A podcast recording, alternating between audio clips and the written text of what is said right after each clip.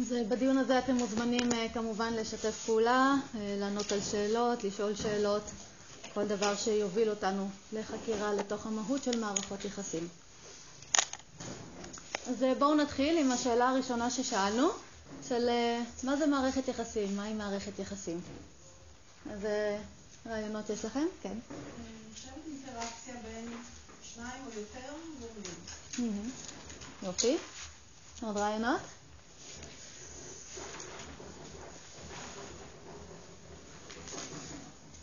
השפעה הדדית בין ישויות. אוקיי, השפעה הדדית בין ישויות, מצוין. אפשרות לממש את הפוטנציאל שלי. ומה מערכת יחסים מאפשרת, נכון? כן. מה זה מערכת יחסים קודם כל? שיתוף. שיתוף של מה?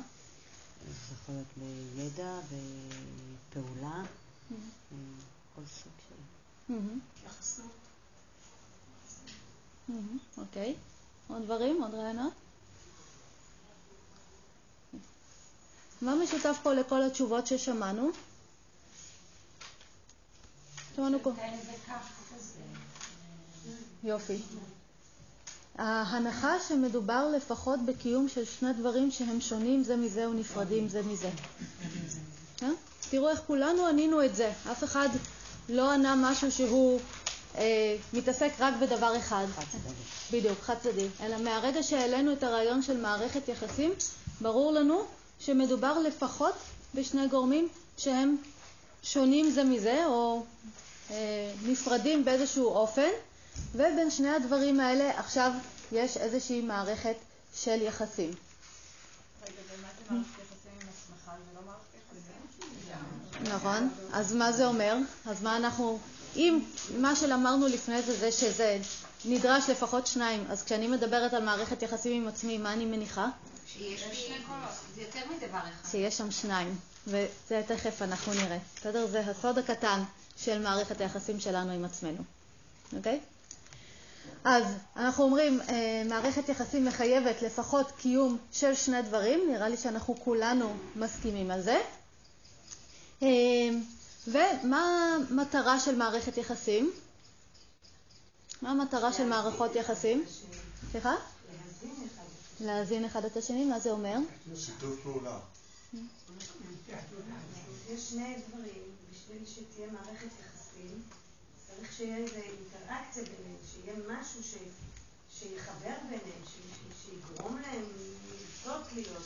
האם זה מערכת היחסים שגורמת לדברים להתחבר ביניהם? או עצם העובדה שהדברים מחוברים ביניהם מעיד על זה שהם במערכת יחסים? עצם העובדה שהם מחוברים ביניהם. יופי. עוד דברים? עוד רעיונות? מה המטרות של מערכת יחסים? הישרדות. הישרדות. מה זה אומר? בואי תרחיבי. שברגע שכאילו נתמכים אחד בשני ומישהו עושה משהו או פעולה, אפילו בין מה שקורה בתוך הגוף שלנו, זה מוביל להישרדות. ככה אפשר לשרוד. אוקיי, אז אם נשתמש במילה אחרת, זה בסדר אה, להגיד לתמוך בקיום? כן. אוקיי, אז אני יכולה להגיד, מטרה של מערכות יחסים, מכל סוג שהוא, זה לתמוך בקיום. תכף אנחנו נחקור את זה יותר לעומק. יופי. גלית, אבל כן. תמיד כשיש מערכת יחסים, התמיכה בקיום היא תמיד מביאה להתפתחות. כן, תמיכה בקיום, אני יכולה להגיד, בהתפתחות זה אותו דבר. אה, הקיום. הגדילה, ההתפתחות, הגדילה, נכון, ההרחבה. נכון, המשך הקיום והצמיחה שלו. יופי? לא כל מערכת יחסים מתוחים, לא? כי יש מערכות יחסים הרסניות, לא? יכול להיות שיש מערכות יחסים הרסניות, ואז אנחנו יכולים לשאול האם מערכת יחסים הרסנית מקיימת את המטרה שלה, שלשמה נועדו מערכות יחסים, כן? וזה, אה, או שזה משהו שהוא, אה, שיש מערכות יחסים שהמטרה שלהם בעצמם הם לא לתמוך בקיום, אלא לפגוע בקיום. וזה משהו שאנחנו עוד יכולים לחקור אותו. אבל יש לזה גם, יכול להיות לזה הסבר, שאחד מה- מהצרכים האנושיים זה תוקפנות, וזה איזושהי דרך אה, לענות על הצורך הזה. זאת אומרת, זה לאו דווקא הקטע של החיים, אבל זה גם צורך אנושי. של תוקפנות. אבל איך את מקשרת את זה למערכת יחסים? כי גם יש מערכות יחסים שהן תוקפניות, Mhm. שהסיפוק ההדדי של הצרכים זה צרכים תוקפניים. כן. זה גם חלק מהצרכים האנושיים. כן, ואנחנו צריכים אה, תכף נבדוק האם לא זה... רואים את זה כחיובי, אבל זה... כן.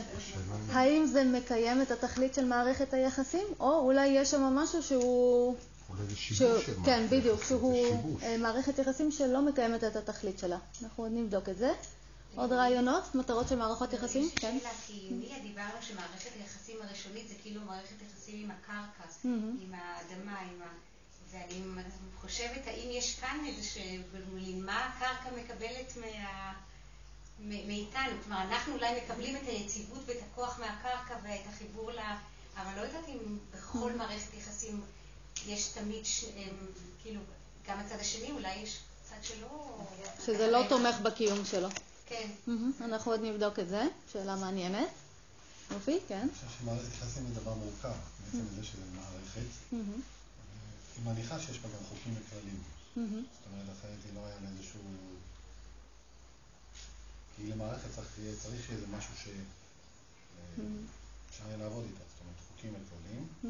ואני חושב שתקשורת, זאת אומרת, תקשורת בין הדברים השונים, היא בבסיס שלה.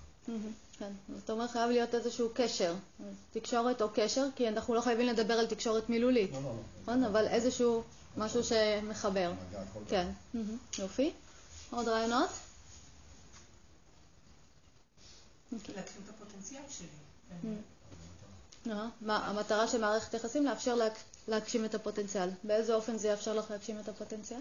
יאפשר לי דרך אפשרות לבוא לידי ביטוי בנתינה או בביטוי של עצמי, אני יכולה ללמוד על עצמי. מהמם. אוקיי, אז דרך מערכת היחסים, את אומרת, אפשר ללמוד על עצמנו, אפשר לפתח יכולות בתוך מערכת היחסים שמאפשרות הגשמה של הפוטנציאל. יופי. עוד רעיונות? אבל אפשר לקרוא לזה דבר יותר פשוט, אם אני רוצה לנשום, יש מערכת יחסים בין האוויר לריאות, שמאפשר לי את הקיום, זה לא פוטנציאל אפילו. זה פשוט, סוג של. סוג כל מיני דברים. נכון. האם אה, יש, אה, יכולים להתקיים שני דברים שהם לא במערכת יחסים ביניהם? האם יש כזה דבר? בלי מערכת יחסים עם אף אחד? האם, אה, אוקיי, בוא נשאל את זה, נתחיל דווקא מהשאלה שלך. האם יכול להתקיים משהו שהוא לא בתוך מערכת יחסים? לא. כן, זה מאוד מעניין, כי אם אנחנו מסתכלים, אנחנו יכולים לראות שאין שום דבר שהוא קיים בזכות עצמו. כן, אפילו אם נסתכל פה בחדר, ונסתכל על כל הדברים שנמצאים, האם יש פה משהו בחדר שקיים בזכות עצמו? כל דבר בעצם נתמך, או הקיום שלו אה, תלוי בקיום של משהו אחר. אה, ואז אני יכולה להגיד, אה, זאת מערכת יחסים, התלות הקיומית הזאת. מסכימים? יופי. ואז השאלה שאני שאלתי, האם יכול להיות שיש שני דברים שקיימים בעולם הזה, שלא נמצאים במערכת יחסים ביניהם בכלל? ביניהם? ביניהם שני דברים, שימו אותם בשני קצוות של העולם, נניח. האם יכול להיות שהם לא נמצאים במערכת יחסים ביניהם? Hmm, מה נראה לכם? הם עומדים על כדור הארץ, שקשורים לכוח המשיכה, יש ביניהם איזשהו קשר. כן. אז אנחנו יכולים אולי לדבר, אה, או יהיה לנו מקום לדיון, גם על ה... אה, אולי מערכות יחסים שהן עקיפות יותר. אה, יש את כל התיאוריה הזאת של אם פרפר עושה משהו בצד אחד של העולם, אם זה משפיע על הצד השני. בהנחה שיש השפעה, האם הייתם אומרים שזאת מערכת יחסים? כן. כן, אוקיי. אז יש לנו מקום גם לבדוק את זה. ואנחנו נראה שלאורך הימים שלנו פה, לאורך ההרצאות, אנחנו ננסה לחקור ממש את מערכות היחסים, מהמערכות היחסים המאוד מאוד ברורות של משהו שבא איתי במגע, עד למערכות יחסים שהן אולי פחות ברורות, שבהן ה... הקרבה היא לא בהכרח קרבה פיזית, ולחקור האם גם שם מתקיימת מערכת יחסים, האם גם שם יש השפעה. אבל יש לי שאלה, את מתכוונת גם לדברים דוממים? בהחלט. כאילו למשל כמו המזרון של היוגה? כן, האם המזרון היוגה נמצא במערכת יחסים כלשהי? הוא מונח על הרצפה, אני יושבת עליו, אבל אני לא יודעת אם יש לו מערכת יחסים. האם הוא ביחס מסוים לרצפה? כן, אמרתי, הוא מונח על הרצפה. יפה. אז אני יכולה להגדיר שאני לוקחת מערכות יחסים, שההגדרה שלי של מערכות יחסים היא לא מחייבת אה, אינטראקציה אנושית, כן, או אינטראקציה הכרתית, אלא מעצם העובדה שמשהו נמצא ביחס מסוים למשהו אחר, זה מערכת יחסים. מבינה? אז זה הדברים. כן, זה תלוי איך אנחנו נבחר להגדיר מערכת יחסים, אה, ואנחנו עוד נראה נתפתח בתוך זה. אה, עוד אה, דברים? אז מה שאנחנו נעשה פה, אנחנו נתחיל להגדיר רעיונות, שזה לא אומר שמה שאנחנו מדברים פה זה איזושהי אמת מוחלטת, אלא איזה שהם רעיונות שיאפשרו לנו לחקור ונראה אם הם שמישים עבורנו ליום-יום. זה לא להתווכח על מה נכון או לא נכון, אלא פשוט להתחיל לבנות איזשהו מודל, איזה שהם רעיונות, ולראות מה יהיה בסופו של דבר, איך זה יכול לסייע לנו בתוך היום-יום. אז אה, אם אנחנו מדברים על מערכת יחסים, אנחנו יכולים להגיד שזו אה, מערכת יחסים בהכרח מחייבת קיום של לפחות דבר אחד, אה, או לפחות שני דברים שהם מובחנים זה מזה, כן? מופרדים זה מזה באיזשהו אופן. ו... שה, אה, נמצאים באיזשהו יחס, אחד ביחס לשני. כן? או ב, כשאני שמה את שניהם אני יכולה לדבר על איזשהו יחס שמתקיים ביניהם. ואת היחס הזה אנחנו רוצים לחקור כשאנחנו שואלים בעצם מה המטרה של מערכת יחסים. למה שמשהו יהיה ביחס למשהו אחר? למה שבכלל יהיה כזה דבר? ואז בואו נסתכל על כל הדברים פה בחדר ותסתכלו על ה, גם על הדוממים וגם על החיים, אה, באיזה יחס הדברים נמצאים בקשר אחד עם השני. תסתכלו רגע על החדר. אה? כן, מה מהות הקשר או איזה יחס מתקיים בין הדברים שנמצאים פה בחדר. יופי, מה? בואי תרחיבי. סתם, אני חושבת על דברים לא דווקא על בני אדם, אבל המדרון הזה צריך משהו להישען עליו. יופי, נכון. ובטח בני אדם, שאנחנו צריכים נהדר, מצוין. עוד רעיונות? אבי לא נותן לנו צל, למשל. יופי. והוא חייב את המקל את המקל. יופי. והוא חייב את הבורג בשביל שהמקל... יופי. ואז חייב את הקיר בשביל... בדיוק. אוקיי, אז אם אנחנו לוקחים, אם אנחנו מסתכלים על מערכות יחסים באופן הזה, אנחנו יכולים לראות שמערכות יחסים מתקיימות כדי לאפשר לדברים להתקיים, כן? כדי לתמוך בקיום של דברים. כי הווילון הזה לא היה פה, אם לא היה קיר ומקל ומסמר וכל הדברים האלה, שאיתם הוא בעצם נמצא באיזושהי מערכת יחסים. אה? נכון. וכשהווילון נמצא פה, מה הוא בעצם עושה? הוא עושה צל, אבל בואו לא נהיה כל כך ספציפיים, מה הוא עושה? מה הבורג עושה כשהוא נמצא פה? מה המקל עושה כשהוא נמצא פה? המנורה, אני. ממלא יופי, ממלא את התכלית שלו. אז אנחנו יכולים, אנחנו בסדנה הזאת נדבר על מערכות יחסים כמאפשרות את הגשמת התכלית של כל אחד מהדברים שנמצא בתוך מערכת יחסים. אה? כלומר, אני אומרת שהסיבה שיש מערכות יחסים זה בשביל לאפשר לנו להגשים את התכלית שלנו, או בשביל להגשים, לאפשר לכל דבר להגשים את התכלית שלו. למשל, העץ נמצא במערכת יחסים עם מה? עם השמש, עם האדמה, עם המים, אה, עם הציפורים, עם האוויר, וכל אחד מהדברים האלה, מה מאפשר לעץ? יפה, להיות עץ, להיות הוא עצמו.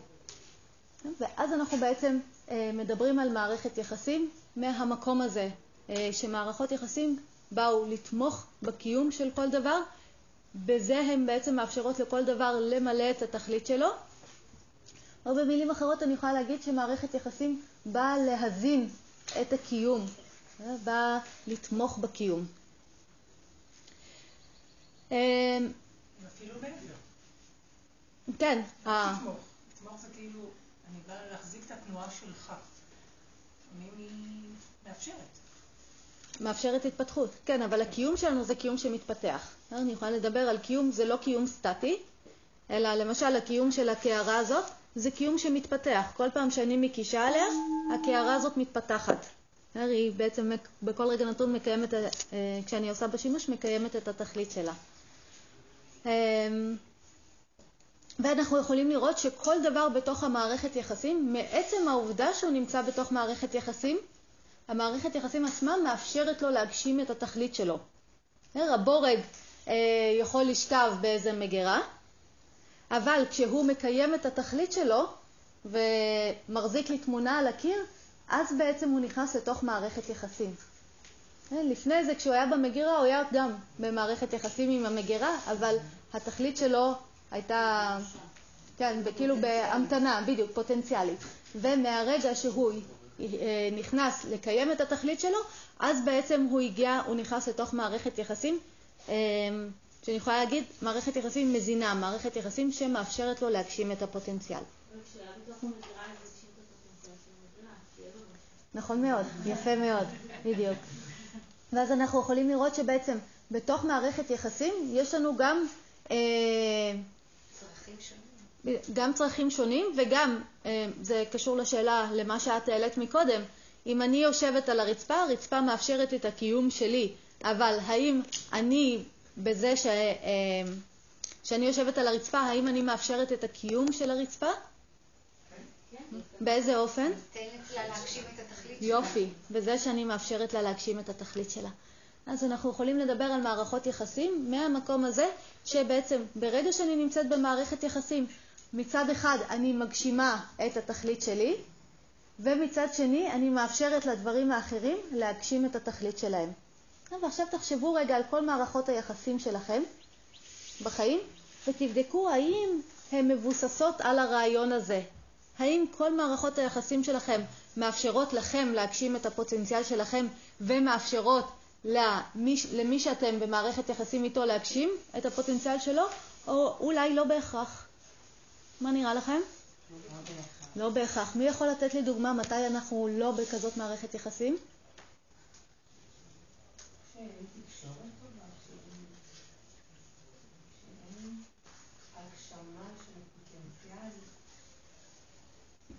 בואי תהיי יותר ספציפית. את, עומדת, את מדברת על מערכת יחסים שלך ועוד בן אדם, נכון? מתי במערכת יחסים הזאת יכול להיות שאני לא מבססת מערכת יחסים שהיא באמת מגשימה את התכלית שלה, של לתמוך בקיום שלי ושלו?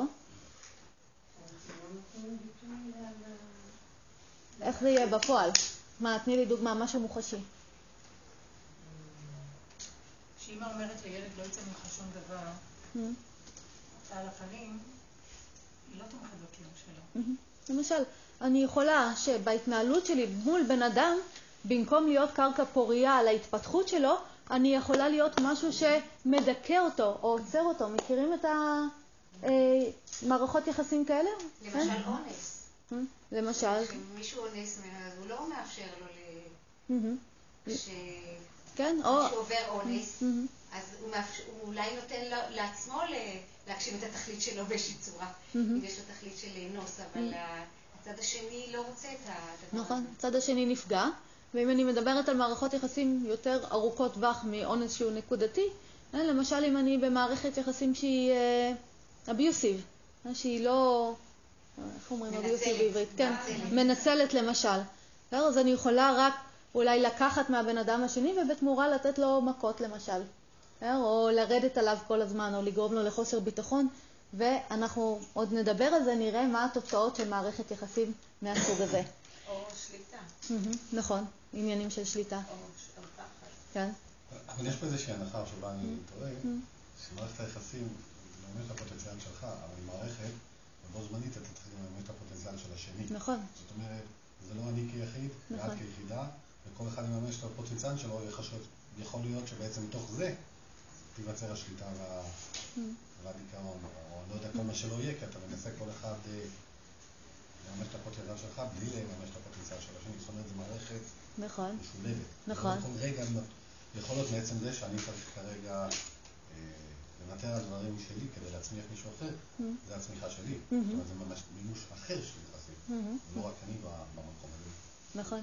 ואנחנו נדבר על זה ונראה האם יש, איך אני יכולה להתנהל בתוך מערכת יחסים, כך שהיא באמת תגשים את הפוטנציאל שלה בתור תומכת בקיום של כולנו, כן? ולא רק אחד על חשבון השני, או... זה כמו העץ והמים, אם העץ היה צריך לשתות את כל המים בשביל הקיום שלו, והצמחים לידו לא יחיו, אז מה עשינו בזה? מהמם, נכון, אנחנו עוד נגיע לזה. עד כמה את מעריכה שיש השפעה, ל- נגיד, למערכת יחסים על ההתפתחות של האחר? מהמם. עד כמה יש? כן, כרגע אמרנו, זו היה ההנחה שלנו, שאם מערכת יחסים המטרה שלה זה לתמוך בקיום, אז כמובן אם מערכת היחסים לא עובדת כמו שצריך, התמיכה בקיום תיפגע, או הקיום ייפגע. ולכן יש חשיבות מאוד מאוד גדולה לאיזה מערכות יחסים אנחנו מפתחים. אז אם אל תהיה תלותי, אז מה? אז אל תהיה תלותי. אז מה אם החברה אומרת לך, אה, איזה שטויות את עושה כל שני וחמישי? אז מה? כן, זה אנחנו תכף ניכנס לפרטים הקטנים. אבל אנחנו יכולים לראות כבר שאין לנו קיום בלי מערכת יחסים. אה, אז, אה, אז יש חשיבות מאוד מאוד גדולה לאיזה ידע יש לנו על מערכות יחסים ואיך אנחנו מתנהלים בתוכם, כשאנחנו מבינים שהקיום שלנו תלוי בהם. ואז בעצם משהו ישתנה, אנחנו עוד נגיע לתוך כל הפרטים היותר קטנים. למה הקיום שלנו תלוי במערכת יחסים? את יכולה לראות משהו שקיים בזכות עצמו? את יכולה להתקיים בזכות עצמך, בלי תלות באוויר, במים, בחמצן, באדמה, באנשים אחרים, במזון? את יכולה? לא. את לא תראי, לא דומם ולא חי ולא צומח שיכול לחיות בזכות עצמו. מעצם העובדה הזאת כבר אנחנו בתוך עולם בלתי נמנע של מערכות יחסים. ולכן החשיבות הכל כך גדולה להבין את הנושא הזה. כי זה יהיה האיכות של מערכות היחסים שלנו ישפיעו על הקיום שלנו. ואנחנו עוד נבחן אותם בכל הרמות השונות, אנחנו עוד נגיע לחקירה ברמה הזאת. אבל בואו שנייה נחזור לנושא שלנו. באיזה עוד אופן אנחנו יכולים לקיים מערכות יחסים שהן לא אה, מאפשרות את ההגשמה של הפוטנציאל של שני הצדדים? כן. כאילו יש מערכות יחסים שרק צד אחד רוצה, ואז רואים... אה, אוקיי. שוב, את בתוך העולם של בני אדם? בואו ננסה להרחיב את זה מעבר לעולם של בני אדם. איך עוד אנחנו מקיימים מערכות יחסים שהן לא בהכרח מאפשרות את ההתפתחות, את התמיכה של הקיום של שני הצדדים. אם יש זה לא משקיע. המים לא מגיעים לעץ, אז העץ לא יכול להתקיים בתוך מערכת היחסים הזאת. כן, אבל אני מדברת אם את נמצאת במערכת יחסים עם העץ, באיזה מקום את מתפתחת והעץ נפגע. שאת הורסת אותו. שאין איזון. מתי אנחנו רואים את זה? אנחנו רואים את זה המון בעולם שלנו היום. באיזה תחום? יופי. בכל המקום הזה של האקולוגיה, של היחסים שלנו עם הסביבה, תראו מה אנחנו מנסים לעשות. אנחנו מנסים להצמיח את עצמנו, לתמוך בקיום של עצמנו, ובתמורה מה אנחנו עושים, או איזה מערכות יחסים אנחנו מפתחים? אנחנו מדכאים את הסביבה, אנחנו פוגעים בסביבה, אנחנו לא מאפשרים לדברים אה, להגשים את הפוטנציאל שלהם, אנחנו מזהמים את מקורות המים, אנחנו פוגעים ב, ביערות, אנחנו פוגעים בצומח ובחי, אה, וזה אה, בעצם מערכת יחסים, שאם אמרנו שמטרה של מערכת יחסים זה לתמוך בקיום, ואני עכשיו מקיימת מערכת יחסים שפוגעת בקיום, מה תהיה התוצאה? יופי, פגיעה בכל השותפים של מערכת היחסים. אנחנו נראה את זה לעומק. אני לא יכולה לזהם את מקורות המים ולחשוב שאני לא אפגע מזה. גם אם כרגע זה מה שכאילו תומך בקיום שלי. יום אחד זה יחזור אליי, יום אחד אני אבין שהמערכת יחסים הזאת היא לא תומכת בקיום, לא של הסביבה ולא שלי. אמ, אז בעצם האומנות שלנו בחיים תהיה ליצור מערכות יחסים שמקיימות את התכלית שלהם, מערכות יחסים שתומכות בקיום של כל מי ששותף למערכת היחסים הזאת. האם אתם חושבים שזה אפשרי? כן, שהאומנות שלנו בחיים תהיה ליצור מערכות יחסים כאלה שבאמת תומכות בקיום של כל מי ששותף למערכת יחסים הזאת. אתם חושבים שזה משהו שיהיה אפשרי לעשות? אבל יופי, מה נדרש בשביל זה?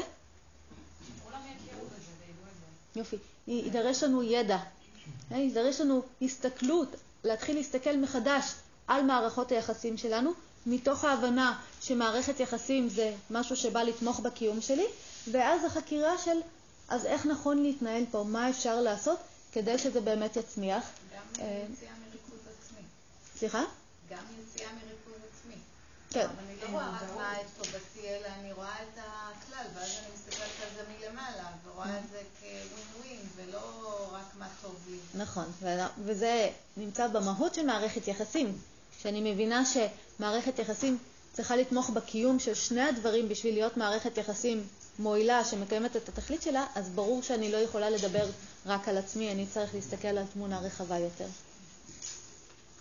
אז יידרש לנו ידע על אה, מה זה מערכות יחסים ואיך להתנהל בתוכם, ועכשיו רק תחשבו רגע על החיים שלכם, כשיש אה, לנו את האומנות הזאת של ליצור מערכות יחסים שבאמת מקיימות את התכלית שלהם ותומכות בקיום.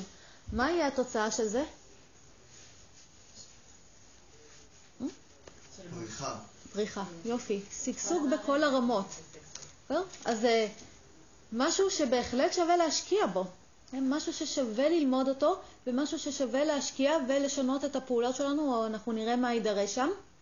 כי מהרגע שאני אבין את זה ואני אדע איך לקיים מערכות יחסים בחיים שלי, מובטח לי שהתוצר יהיה אה, של הקיום, גם שלי וגם של הסביבה שלי. שזה בעצם מה שהקיום שה, רוצה. הקיום רוצה להמשיך להתקיים, הקיום רוצה לשגשג. אז האומנות הזאת של מערכת יחסים זה משהו מאוד מאוד מהותי. האם זה משהו שאי פעם לימדו אותנו? לא.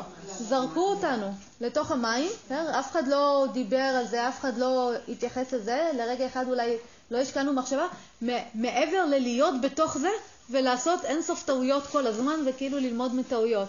אבל כמה מאיתנו מצאנו את עצמנו לאורך השנים בתוך מערכות יחסים לא מועילות, אם זה בתוך המשפחה או עם עצמנו או עם הסביבה וכולי. אז אני מקווה שהימים שלנו פה ייתנו לנו מענה לדבר הזה. אה, שאלות, אה, רעיונות לפני שנמשיך? בואו נדבר על הרמות השונות שבהן אנחנו יכולים למצוא מערכות יחסים. איפה מערכות יחסים מתקיימות? כשבוא נגיד אני במרכז, בסדר? כי אני אדבר, בסופו של דבר אני יכולה לדבר רק מנקודת המבט שלי, או של כל אחד מאיתנו, אתם לא צריכים לדבר מנקודת המבט שלי, כל אחד מנקודת המבט שלו, איזה מערכות יחסים, איזה מעגלים של מערכות יחסים מתקיימות בחיים שלנו. יופי, אז יש לנו, מערכ... יופי. אז יש לנו מערכות יחסים מול אנשים אחרים, בסדר? לא משנה אם זה משפחה או חברים או משהו שזה, יש לנו מערכות יחסים בתוך הזן הזה, המין הזה, שנקרא בני אדם. איזה עוד מערכות יחסים? חיות. יופי. יש לנו מערכות יחסים עם החי שסביבנו. מה עוד? צומח. יופי. יש לנו מערכות יחסים עם הצומח. דומם. יופי. עם הסביבה, עם הדומם. מה עוד? עם עצמי, למרות שזה גם בן. אדם, אבל זה כן. נראה לי קשר אחר כזה מאשר בן אנוש אחר. נכון. ויש לנו את מערכת היחסים עם עצמנו. מכל המערכות האלה, איזו היא האינטימית ביותר? יפה. איזה ראשונית ביותר? עם ההורים. עם הסביבה. עם האמא. תחשבו. כשאתם באים עכשיו לדבר עם אימא שלכם, מי נמצא שם קודם, אתם או אימא שלכם? מי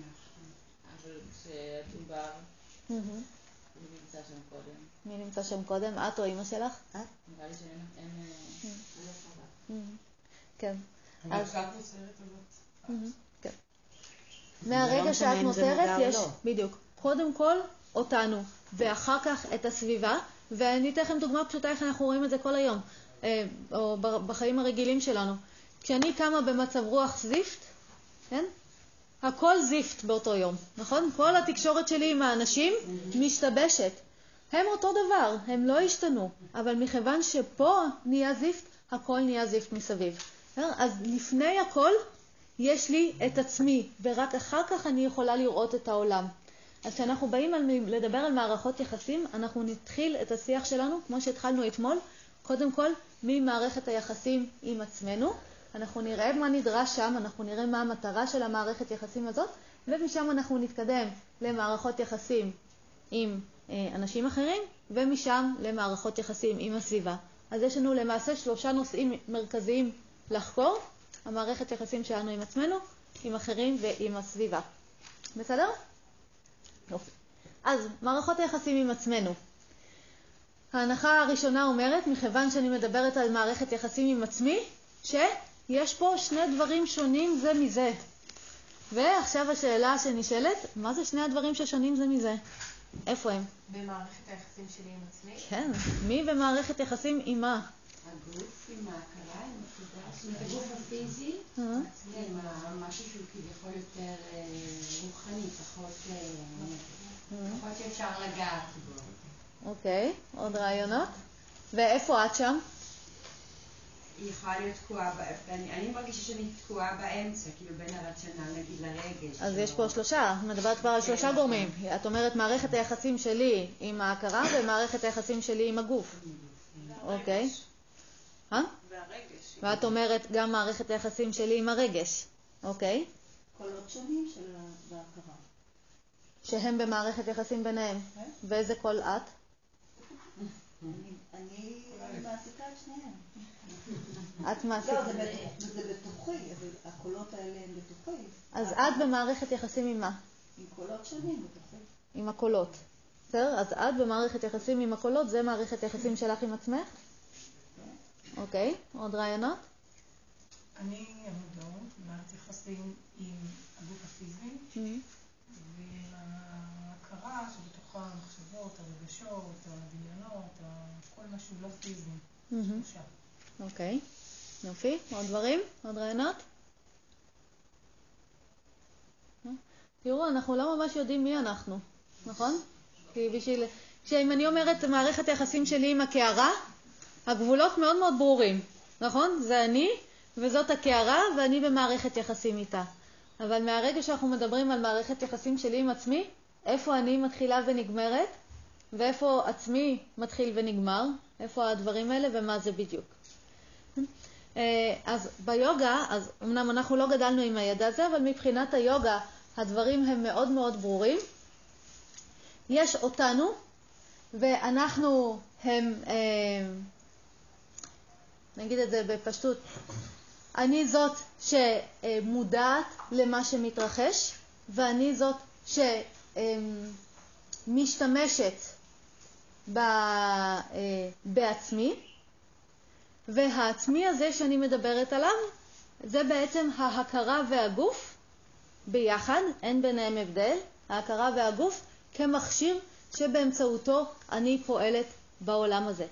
אז ההכרה, ב- היוגה בעצם מדברת על מישהו, שזה אנחנו, שמשתמש במכשיר, ומכשיר שאיתו אני נמצאת במערכת יחסים, שכולל את ההכרה והגוף, והמכשיר הזה כולל את כל המחשבות שלנו, את כל הרגשות שלנו, את כל היכולות המנטליות שלנו, את כל ההפעלה הפיזית, כל הדברים האלה כלול במכשיר.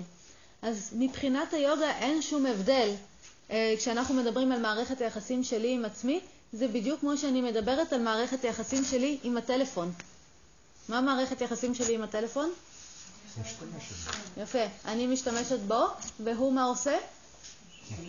הוא משרת אותי. יפה. אה, כשאני משתמשת בו, מה זה מאפשר לי? יופי. זה מאפשר לי לתקשר, או להגשים את הפוטנציאל הזה של התקשורת. וכשאני אה, משתמשת בו, מה זה מאפשר לו? מה זה מאפשר לטלפון? יופי, להגשים את התכלית שלו, שלשמה הוא נועד. בדיוק באותו אופן של מערכת יחסים שיש לנו עם טלפון, היוגה מדברת על מערכת יחסים שיש לי עם ההכרה והגוף, שההכרה והגוף זה מכשיר, בדיוק כמו הטלפון וכמו כל מכשיר אחר, אה, יש לו תכלית מאוד מאוד ספציפית. מה התכלית של הטלפון? באיזה אופן? באיזה אופן? יופי, לאפשר לי ליצור תקשורת ממרחק, נכון? יש לי אמצעים אחרים לתקשורת שאני לא צריכה טלפון, אבל זה מאפשר לי ליצור תקשור, קשר ממרחק. אה, מה התכלית של הרכב שלי? יופי, לאפשר לי להגיע מרחקים ארוכים בזמן קצר. מה התכלית של ההכרה והגוף? של המכשיר הזה, שהוא אני? להגשים את הפוטנציאל שלי. לאפשר לפעול בעולם. תראו, אנחנו אפילו לא יודעים. להגשים את המטרות שלי. לתקשר עם העולם. בשביל זה יש לי טלפון. אוקיי? אז יש לנו מכשיר שאנחנו לא יודעים בדיוק מה הוא עושה, שאנחנו נמצאים איתו במערכת יחסים 24 שעות, נכון? עם הטלפון אני עוד מדי פעם יכולה לכבות אותו גם בקושי רב, אבל לשים אותו בצד, אה? ואת הדבר הזה אני כל הזמן איתו, ועדיין אין לנו מושג מה הוא עושה. אז uh, בשביל לברר מה הוא עושה, בואו נעשה ניסוי קצר, זה יהיה יותר מעניין מסתם לדבר על זה, זה גם ימחיש לנו יותר את המקום הזה של המערכת יחסים, ומשם אנחנו נמשיך. בסדר? אז בואו נשב רגע בצורה נוחה.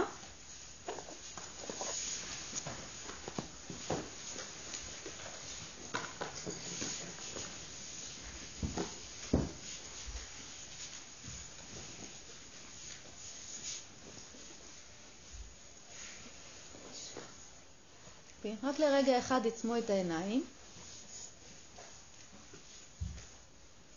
שוב תהיו באינטימיות הזאת שלנו עם עצמנו.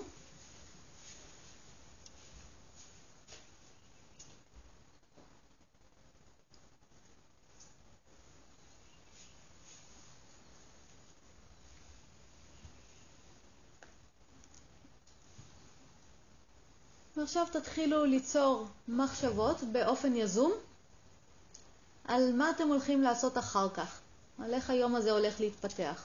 אני רוצה שממש תתכננו את היום שלכם,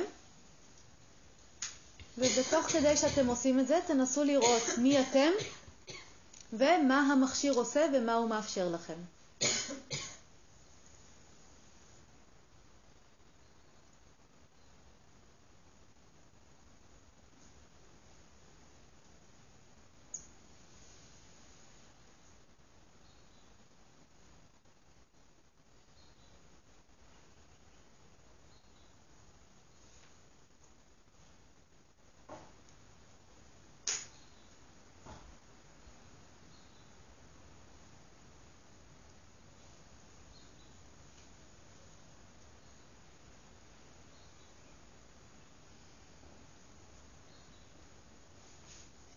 עכשיו תשחררו את התכנון הזה של היום ותביאו זיכרון של משהו שקרה פעם, איזושהי סיטואציה שקרתה פעם, וממש תנסו לחשוב עליה, ממש לנסות להיזכר בה.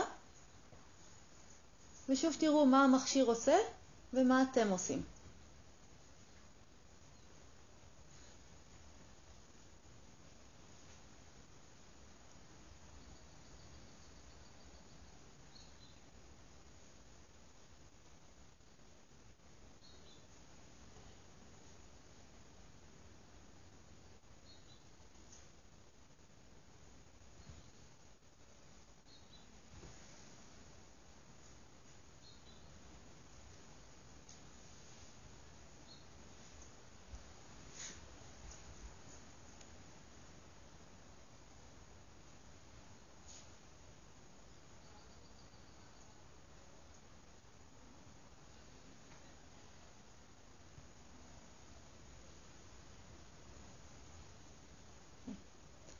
ועכשיו העבירו תשומת לב אל חוש השמיעה. ושוב שימו לב מה אתם עושים ומה המכשיר עושה ומה הוא מאפשר לכם.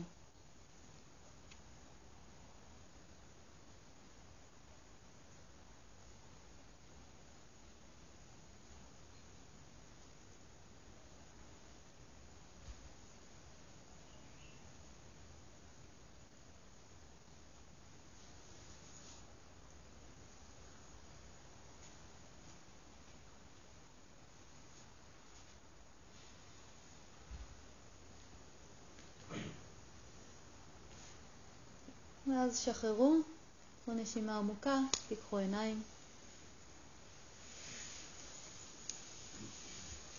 אוקיי. מה אתם עושים? מה המכשיר עושה? מה גיליתם? מה קורה שם? מישהו ראה משהו? איזה שהם רעיונות? אנחנו מפנים את תשומת הלב, אנחנו מכוונים לאן תשומת הלב פונה, והמכשיר או מקשיב או מדמיין. אוקיי. יופי, ואז בעצם מה הוא מאפשר לך? הוא עושה את הדברים האלה, אבל למה? עכשיו לא פעלנו. אה?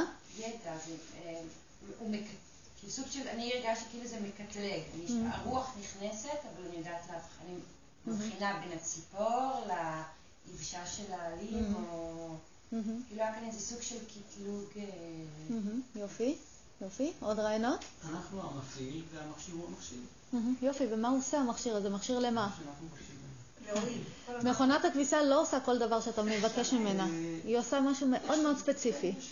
יש למכשיר הזה יכולות ספציפיות. יפה. יפה, מה זה? מה היכולות הספציפיות של המכשיר הזה? החושים שלנו זה כלים. נכון, לעשות מה? ואנחנו משתמשים בכלים האלה. יפה, בשביל לעשות מה? על ה... אנחנו חיים, אה, אה, כן, אנחנו אה, זזים בעולם הזה. נכון. בשביל להכיר יותר טוב את עצמנו, ואז בעצם זה נראה לי כלי שמשמש במערכת יחסים עם עצמי. כאילו הכלי המרכזי שיודע לפרש את המערכת יחסים הזאת. אוקיי, אבל המכשיר לא קיים בשביל לפרש את מערכת יחסים. אתה נמצא לא, איתו במערכת יחסים בשביל סיבה מאוד מאוד ספציפית. מה הוא עושה? אני נמצאת במערכת יחסים עם מכונת הכביסה שלי, נכון? כן. לא בשביל לקחת אותה לסרט. בשביל משהו מאוד מאוד ספציפי, בשביל שהיא תעשה לי בגדים נקיים. אז בשביל מה אני במערכת יחסים עם ההכרה והגוף? גם בשביל להתקיים. אבל באיזה אופן? בשביל לחיות בצורה הכי טובה שיש. בשביל לחיות בצורה הכי כן, אבל מה, גם מכונת הכביסה שלי מאפשרת לי לחיות בצורה הכי טובה שיש, נכון? היא עושה לי, אבל בצורה מאוד מאוד ספציפית, דרך זה שהיא מכבסת את הבגדים. ההכרה שלי לא מכבסת את הבגדים, נכון? מה היא עושה? היא אומרת מה צריך לעשות. לקבל ידע. יופי. ההכרה שלנו, מה שהיא עושה, היא מביאה ידע, או במילים אחרות, גורמת לי להיות ערה למתרחש. בואו נעשה, אנחנו נעשה את זה שוב את הניסוי, את אותו דבר, ועכשיו אתם תראו, תסתכלו על זה מה, מהמקום הזה, ותראו שבכל רגע נתון שאני מביאה, עושה איזשהו, שימוש בהכרה, מביאה איזשהו תוכן, או מתחברת לאיזשהו חוש, אני נהיית ערה למה שנקלט. זה בעצם מכשיר שמאפשר לי אה, אה, לקבל ידע, או מכשיר שמאפשר לי להתחיל אה, אה, להיות ערה למתרחש, להיות ערה ב, אה, ל, בין אם זה משהו פנימי, מחשבות ותכנונים, או בין אם זה משהו חיצוני שקורה סביבי. בואו נעשה שוב את הניסוי הזה, אחרי זה נדבר על זה עוד קצת לעומק. שבו שוב בעיניים עצומות.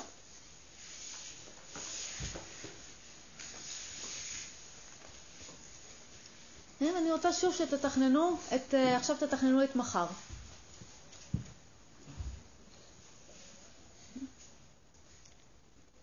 ותראו שברגע זה אתם נהיים ערים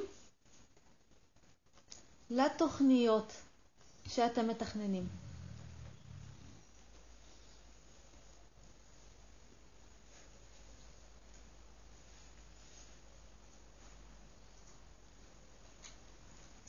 וזה מאפשר לכם להתחיל לקבל ידע לגבי מה צפוי מחר ומה כדאי לעשות.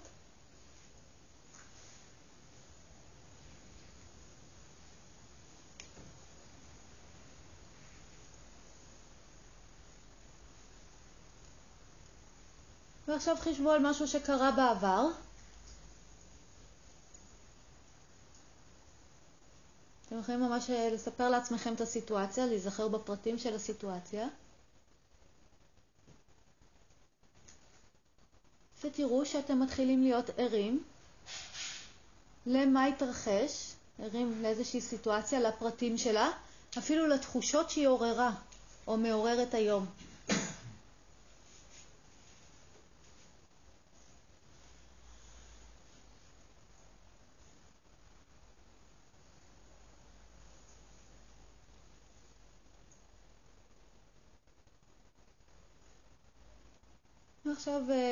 נתחברו אה, לחוש השמיעה.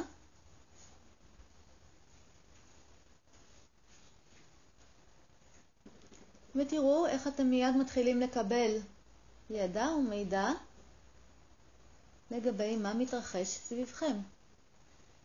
אתם נהיים ערים למידע הזה.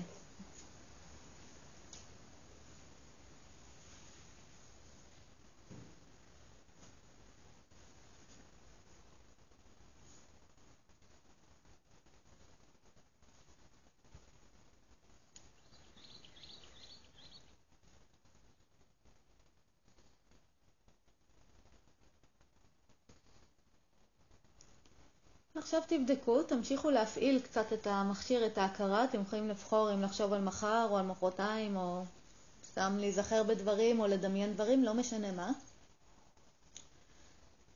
ותבדקו האם אתם משתנים כל פעם שאתם מפעילים את ההכרה האחרת, או האם אתם אותו אחד, אותה אחת, ורק נהיים מודעים לידע שונה שההכרה מביאה. תבדקו.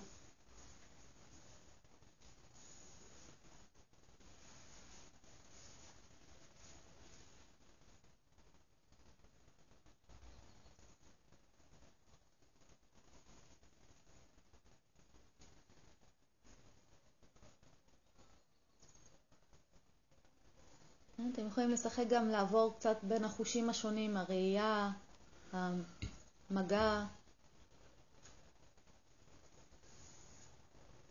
או בין מחשבות שונות, רגשות שונים.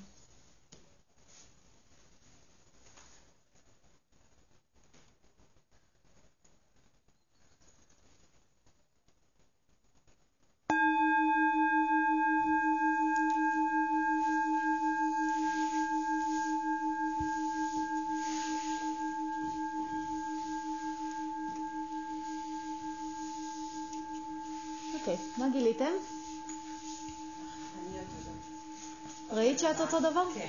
יפה, ו? ההכרה אבל השתנתה. אם זה היה לתכנן, אז זה הפעיל רגש אחר. אם זה היה להיזכר בסיטואציה שכבר קרתה, אז פתאום אם זה היה משהו משמח או מפחיד, אז יכולתי להרגיש את ה... יפה. אז המחשבות, המחשבות השתנו, התחושות השתנו, אה, הפעולה של ההכרה השתנתה, כן. פעם זה היה לתכנן, פעם היה להיזכר. אבל עד שהיית ערה לזה, נשארת אותו דבר. יכלת לראות את זה. כן. נהדר. מישהו חווה משהו אחר? עדות והירדמות קצת.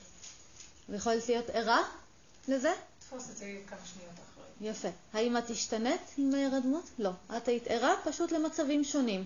יופי. כן? יש מצב שנדבר, ומתחבר לי פשוט על העניין הזה של מה זה אני.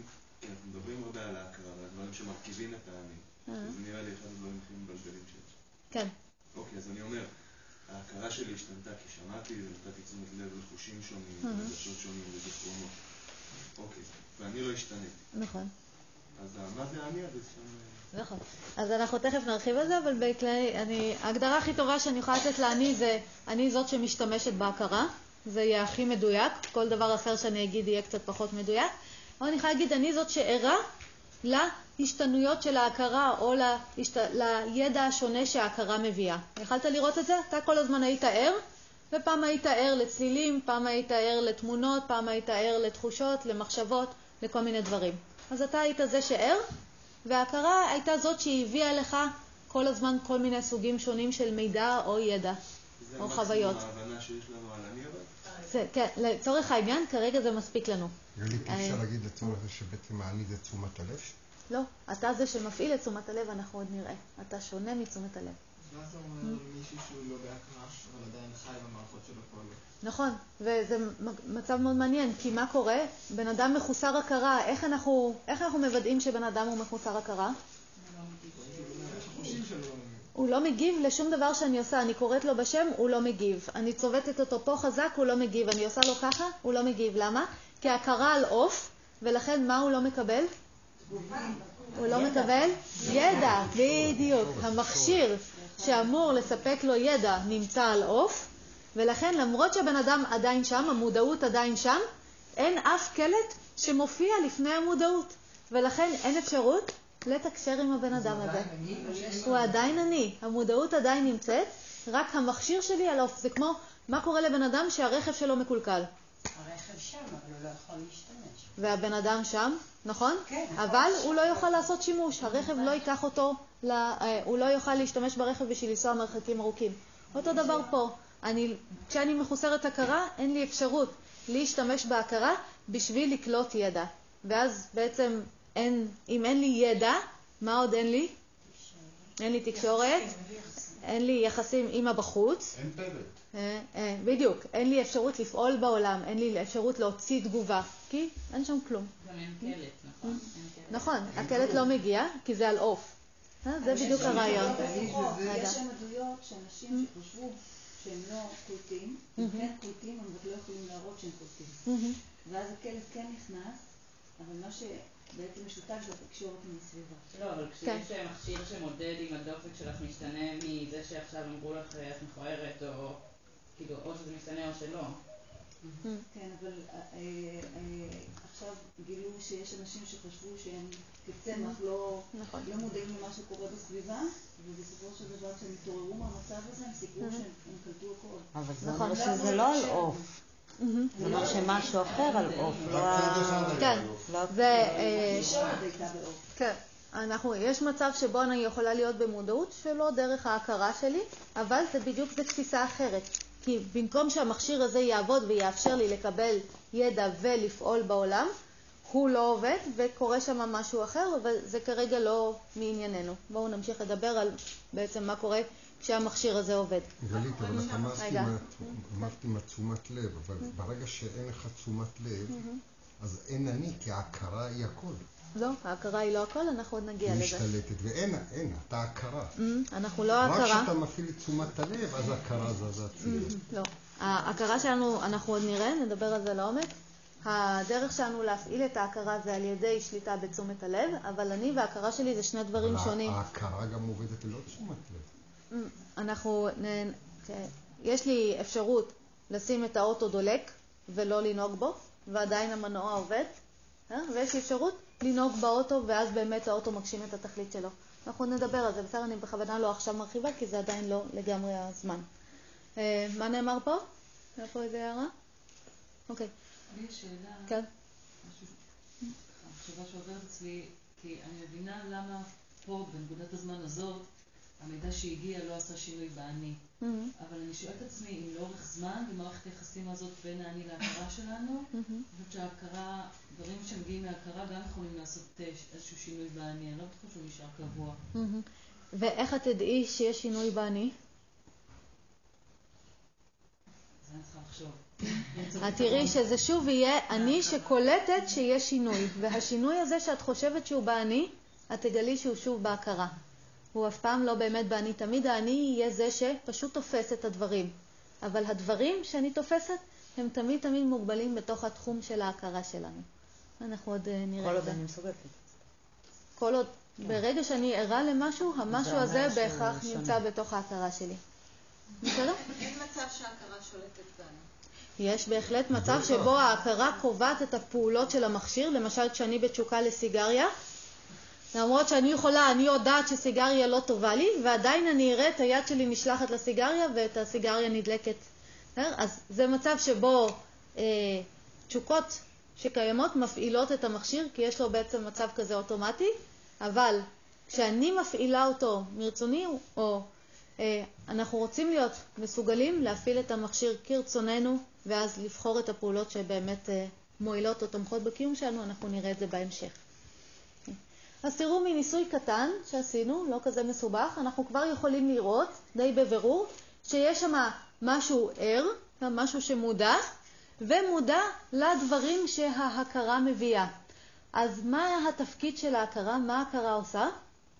ידע, יופי, היא בסך הכל מכשיר שבא לספק לנו ידע, לאסוף, לצבור, כן, בדיוק, ולאפשר לנו להוציא פעולה בעולם הזה. זה מה שההכרה עושה, והגוף, מה הוא עבור ההכרה? צינור. אה? מה הגוף עבור ההכרה? הוא הזרוע המבצעת. Mhm. אוקיי, הוא מאפשר לי לפעול ממש בעולם. כן? אבל מה עוד הוא? מה ה- מה החומרה ביחס לתוכנה במחשב? הגוף זה החומרה. נכון. הכלי שמכיל את כן. ה... בדיוק, הדבר שמכיל, בסדר? כי כל ידע, כל דבר צריך להיות מוכל או איך נאמר, אה, imprinted על איזשהו, אה? בדיוק, באיזש, בחומר כלשהו, זה כמו DNA, בסדר? ב-DNA יש ידע, אבל זה חייב לבוא באיזשהו חומר מסוים.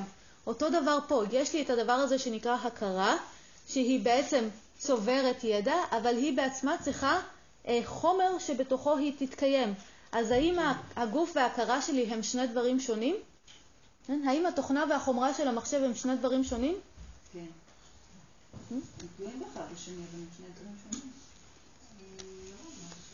החומרה לא תוכל לעבוד בלי התוכנה, וההפך. יפה. אין, אין היגיון לקיום של האחד בלי האחר, בסדר? הוא בלתי אפשרי, בסדר? יפה. אז למעשה... זה נכון גם לעץ ומים? אה? זה לא נכון גם לעץ ומים שתלויים אחד בשני? אין היגיון לעץ בלי מים ולעץ? כן, אבל יכול להתקיים עץ כשאין בסביבתו כרגע מים, אבל תוכנה אתה לא תראה מרחפת באוויר. תוכנה תמיד צריכה להיות רשומה איפשהו.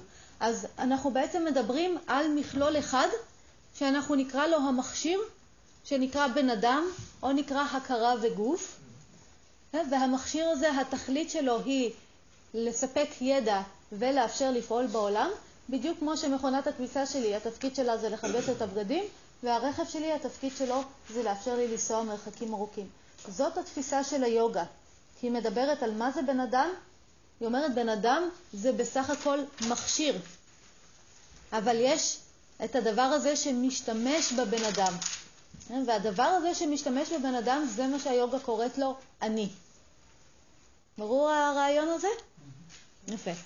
אז מהרגע בעצם שהגדרנו מי אני ומה זה ההכרה והגוף שלי, אז אנחנו יכולים להתחיל לדבר על מערכת יחסים ביניהם. ובואו נתחיל מלבחון אה, איזה מערכת מתקיימת היום ביני לבין ההכרה והגוף שלי.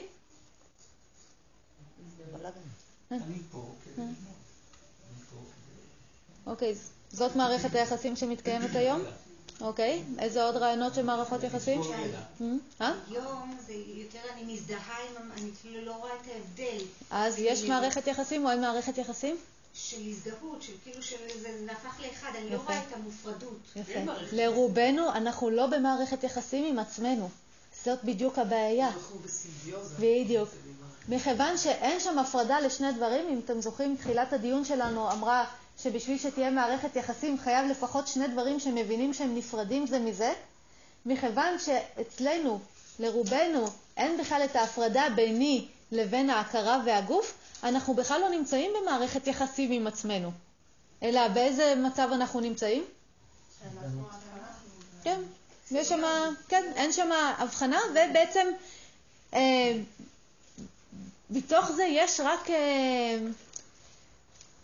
אין בעצם מערכת יחסים, לא התפתחה מערכת יחסים שהתפקיד שלה זה לתמוך בקיום שלנו, גם שלי וגם של המכשיר שלי, אלא יש שם, אפשר לומר... אה? אין שם אפילו דו-שיח. נראה לנו שיש. כן, אבל אין שם... אם זה אחד, אז לא יכול להיות דו-שיח. אם אנחנו חושבים שזה אחד, שאין את ההבדל בין המכשיר לאני, אז אין שם דו-שיח. כן, יש שם, אפשר לומר, מין בלגן כזה של השפרצות. יש שם פעולה, תגובה, פעולה, תגובה, פעולה, תגובה. אנחנו מנסים למצוא את הידיים ואת הרגליים שלנו בתוך העולם הזה, ולא בהכרח מצליחים, ובגלל זה אנחנו רואים אה, שבעצם אנחנו נשלטים, כן, זה, כי זה לא אפילו אנחנו, אבל, אה, כי לא בהכרח יש לנו את התפיסה הזאת, אבל אולי באיזשהו אופן כן, נשלטים על ידי ההכרה שלנו, והיא כל הזמן קובעת לנו את ההסתכלות שלנו על העולם, וקובעת לנו את הפעולות שלנו. אתם יכולים לתת לנו דוגמה איך זה קורה? באיזה מצבים אתם פוגשים את זה? או אנחנו פוגשים את זה? למשל, במצבים של פחד, או יופי. כל מיני סוגים של סוגי רגשות, אז כאילו, אנחנו זה רק ההכרה, אנחנו זה הרגש, אנחנו זה הפחד. נכון. ואין שם שום דבר אחר חוץ מזה. יפה, ויש שם פשוט שרשרת של תגובות, נכון? ופעולות אחת אחרי השנייה, אחת אחרי השנייה, בלי שיש שם יד מכוונת, נכון? חסר שם איזשהו משהו שמחזיק ואומר, אוקיי, זה ככה, זה ככה, זה ככה. יופי. למשל, בואי תרחיבי. מאותו מקום, מצב של הימנעות, של שיתוק, של קיפאון. כן, ושוב, זה שוב תגובה אוטומטית של המערכת, בלתי נשלטת של המערכת, וכאילו אין משהו שמכוון שם איזשהו תהליך. יופי.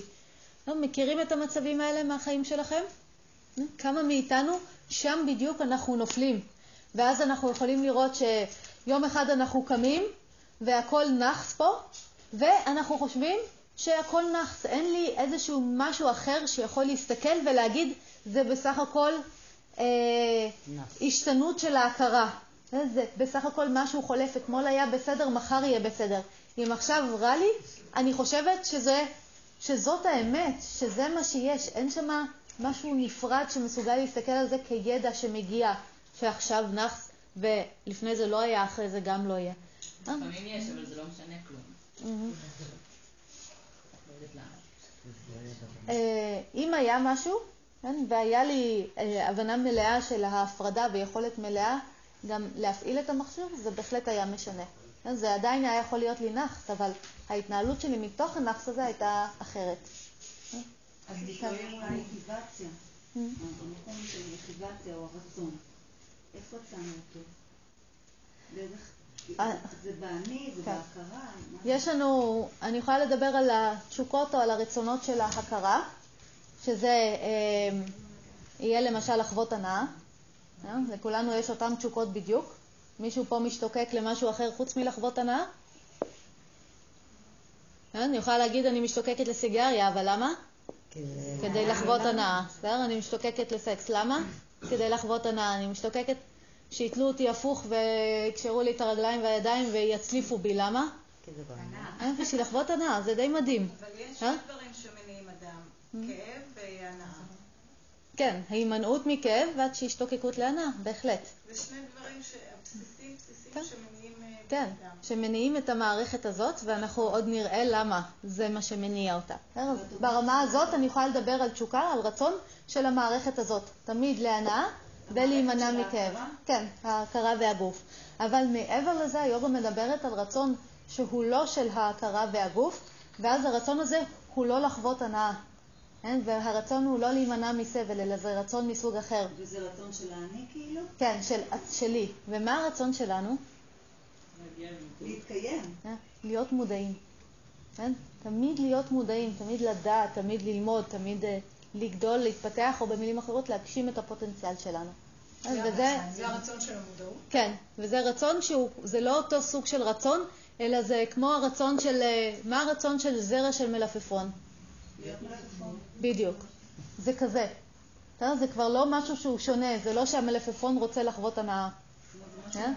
בדיוק. זה מעצם המהות שלנו, מעצם העובדה שאנחנו פוטנציאל. אוקיי. אמ, אבל יש לי כן. שאלה לגבי ההכרה. הרבה פעמים אנחנו, בהכרה שלנו, בתת מודע, יושבים כל מיני זיכרונות, אה, תבניות וכל זה. הרי אומרים שההכרה הזאת, או התת מודע הזה, הוא קופסה. מה שתבין אותו זה מה שיש שם. נכון. אז, אה, אז אמרנו שאנחנו משתמשים בהכרה הזאת כדי שזה יהיה כלי שנוכל, אה, שיוכל אה, לעזור לנו לממש את הפוטנציאל שלנו. אבל מה קורה שבהכרה הזאת יש הרבה ג'- זבל מהמם. שצברנו עם השנים, עם הטראומות וכל זה, אבל זה לא באמת. איך אנחנו מזינים את ההכרה הזאת, ולא היא מזינה אותנו מהידע של הטראומות וכל זה. מהמם. אז יש אה, שני דברים. איך את משתמשת בסיר?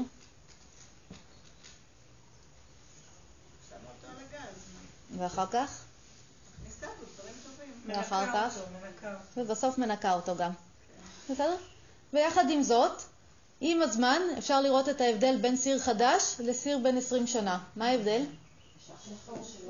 יפה. שיש שם דברים שהם לא יורדים, ועדיין אני יכולה להשתמש בסיר.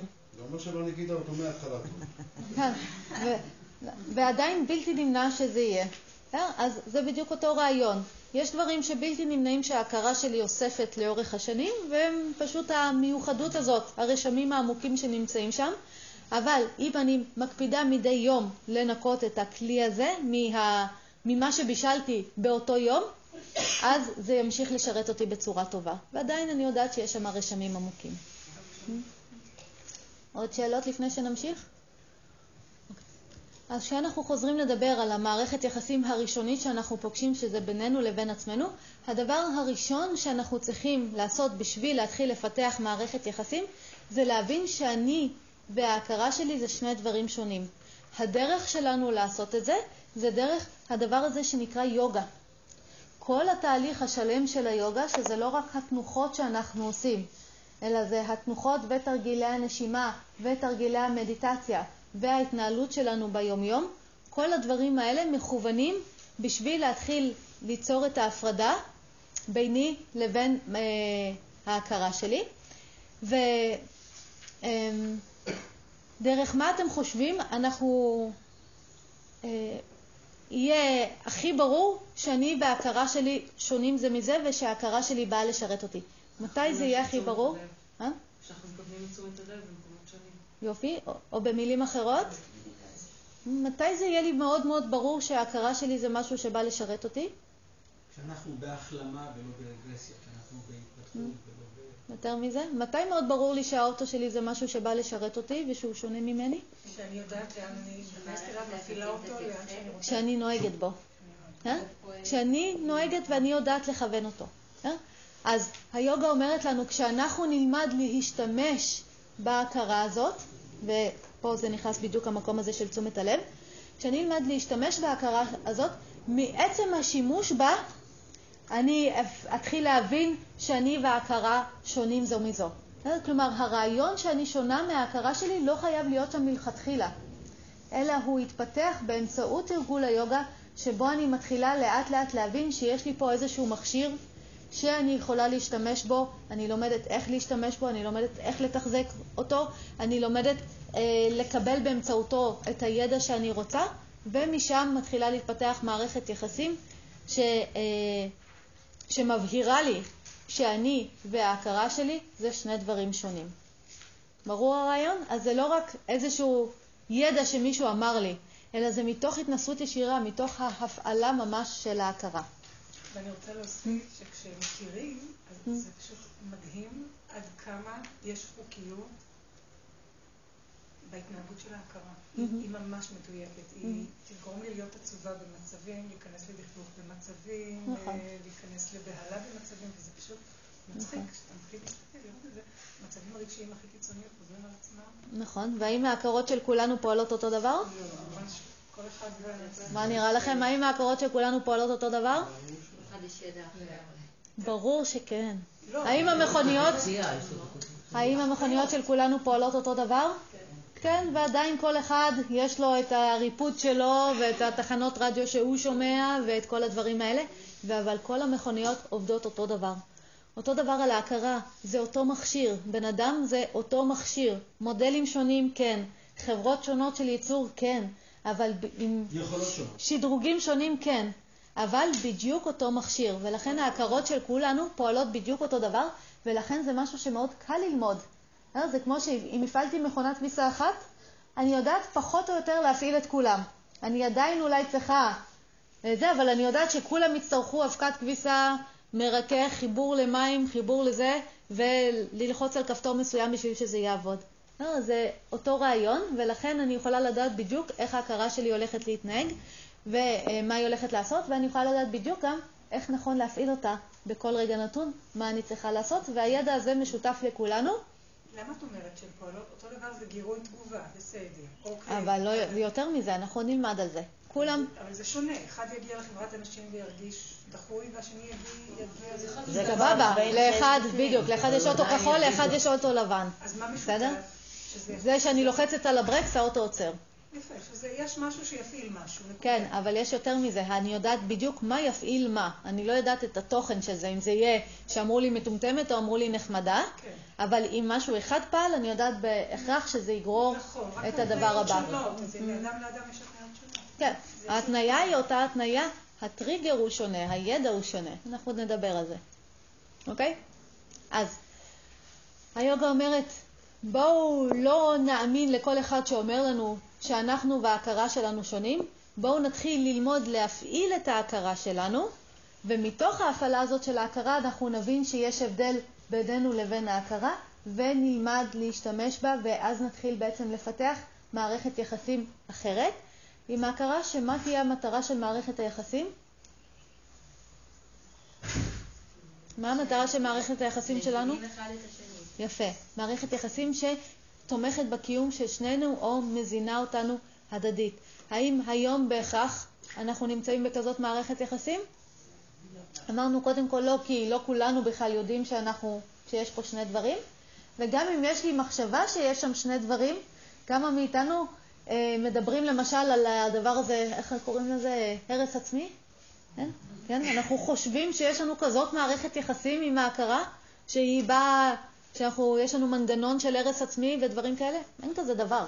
כן? אבל אנחנו, יש לנו כל מיני רעיונות של מה מתרחש שם, והיוגה באה ללמד אותנו, או להראות לנו מה, משהו אחר שמתרחש, או גם מה אנחנו יכולים לפתח. אמ, שאלות עד כאן? אמ, הדרך שלנו לעבוד עם ההכרה זה דרך הדבר שבעצם התחלנו לעשות, וזה העבודה הזו עם תשומת הלב. כל מכשיר שיש אמ, בנוי, האם הוא נבנה אה, כך שיהיה מסובך להפעיל אותו, או קל להפעיל אותו? קל. אפילו החללית הכי מסובכת בעולם, הכי מתוחכמת בעולם, איך היא מהונדסת? שיהיה קל להפעיל אותה או קשה להפעיל אותה? קל. אתם מבינים? אין מוצר אחד, אין מכשיר אחד שאני אפתח שהוא יהיה קשה להפעלה. למה? כדי שאפשר יהיה להשתמש יפה. כי אין בזה היגיון. הרי אם אני בונה מכשיר זה בשביל שאני אשתמש בו. אז איזה, מה ההיגיון לפתח מכשיר שהוא יהיה קשה לשימוש? אף אחד... תהליך התפתחות הוא להפשיט. בדיוק, כן? ולאפשר את התכלית, אחרת מה הטעם שיש לי מכשיר? כן? אותו דבר ההכרה שלנו. אנחנו לא הצלחנו להתפתח ולהתפתח ולהתפתח ולפשט את הטיפול שלו. את מה? של עצמנו. למה? אנחנו... אתה פשוט לא יודע. אתה פשוט... אתה אף פעם לא למדת. מישהו פעם... אנחנו לפני מאה שנים למדנו בגיל 40, היום אנחנו מעריכים עד גיל 90.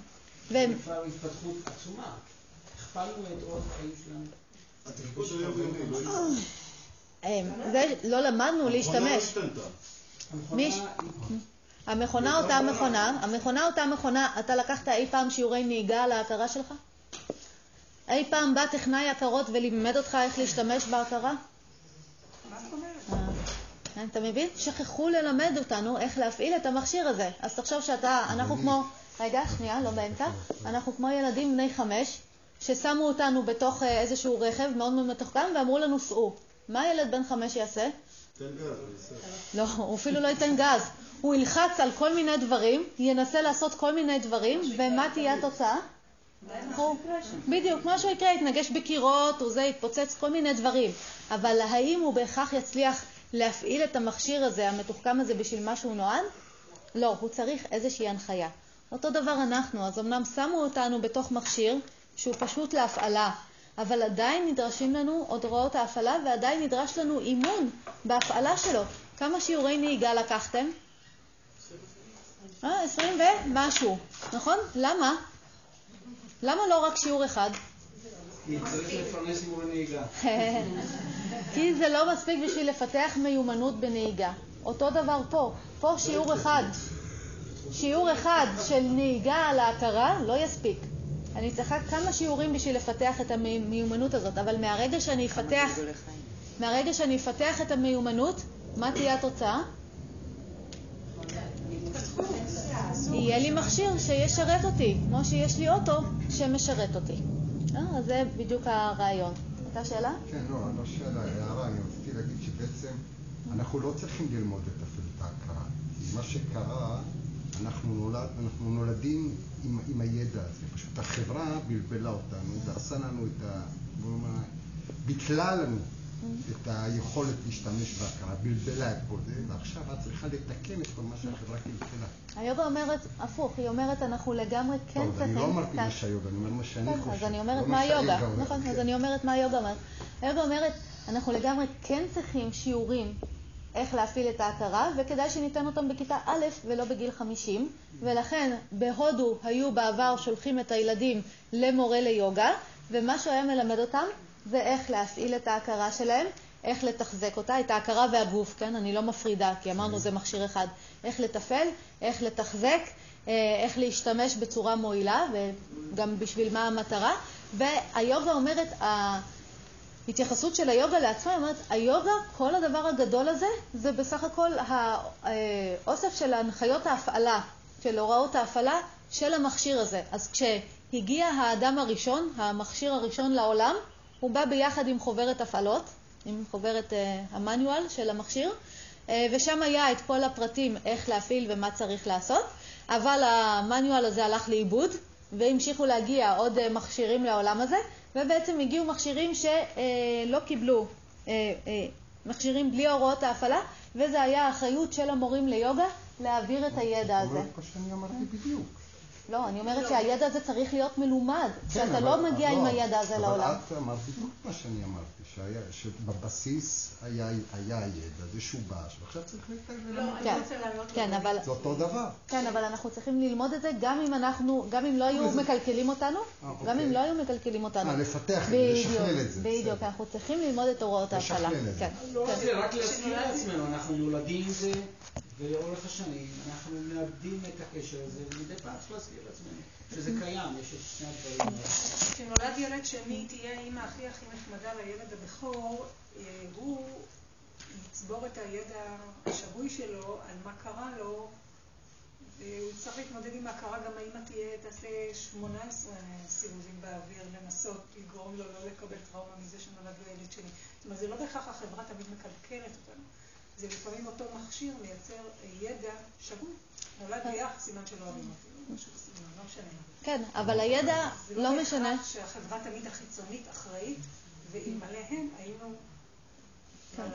אבל זה לא הידע שהוא הבעיה, זה הידע שיש לי לגבי מה זה ידע. אם יכול להיות לי ידע התנסות טראומטית, אבל אם אני יודעת מה הטבע של הטראומה, היא לא תהיה טראומטית עבורי. אבל זה כשאין לי ידע של מה זה טראומה, הטראומה יכולה להיות משהו שדופק לי את החיים גם 20 שנה אחרי שזה קרה. הרי זה בסך הכל המידע הזה שחסר לי, של מי אני, מה ההכרה שלי, מה האחריות שלי כלפי ההכרה, איך לתחזק אותה, איך להפעיל אותה. אם יש לי את כל זה, אני אגלה שאין תוכן אחד בהכרה שלי שהוא בעייתי בשבילי. כמו שאין, אה, אה, לא יודעת, שריטה אחת, אופס, עוד אחת, שריטה אחת בטלפון שהיא בעייתית בשבילי. אה? מתי זה יהיה בעייתי בשבילי? יפה, כשזה יפגע בהפעלה של הטלפון, אבל, אה, ואז מה תהיה האפשרות שלי?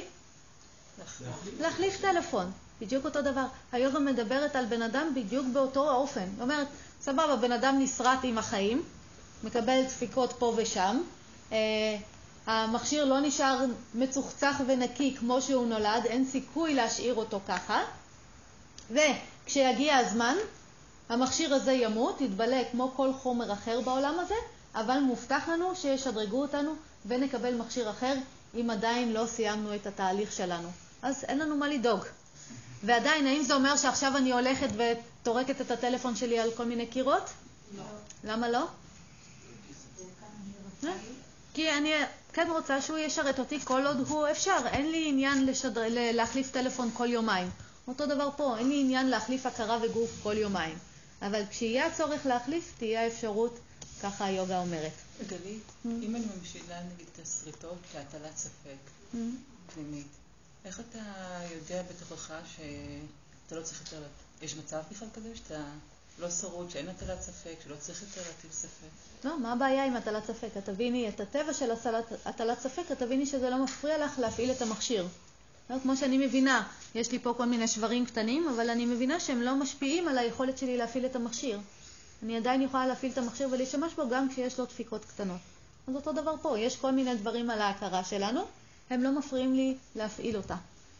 היום את חושבת שהספק מפריע לך, ובגלל זה הוא בעייתי עבורך, נכון? הוא מונע ממך לפעול, לעשות פעולות שאת רוצה, מונע ממך להגשים דברים. יש נקודה במרחב, בזמן, בעתיד, שאתה יכול לדעת בפנים ש... שזה צח, שזה נקי, שזה... אני אומרת, זה לא צריך להיות נקי. מהרגע שאת תביני שזה שונה ממך, ושיש לך אפשרות להפעיל את זה גם עם הדפקות הקטנות שלו, והטראומות הקטנות שלו, והזיכרונות וכל הדברים האלה, אז זה, זאת המערכת יחסים שאנחנו רוצים. אם אני חושבת שהדבר הזה חייב להיות נטול טראומות, נטול זיכרונות, נטול ספקות, אז זה אומר שעדיין לא הבנתי את הטבע שלו. עונה לשאלות על השחרור המלא, שלא נופיע שוב, שלא נקבל עוד אה, מכשיר. מדברת על זה? כן. מה, לא להופיע מצב שוב בעולם? לא, לא, לא להופיע שוב. אה. שיש מצב שעם כל זה אתה מקבל את זה, ואתה לא, לא מטיל יותר ספק, או... למה הספק הוא בעייתי מבחינתך? כשתקבל את הספק, אז יש מצב. אה? מבינה? הספק היום, את מדברת עליו כאילו הוא בעיה, כאילו הוא מונע ממך לעשות משהו. נכון? אחרת למה את תרצי שהוא לא יהיה שם? כי הוא משכנע אותה, איתו, הוא משכנע אותך למה את רוצה שהוא לא יהיה שם? זה בשחרור. אני אומרת לך, את צריכה להיות משוחררת יחד עם כאילו, הספק, בסדר? אין לי צורך. זה רק שאני לא מבינה את הטבע של ההכרה שלי, שאני חושבת שיש דברים שלא אמורים להיות שם. כשאני מבינה את הטבע של ההכרה שלי, אני מבינה שהכל יכול להיות שם, אבל אני צריכה ללמוד איך להשתמש בזה. ואז זה יהיה יעיל. כשספק אומר, הגלית הזאת, על מה היא מדברת? מה כל האוסף בולשיט? בוא נלך הביתה. כן, אם את מבינה את הטבע של ההכרה שלך, את רואה את זה, ואת יכולה לבחור אם לפעול לפי זה או לא. רגע, גלית, יש לי עוד שאלה. מה ההבדל בין אינטואיציה לבין כאילו ה mind? איפה האינטואיציה נמצאת? הדבר הזה שאת קוראת לו אינטואיציה זה בעצם ידיעה, נכון? אני אגיד לך מה, הרי יש אינטואיציה ויש mind. את מפרידה אותם, אני לא מפרידה. אני שואלת אותך, כשאת מדברת על אינטואיציה, את מדברת על בעצם לקבל איזשהו ידע שהוא לא מגיע מתוך חשיבה הגיונית. נכון? כל עוד זה ידע, זה תמיד בהכרה שלך. זה בהכרה? תמיד. כל דבר שהוא ידע זה בהכרה שלך. את שערה לאינטואיציה, זאת את. זה אוטומט של ההכרה. אבל האינטואיציה עצמה היא תמיד בתוך ההכרה, את מודעת לאינטואיציה. את רואה, הנה, יש לי תחושה של ללכת ימינה ולא שמאלה. את לא יודעת להגיד מאיפה התחושה הזאת. אבל את, זו, את ערה, זה אותה אחת שערה גם לבלבול, אותה אחת שערה לספק, אותה ערה, אחת שערה. איך אני עושה את ההפרדה בין האינטואיציה לבין ה mind? כי ה mind הוא תמיד אני לא מפרידה, זה אותו דבר. זה אותו דבר, זה פונקציה של הדבר הזה שנקרא mind או הכרה, אנחנו נגיע לזה טיפה אחרי זה. בסדר? סליחה? זה בסך הכל סוג של ידע. ידע שהוא, אני יכולה, שאני לא יכולה לדעת אולי מה המקור שלו. לא, שהוא לא הסקה לוגית. ידע לא לוגי. לא, אלא ידע שמגיע, והוא מגיע מתוך הכרה בהירה. אם ההכרה שלי בהירה, היא תביא לי אינטואיציה, היא תביא לי ידע שהוא אה, מאוד אה, מיידי כזה, בסדר? והוא לא דרך איזושהי שרשרת של פעולות. אוקיי, אה, בואו, אה, חבר'ה, בואו ניקח הפסקונת, אה, יש לנו חצי שעה הפסקה. ואחרי זה אנחנו נמשיך אה, לדבר יותר לעומק על המבנה של ההכרה על מערכת היחסים שלנו איתה, ובעצם למה כל הדבר הזה. כן, בואו נתחיל מכמה רגעים של ישיבה שקטה. עצמו את העיניים, ארגנו את הגוף בצורה נוחה.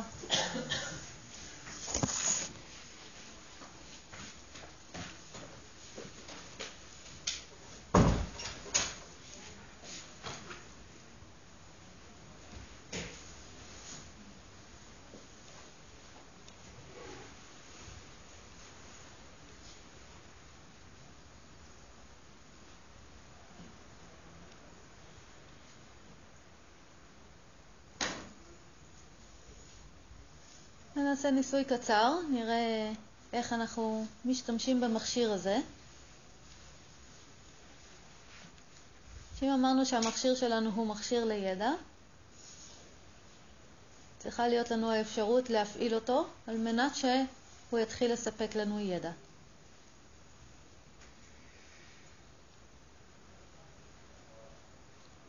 המכשיר בנוי בצורה כזו שכל הזמן יש לו חושים פעילים,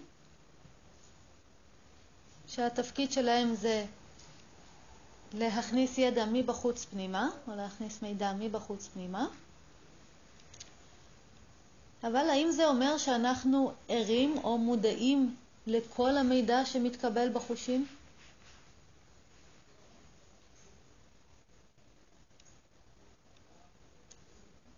אם אנחנו בודקים, נהיה לנו מאוד ברור שלא בהכרח. החושים שלנו פעילים 24 שעות, ועדיין אנחנו לא מודעים כל הזמן למידע שמתקבל. אז תשאלו את עצמכם, אז מה נדרש על מנת להפעיל את המכשיר באופן מודע, על מנת להתחיל לקבל ידע באופן מודע?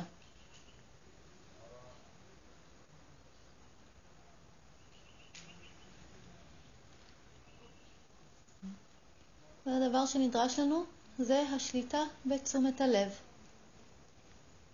תעבירו עכשיו תשומת לב למה שהעיניים רואות כשהן עצומות, ותראו איך מיד אתם מתחילים לקבל ידע על מה נקלט בחוש הראייה גם כשהעיניים עצומות.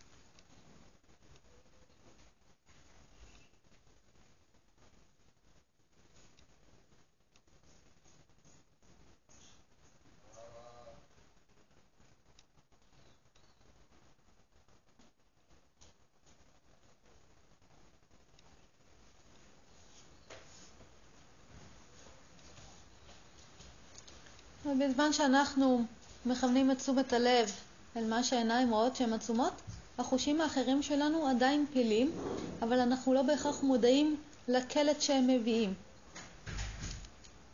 ועכשיו העבירו תשומת לב לחוש השמיעה ותראו מה משתנה.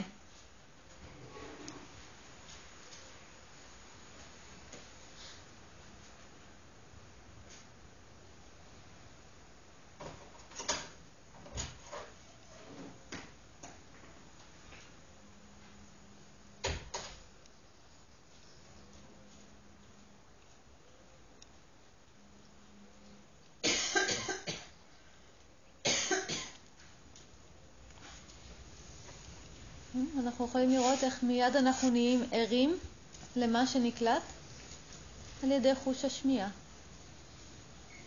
או לצלילים שסביבנו. ועם זאת, כל הזמן חוש המישוש גם פעיל, אבל זה לא אומר שאנחנו כל הזמן ערים לידע שהוא מביא. ועכשיו העבירו תשומת לב לחוש המגע, על מה שהגוף מרגיש במגע שלו עם הכרית, עם הרוח. ותראו איך כל הקלט משתנה, איך המידע שמגיע הוא אחר.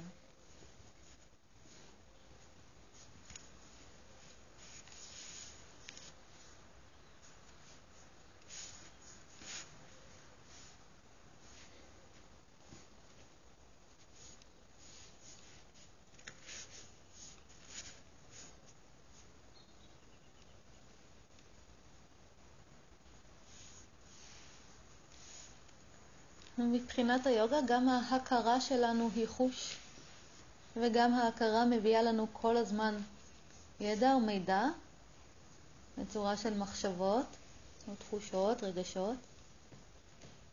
תראו שגם לשם אנחנו יכולים להפנות תשומת לב ולהתחיל לראות את התכנים שנמצאים בהכרה, אם זה בצורה של מחשבות או רגשות או תחושות, גם לזה אנחנו יכולים להיות ערים.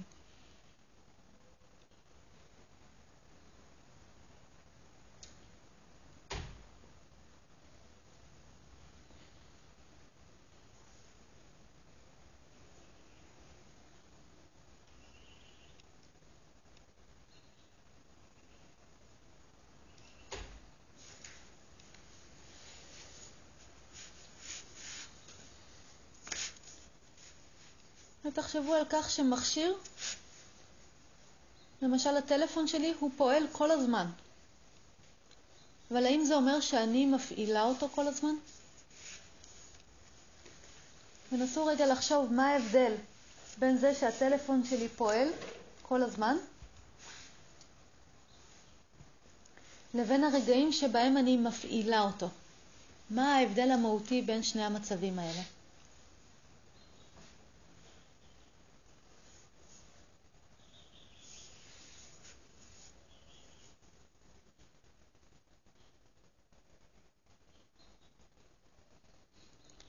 עכשיו בואו נחשוב ברמה של ההכרה שלנו, הגוף, ההכרה והגוף. האם יש מצב שבו ההכרה והגוף פועלים על דעת עצמם כשאני לא מפעילה אותם? בדיוק כמו שהטלפון פועל כל הזמן גם כשאני לא מתעסקת איתו?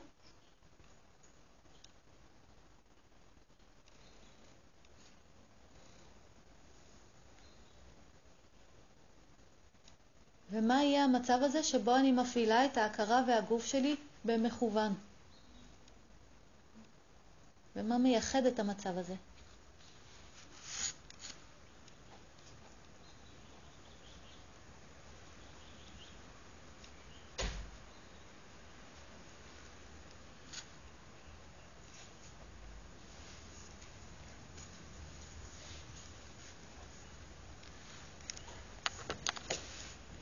ומתי, או נשאל את זה אחרת, האם אני צריכה כל הזמן להפעיל את הגוף וההכרה שלי במכוון? או אם אני יכולה לאפשר למכשיר גם פשוט להיות ולפעול כמו שהוא פועל כשאני לא מפעילה אותו.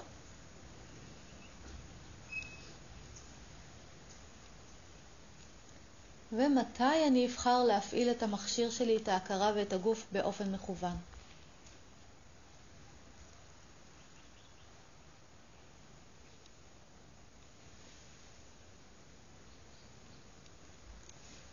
ובשביל להפעיל אותו באופן מכוון, מה יידרש מאיתנו?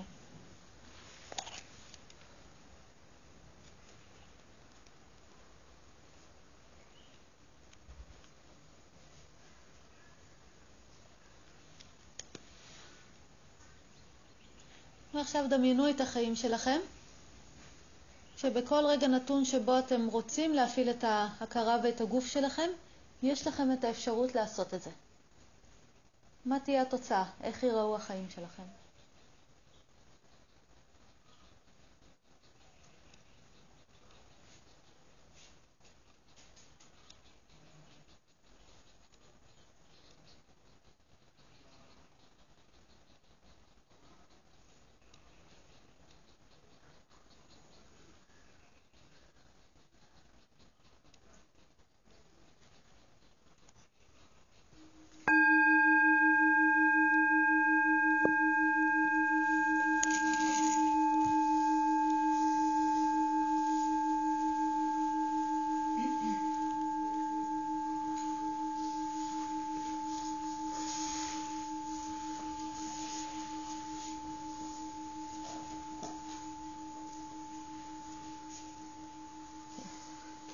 אנחנו ממשיכים את החקירה. דיברנו על כך שבשביל שנוכל לדבר על מערכת יחסים בינינו לבין עצמנו, בינינו לבין ההכרה שלנו, אנחנו חייבים אה, להבין שקודם כל מדובר בשני דברים שונים זה מזה, ויכלנו לראות שיש את המקום הזה שהוא ער כל הזמן, ויש את ה... הפעולה הזאת של המכשיר שבעצם מביאה כל הזמן כל מיני תכנים. התכנים יכולים להשתנות, אבל המקום הער הוא תמיד אותו אחד. אמרנו, המקום הער הזה זה אני, ואני ערה למה שההכרה מביאה, לתכנים שהיא מייצרת, בין אם זה בצורה של מחשבות או רגשות או תחושות. ואז בדקנו, עכשיו בתרגול, וראינו שהחושים שלנו כל הזמן פעילים, ועדיין אנחנו לא בהכרח ערים לכל הידע או כל המידע או כל הקלט החושי שמגיע כל הזמן. ומתי אנחנו נהיים ערים לקלט שמגיע מהחושים? מה נדרש? יפה, יפה מאוד. נדרשת שתשומת הלב שלי תהיה מכוונת אל החוש הזה. ויכלתם לראות איך זה קורה במיידי, מהרגע שהעברנו תשומת לב למה שהעיניים רואות כשהן עצומות, מה קרה? יפה, מיד התחלנו להיות ערים למה שקורה שם. זה היה צריך להיות, היה שם מאמץ להיות ערים למה שקורה? לא. מה הייתה הפעולה שעשינו? הכוונה של תשומת הלב. וההכוונה של תשומת הלב מיד הביאה ערות למתרחש. זו נקודה מאוד מאוד חשובה, כי הפעולה שעשינו היא לא להיות ערים. הפעולה שעשינו היה לכוון תשומת לב לדבר מסוים, וזה הביא לערות. למתרחש. אה, ואז העברנו תשומת לב לחוש השמיעה, מה קרה כשעשינו את זה? מיד התחלנו להיות ערים למה שנקלט בחוש השמיעה. וכשהעברנו תשומת לב לחוש המגע, מה התחלנו להיות ערים? מיד לתחושות, כן? לא לגוף אלא לתחושות שנקלטות בגוף או שנקלטות על ידי החוש הזה. אה, מסכימים כולם? תראו, כמה אנשים אנחנו פה? די הרבה. כולנו חווינו בדיוק אותו דבר. זה רק אומר שהמכשירים של כולנו פועלים אותו דבר, והאם מישהו פה לא הצליח להעביר את תשומת הלב לחוש מסוים? כן. אה? כן? למה לא הצלחת? להכרה. אה. נכון, ותכף נגיע לזה, בסדר? ההכרה היא הבלקאוט. אה, תכף נגיע לזה, בסדר? אבל תראו כמה, כשהתעסקנו בחושים, כולנו מיד יכלנו לעשות את זה, להעביר את תשומת הלב לחוש הספציפי, ומיד באותו רגע התחלנו לקבל את הקלט, את הידע של הדבר הזה. ואז התבקשנו להעביר את תשומת הלב אל ההכרה, שמבחינת היוגה גם ההכרה היא חוש, ואז מה קרה? מישהו הצליח לעשות את זה? יש מישהו שהצליח? יפה, ומה התחלת לראות? זה נראה לי המצב שאני רוב הזמן בו, זה לשים לב מה אני חושבת, מה עולה בי, מגיבה לזה. יופי, אז התחלת לראות אה, תחושות, מחשבות, זה היה בצורה של מילים, זה היה בצורה של מה? של רגשות? תמונות ומילים. כאילו המחשבה שלי הייתה על משהו שמעלה בי בלבול. יופי. עוד מישהו הצליח לראות את ה... להפנות תשומת לב להכרה ולראות אותה? כן, מה ראית? שכיוונתי לראות. כשאת הפנית תשומת לב לחוש השמיעה, את כיוונת לצלילים מסוימים? לא. לא. אז כשכיוונת תשומת לב להכרה, את כיוונת למחשבות מסוימות, או כיוונת פשוט להיות בתשומת לב לתכנים שההכרה מציגה? מציגה. יפה. אז את פשוט נהיית, היית ערה לתכנים שההכרה מציגה. בדיוק כמו שאני נהיית ערה לתכנים שחוש השמיעה מתחיל להביא, נכון? במקרה הזה זה צלילים, במקרה של ההכרה זה מה? מחשבות, תחושות, רגשות, בדיוק. דמיונות, זיכרונות, כל הדברים האלה זה מה שההכרה יודעת לספק. כן. זה מעניין מה שאמרת. כשאני ניסיתי להעביר את תשומת הלב להכרה, הרגשתי שאני לא יודע מה זה ואיפה היא ולאן אני מתחבר, אבל אז התחלתי, בגלל שהבנתי שמדובר על מחשבות ורגשות, אז בעצם מה שנהיה אצלי זה איזשהו שיח פנימי כזה, התחלתי לדבר לעצמי. מעולה. אבל הרגשתי כמוה שמי שנותן את לדיבור ולמחשבות האלה זה אני, ואז בעצם זה לא שאני מסתכל על משהו כמו שנייה שמגיע, אלא אני מכוון אותו, אבל אולי זה בעצם זה. נכון. אתה נהיית, התחלת להיות ער לתכנים שמיוצרים בהכרה, ובכלל לא משנה לי איזה תחושה יש לך, אם יש לך תחושה שאתה מייצר אותם, או שהם נוצרים. אבל אתה התחלת להיות ער לתכנים הכרתיים, למשל לתחושה או למחשבה, אני לא יודע, אני לא מבין מה זה הכרה, איפה לחפש את זה, בלה בלה, כל הדברים האלה. אבל היית ער לדברים האלה, אחרת איך היית יודע שהם שם? נכון? אוקיי? אז ה... למה יותר קשה לנו במקום הזה של ההכרה? השליטה שלנו שם, שלא כמו במצב של שינה, למשל, או בזיכרון, שזה משהו שאנחנו לא שולטים בו. לא. בחוש השמיעה שלך את שולטת? לא. לא. אז למה יותר קשה לנו עם ההכרה? יותר קשה להפריד את זה. מופשט, זה לא. צלילים או דברים כאלה זה משהו שקורה קונקרטי. לא רואים אותה כמשהו נפרד. יופי. כי אנחנו לא מכירים אותה כנפרדת מאיתנו, וכי לא הרגילו אותנו בהכרח להסתכל עליה. הרגילו אתכם להאזין למוזיקה? כן. הרגילו אתכם להסתכל על תמונות? כאילו הרגילו אתכם להרגיש מגע? מישהו הרגיל אתכם אי פעם להסתכל על מה שההכרה מייצרת? כן? רק אם למדנו סוג מסוים של מדיטציה למשל, או הונחינו ספציפית במקום הזה, אולי, לא יודעת מה, בבית ספר אם היה לנו מזל או מההורים שלנו, אבל זה לא נגיש כמו להאזין למוזיקה, לראות סרט או להרגיש מגע, נכון? זה לא היה חלק מהחיים שלנו. אבל אה, למשל, השלבים הראשונים של היוגה, מה שהיא מלמדת אותנו זה להתחיל להסתכל על ההכרה, ללמוד שגם על ההכרה אנחנו יכולים להסתכל.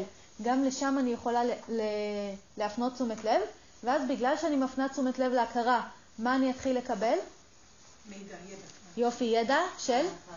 יופי, של מה קורה בהכרה, בסדר? איך ההכרה, איזה תכנים ההכרה אה, קולטת או מביאה לי.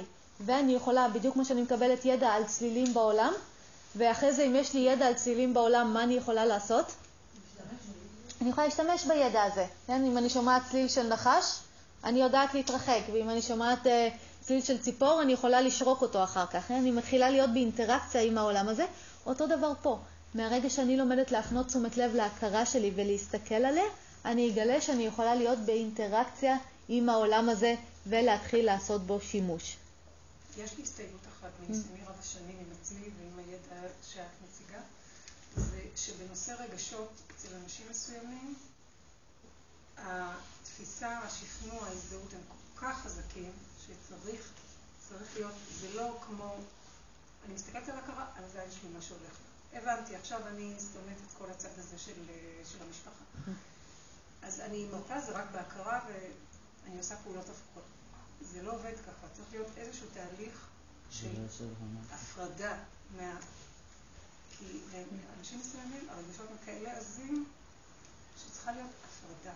תהליך, תהליך שמסתייע גם בחוץ, תהליך שמסתייע בכתיבה, תהליך שמסתייע... זה לא... מניסיוני באמת, אמיתי, אני לא יכולה להגיד לעצמי, זה גל בהכרה וזה יחלוף, עכשיו תעשי את ההפך. כן. אף אחד לא מדבר על זה ככה. ביוגה זה תמיד תהליך. יש פה המון מאמץ בקטע הזה של הפרדה ביני לבין רגשות. כן. זה תמיד יש תהליך, אבל התהליך הוא לא תהליך של הפרדה, אלא תהליך של שימוש. ככל שאני משתמשת יותר ברכב שלי, כך אני מקבלת את המיומנות לנהוג בו. אבל מיד, תחשבו איך הייתם בשיעור הנהיגה הראשון שלכם, הייתי בהזדהות מוחלטת, כן, עם ה... בתוך הבלגן הזה. לא היה שם רגע אחד של מישהו שיכול לקחת שליטה, זה הכל היה כל כך מציף וכל כך גדול. אבל ככל שהתאמנתי על לנהוג במכשיר, נהיה לי מאוד ברור. אני נוהגת ברכב, הרכב מציית לי. אותו דבר פה. אז אני לא צריכה להפריד משום דבר, אני צריכה ללמוד להשתמש.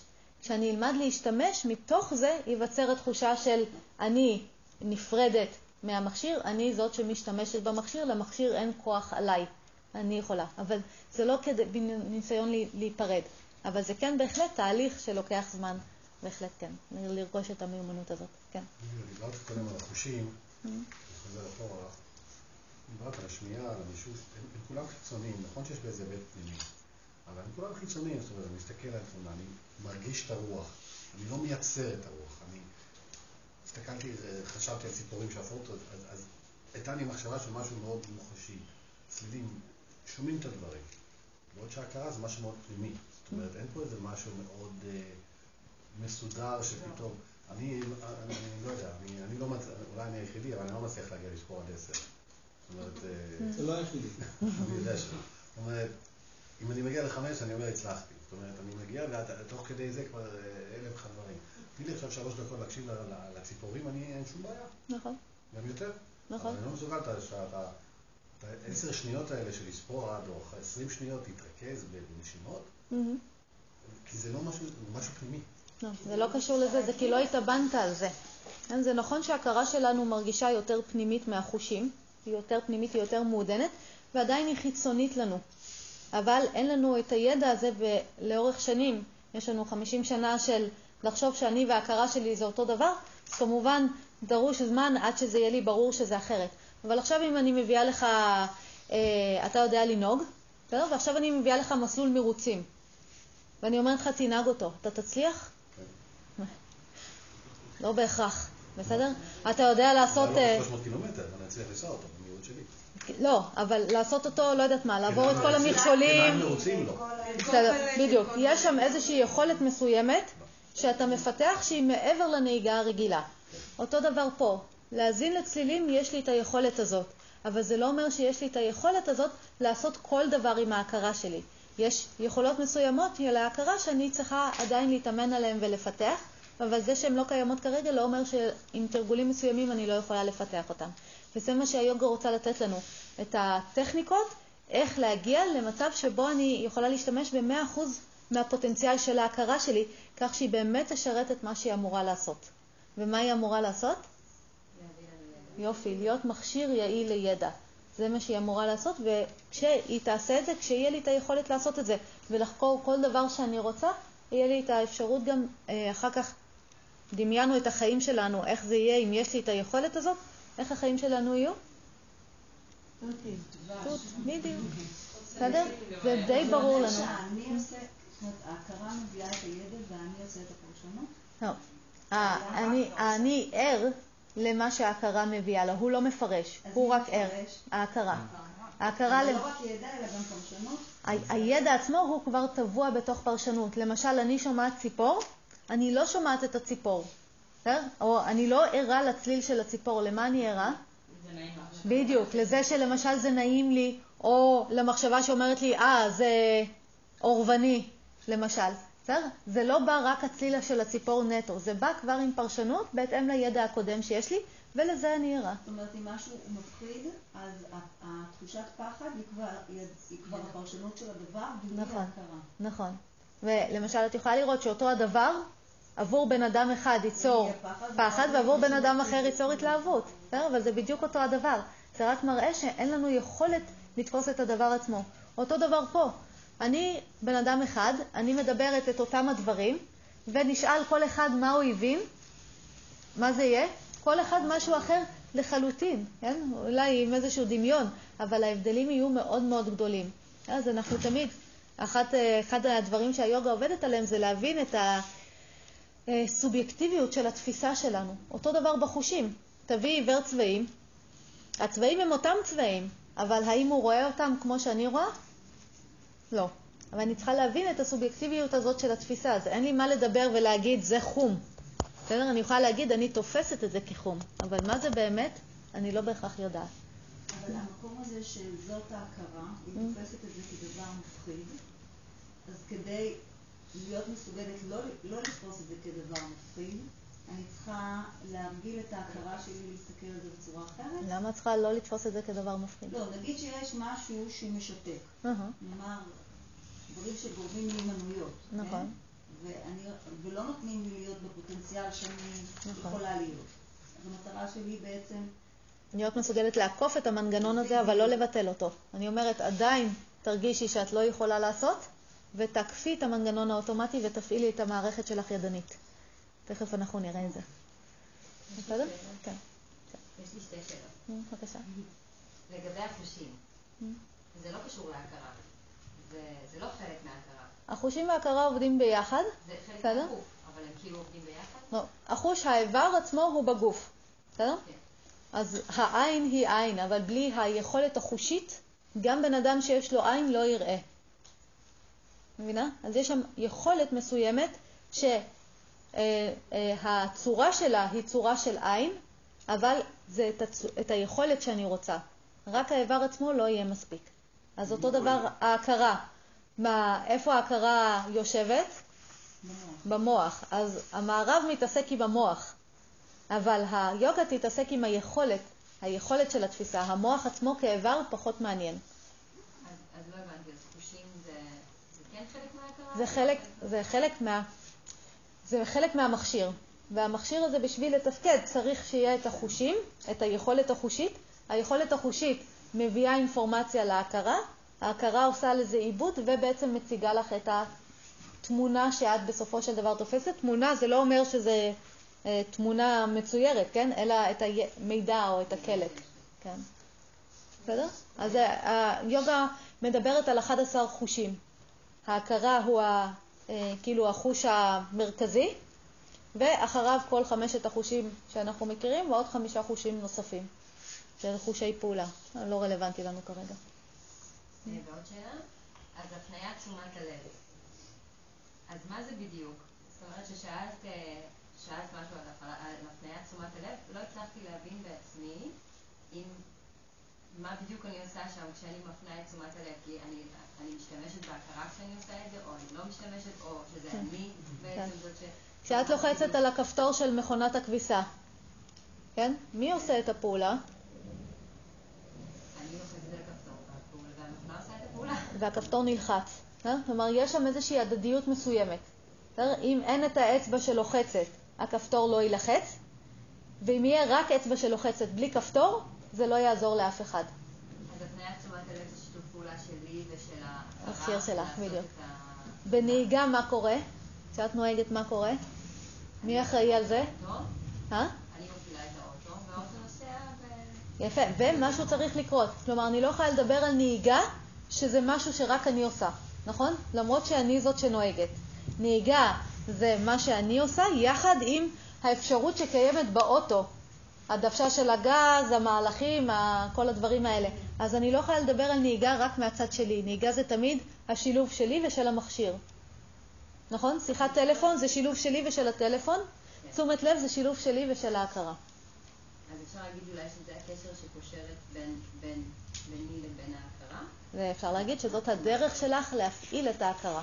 בסדר? כמו שהדרך שלי להפעיל את האוטו זה נהיגה ברכב, בסדר? הדרך שלי להפעיל את הטלפון זה ללחוץ עליו, להוציא שיחות. הדרך שלי להפעיל את ההכרה זה להניע את תשומת הלב. ואז ראיתם, מה קורה מהרגע שהתחלתי להניע את תשומת הלב כרצוני? רק שולטת בה, לא שולטת. מה קרה? מהרגע ששמתי תשומת לב על משהו, מיד נהייתי מודעת. מיד נהייתי מודעת. כלומר, המודעות נכנסה לפעולה. מיד התחיל לקבל ידע. האם זה אומר שלפני זה החושים לא עבדו? עבדו כל הזמן, בדיוק כמו שהטלפון שלי עכשיו עובד, בסדר? אבל עדיין יש שם את המקום שבו אני מפעילה אותו באופן רצוני. אז האם זה אומר שאני צריכה 24 שעות ביממה אה, להפעיל את המכשיר שלי, את ההכרה ואת הגוף? לא. האם אני יכולה מדי פעם לתת לו פשוט להיות? כן. מתי אני אפעיל אותו? אה? יפה, כשאני אצטרך אותו, בסדר? כשאני אצטרך אותו לסיבה מסוימת. לאיזה סיבה אנחנו צריכים? כן, למה אני צריכה ידע? יפה, למשל כשאני צריכה לפעול. כשאני צריכה לפעול בעולם, אני חייבת ידע. בגלל זה אני, אה, לא יודעת מה, פותחת ווייז ושואלת האם כדאי לי לנסוע מפה או לפה. אני לא פותחת ווייז אם אני לא צריכה להגיע למקום מסוים. אותו דבר פה, אין לי מה לכוון את תשומת הלב שלי למקום מסוים אם אני לא רוצה, אם אין לי צורך בידע הזה. אבל אני חייבת שתהיה לי את היכולת הזאת לשלוט בתשומת הלב כשאני צריכה ידע. והבעיה שלנו מתחילה היא שגם כשאני רוצה ידע, אין לי יכולת לשלוט בתשומת הלב שלי. מתי זה קורה? מכירים? אתם... בהיסח הדעת, שאת מנסה להתרכז במשהו אחד ותוך כדי מלא דברים פועלים ביחד. למשל, למשל. מכירים את זה? אני מנסה, לא יודעת מה, לעשות איזשהו פרויקט מסוים, וקופצות לי חרדות ופחדים וחוסר ביטחון וספק ודברים כאלה. מה הדברים האלה עושים? אה? לוקחים את תשומת הלב שלי, הם יותר חזקים מהכוח שיש לי על תשומת הלב, הם לוקחים לי את תשומת הלב, ובמקום להיות מסוגלת להמשיך לכוון אותו לפרויקט ולבדוק מה הצעד הבא, מה הפעולה הבאה שאני צריכה לעשות, אני הולכת כל כולי לדברים האלה. מה קרה לפרויקט שלי? נעלם אי שם, הפסיק להתקיים, ואיפה אני תקועה? איזה ידע יש לי? לא, יש לי ידע מסוים, של מה? יפה, של הבלגן שלי, וזה הדבר היחיד שאני רואה. מכירים את המצבים האלה? שהדבר היחיד שאנחנו רואים זה את הבלגן הזה של ההכרה, את הפחדים, את החוסר ביטחון, את החוסר מסוגלות. אבל האם זה אומר שזה מה שקיים? שזה הדבר היחיד שקיים? לא. מה זה אומר? שיש שם בולטות של החומר הזה. מה זה אומר? יפה. בסך הכל זה אומר ששם תשומת הלב שלי. ואז אם אני רוצה לראות מה עוד קיים, מה אני חייבת לעשות? להעביר את תשומת הלב לדבר אחר. ברגע שאני אעשה את זה, מה יקרה? יפה. הם כבר לא יהיו בפריים שלי, ואני... אה? בהירות. בהירות. כן. ואני אוכל להתחיל לראות מה כן נמצא מול העיניים שלי ומה כן לעשות. אבל גלית, כן. הדבר הזה, החרדות האלה וכל הסיפורים, אה? הם הרבה יותר מתוחכמים ממה שאת מתארת, כי הם, הם מופיעים בצורה סמויה וגורמים לי לעשות פעולה. כלומר, אני פה בסדנה עסוקה במתי אני אתקשר לראות מה שלום הבן שלי שם. זאת אומרת, ההבנה שבכלל יש פה חרדה שמופיעה, כשאני המטרה שלי בכלל להיות פה בסדנה וללמוד. נו, אז כשאני מדברת... הם יותר מתוחכמים ממה שאת הם לא מתוחכמים. קודם כל, אנחנו רצים כבר החוצה לעולם לפעול, לסדר, לנסות לסדר שם משהו כדי שזה יפסיק. אין שום בעיה. הם יכולים להמשיך להיות שם. היכולת להבחין בהם היא התוצאה של עבודה בכלל. נכון. אמרנו, אני צריכה להיות מסוגלת קודם כל להסתכל על ההכרה שלי ולראות מה יש שם. בסדר? אבל, זה ההתחלה של העבודה ממש. זה לא עיקר העבודה. אני צריכה להסתכל, לראות על ההכרה, לראות ולראות מה יש שם.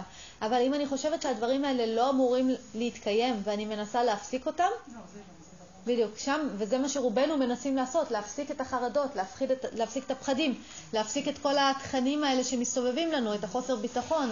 אין לי צורך.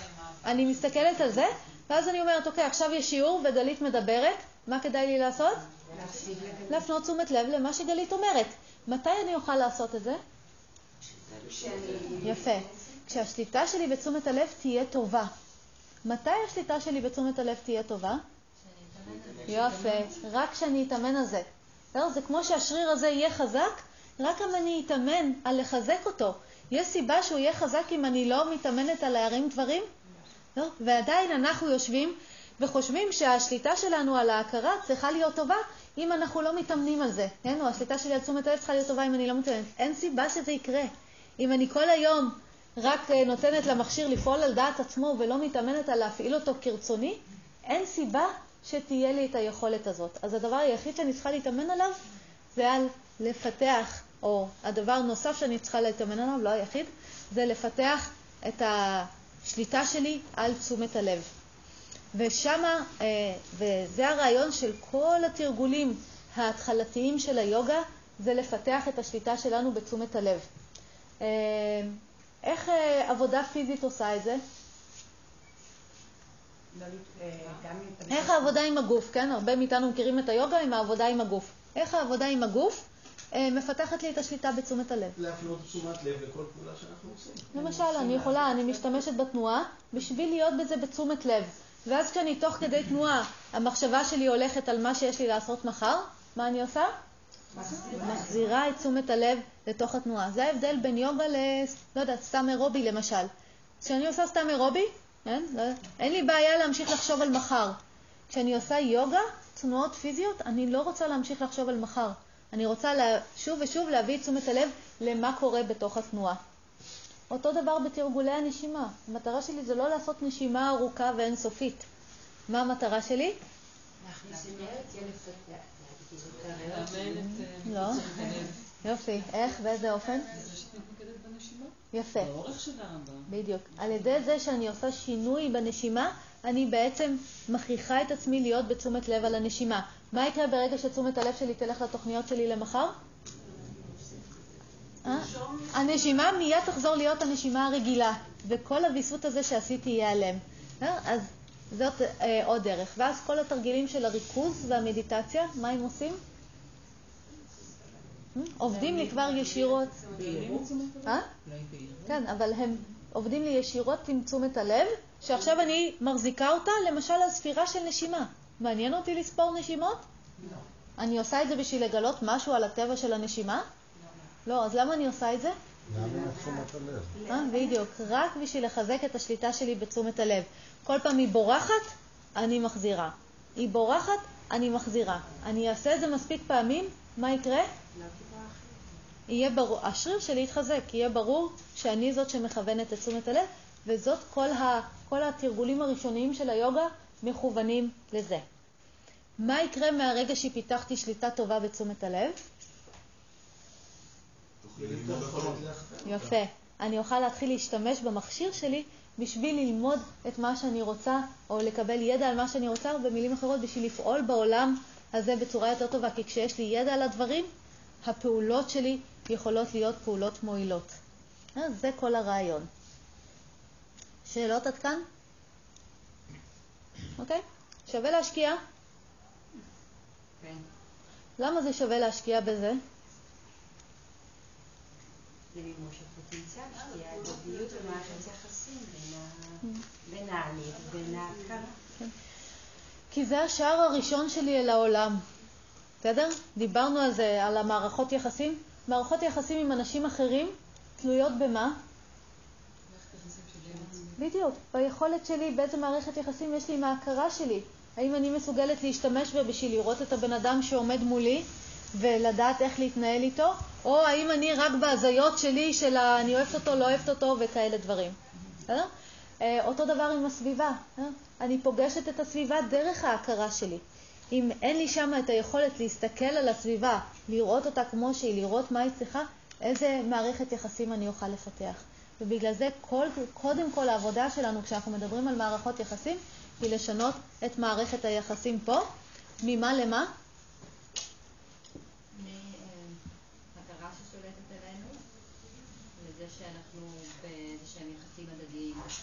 יופי. יפה. או אפשר לומר מאפס מערכת יחסים, בסדר? כי שם בעצם בהתחלה אין מערכת יחסים, כי אני אפילו לא מבינה שאני וזה נפרד, למקום שבו אני וההכרה שלי, אה, מה המטרה של מערכות יחסים, זוכרים? תומכות בקיום שלנו בצורה משותפת. זה לא אני שולטת בהכרה שלי, אלא זה אני פועלת יחד עם ההכרה שלי. אני משתמשת במערכת היחסים שיש לי עם ההכרה בשביל לתמוך בקיום שלי, בשביל לפעול בעולם הזה. בסדר? ועכשיו אנחנו צריכים לשאול אה, מה, על מה בנויה בדיוק מערכת היחסים הזאת ואיך לפתח אותה, חוץ מהמקום הזה של התשומת לב. מה בדיוק קורה שם בתוך מערכת היחסים. אז אמרנו שמערכת יחסים, המטרה שלה זה אה, לתמוך בקיום. ו... אה,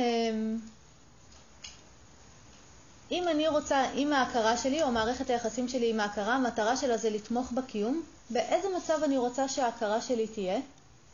או מתי היא תוכל לתמוך בקיום שלי? שהיא סטווית, לא כולם מכירים את המילה סטווה פה. שהיא מה? מתי משהו יוכל, מתי עץ יתמוך בקיום שלי? עץ? כן.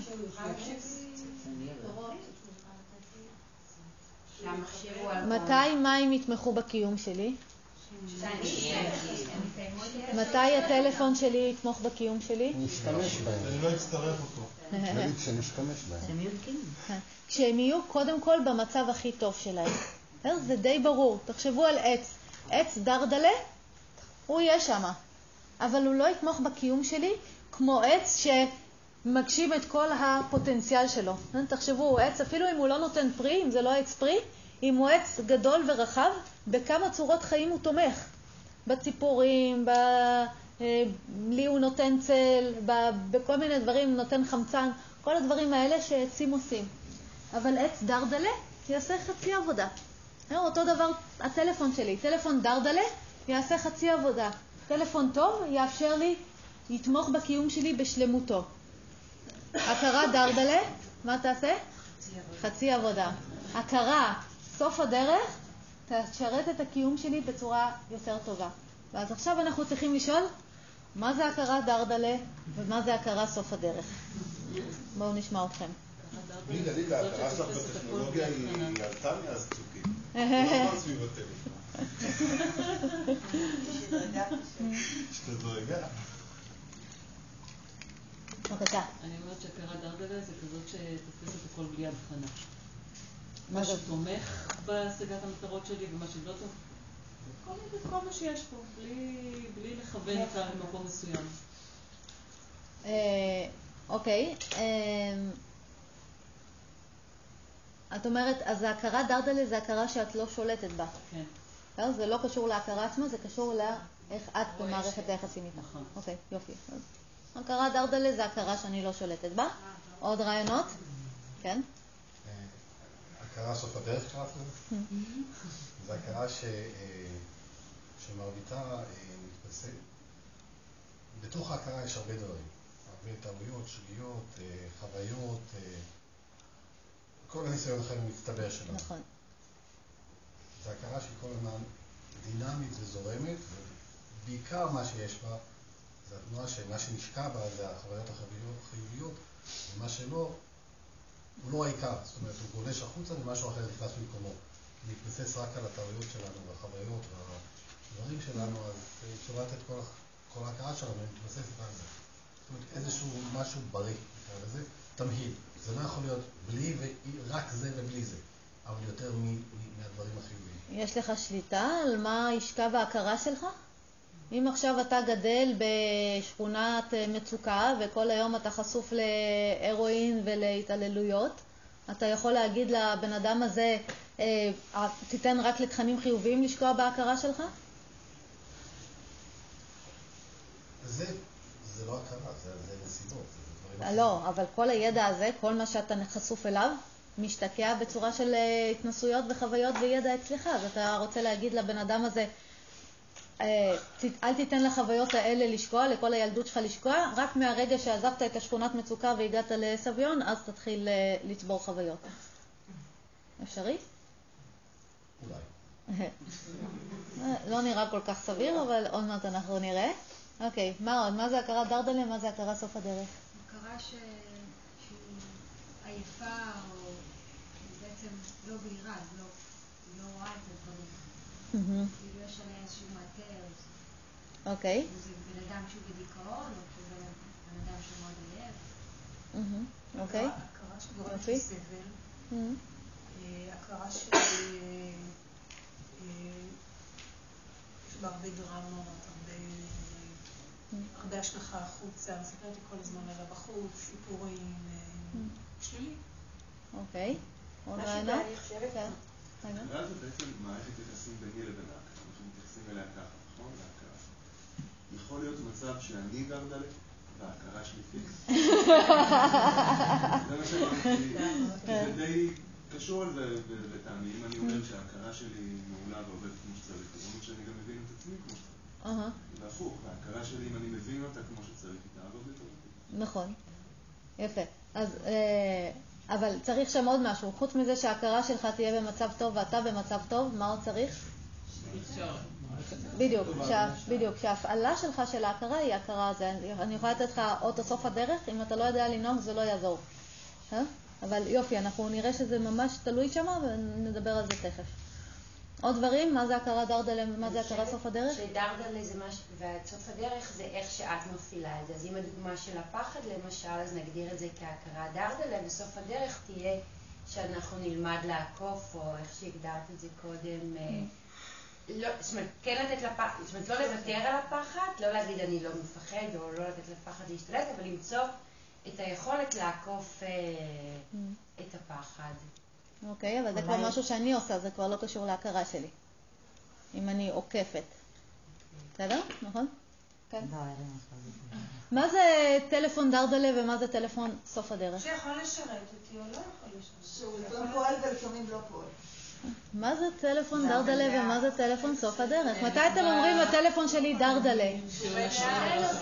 כשהוא לא עושה את כל הפונקציות שלו שהוא אמור לעשות. בסדר? זה הרעיון.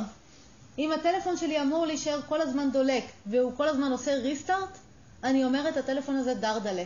בסדר? כשחצי מהמקשים לא עובדים, למרות שכולם אמורים לעבוד, אני אומרת שהטלפון הזה דרדלה. אבל אם זה היה מיוצר מלכתחילה, הטלפון היה אמור להיות כזה, שרק חלק מהמקשים עובדים, וחלק מהמקשים עובדים, האם הטלפון היה דרדלה? לא. Okay? אז זה כשמכשיר מסוים ממלא את כל הפונקציות שהוא אמור למלא בצורה טובה, זה אומר שהטלפון, שהמכשיר הזה הוא סוף הדרך, בסדר? הוא כמו שהוא אמור להיות. וכשהמכשיר לא ממלא את כל הפונקציות שהוא אמור לעשות בצורה טובה, אני אומרת שהמכשיר הזה הוא דרדלה. אז כשאנחנו מדברים על ההכרה שלנו, כשההכרה שלי יכולה לעשות את כל הפונקציות שהיא אמורה לעשות, היא תהיה מכשיר סוף הדרך. כשההכרה שלי לא יכולה לעשות את כל הפונקציות שהיא אמורה לעשות, או עושה אותן חלקית, אני יכולה להגיד ההכרה שלי דרדלה. ואז מה השאלה הבאה שאנחנו צריכים לשאול? מה אמורה... יפה. מה הפונקציות שההכרה שלנו אמורה לעשות? עם איזה יכולות היא יוצאת מבית החרושת? בואו נשמע אתכם.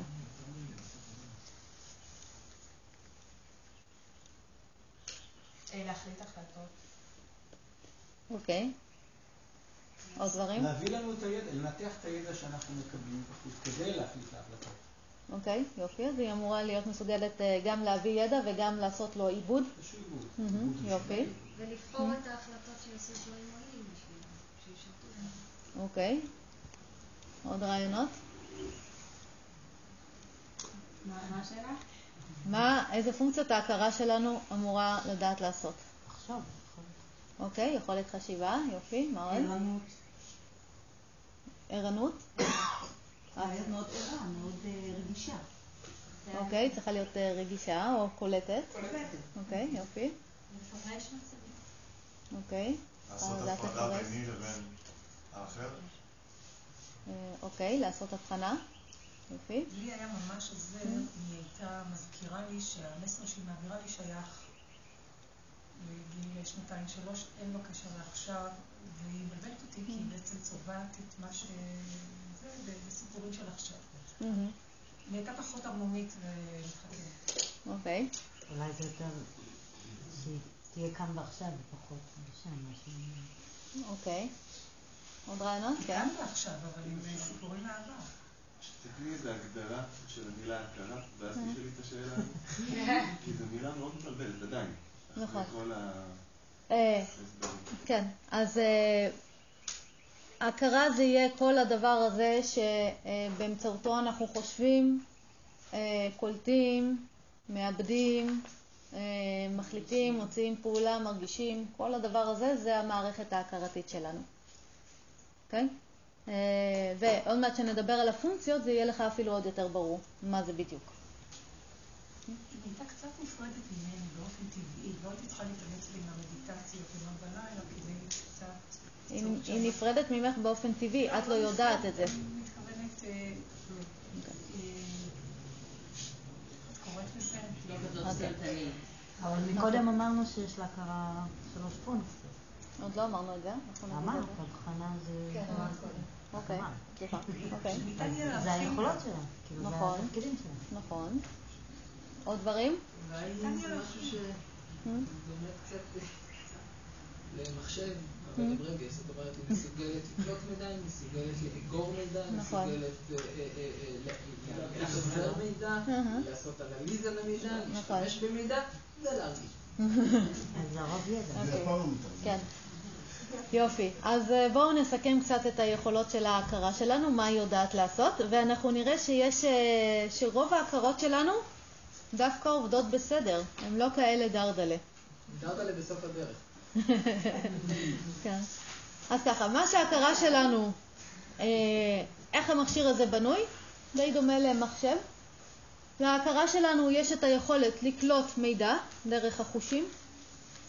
יש לה יכולת אה, לאחסן את המידע הזה, מה שאנחנו קוראים לו זיכרון.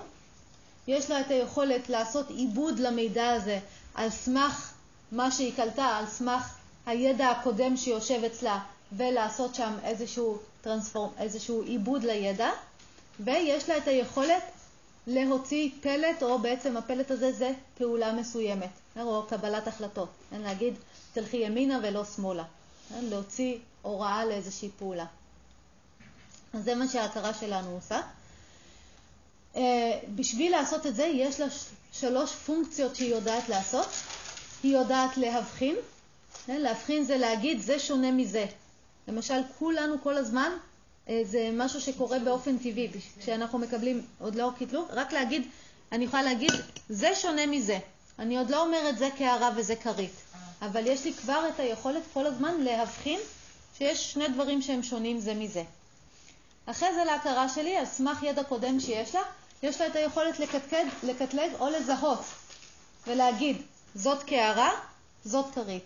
איך אני יכולה להגיד את זה? מה זה מחייב אותי? אה? שפה או מחייב אותי ידע קודם. כן. איזשהו כבר רעיון של פעם הראו לי ואמרו לי שזה כרית, ופעם אמרו לי והראו לי שזאת קערה. ואחרי שיש לי, אני יודעת שזאת כרית וזאת קערה, יש לי את האפשרות לחשוב מה לעשות עם זה. מה לעשות עם הכרית, מה לעשות עם הקערה, או לא לעשות איתם אם לא צריך לעשות איתם כלום. אז אנחנו יכולים לדבר, על, או היוגה מדברת על שלוש פונקציות עיקריות, שזה הבחנה, אה, זיהוי וחשיבה. אה, ואנחנו יכולים לשאול מה המטרה של כל הפונקציות האלה. למה המערכת שלנו עושה את כל הדברים האלה? למה ההכרה עושה את הדברים האלה? כן, כי זאת הדרך שלה מצד אחד לאסוף ידע, ומצד שני לדעת איך להתנהל בעולם ולשם איזו מטרה אנחנו מתנהלים בעולם. לתמוך בקיום שלנו, יופי. לתמוך בקיום שלנו, או בעצם באיזה קיום אנחנו תומכים? של המכשיר הזה עצמו, בסדר? יש לנו מכשיר שיודע לתמוך בקיום של עצמו, אז ההכרה שלי כל הזמן עוזרת לי להגיד, אוקיי, זה רעל, אני רואה שתי פטריות. היא אומרת לי, זאת פטריה טובה, זאת פטריה רעילה. על סמך מה היא תגיד לי את זה? קודם כל, שאני יכולה בכלל להבחין שהן שונות זו מזו. אחרי זה שאני יכולה לזהות, זאת פטריה טובה, זאת פטריה רעילה. ואחר כך, עם החשיבה שלי, אני אגיד, אוקיי, מכיוון שהמטרה שלי זה להתאבד, מה אני אקח? את הרעילה. אבל אם המטרה שלי היא לחיות, אני אקח את הטובה, את המזינה. אז בעצם המחשבה שלי על סמך המטרה שאני רוצה להשיג, ככה ההכרה שלנו פועלת. האם ההכרות שלנו עושות את זה או לא עושות את זה? ההכרות שלנו היום עושות את זה או לא עושות את זה? עושות את זה כל הזמן. לא, אז ההכרות שלנו הן לא דרדלה. אנחנו פה, אז הן עושות את זה. נכון. ההכרה שלי למעשה עובדת די בסדר כל הזמן. אה, עוד דבר שההכרה שלנו עושה, או נגיד ככה, מנגנון שפועל בהכרה שלנו, שאצל כולנו זה יהיה אותו דבר, זה מנגנון של קיבוץ והתרחבות. כשההכרה שלי תראה, או כשהחושים שלי יקלטו משהו שמעורר אצלי קיבוץ, אה, למשל נחש, מיד כל המערכת מתכווצת, מסכימים? מה מיד תהיה התגובה? מה תהיה הפעולה שהמכשיר, שההכרה הזאת תייצר או תוציא? יופי. יפה. להימנע. בסדר? מיד זה יהיה לנסות להימנע מהסיטואציה, מהמפגש עם הנחש, או להרוג את הנחש כדי למנוע סכנה. ולעומת זאת, אם ראיתי אה, גלידה, למשל, מה תהיה התגובה במערכת? התרחבות, ואז השתוקקות, ואז מה המערכת תרצה לעשות? או לאכול. יפה. לנוע אל עבר, לנסות להשיג אותו, כל עוד אני לא בדיאטה. אז המנגנון הזה של התכווצות ודחייה והתרחבות וניסיון להחזיק, גם זה מהטבע של ההכרה שלנו. האם ההכרות שלכם עושות את זה? כן, של כולנו עושות את זה? מעולה. אז ההכרה שלנו למעשה היא לא הכרה דרדלה, היא הכרה שעובדת טוב. ועדיין אנחנו הרבה פעמים יכולים לחשוב שההכרה שלנו היא דרדלה. למה? כי היא לא נקייה? כי היא לא נקייה? כי? כי? היא שולטת. נוח לנו להשאיר פעולות שלא תמיד אנחנו חושבים שהיא זנה. כי אני לא מפעילה אותה. כי יש מצבים שבהם אני לא מפעילה אותה, וכשהיא עובדת אוטומטית, היא יכולה לתת לי פעולות שגויות. מישהו יכול לתת לי דוגמה לאיך ההכרה שלי שהיא עובדת לא כשאני מפעילה אותה, יכולה לתת לי תוצר של פעולות שגויות? אולי? תני לי דוגמה שלמה של... שלמשל אני רואה בן אדם מסוים ואז אני מקטלגת אותו באופן מסוים. ואז מה יקרה? ואז, אה, ואז אולי זה לא יהיה באמת... יפה. אם הקטלוג שלך היה, הבן אדם הזה לא סבבה, מה המערכת שלך תעשה? תיבנה. יפה. ואז, אם המידע הזה שגוי, מה בעצם קרה? היא נתנה לי משהו לא נכון. יפה.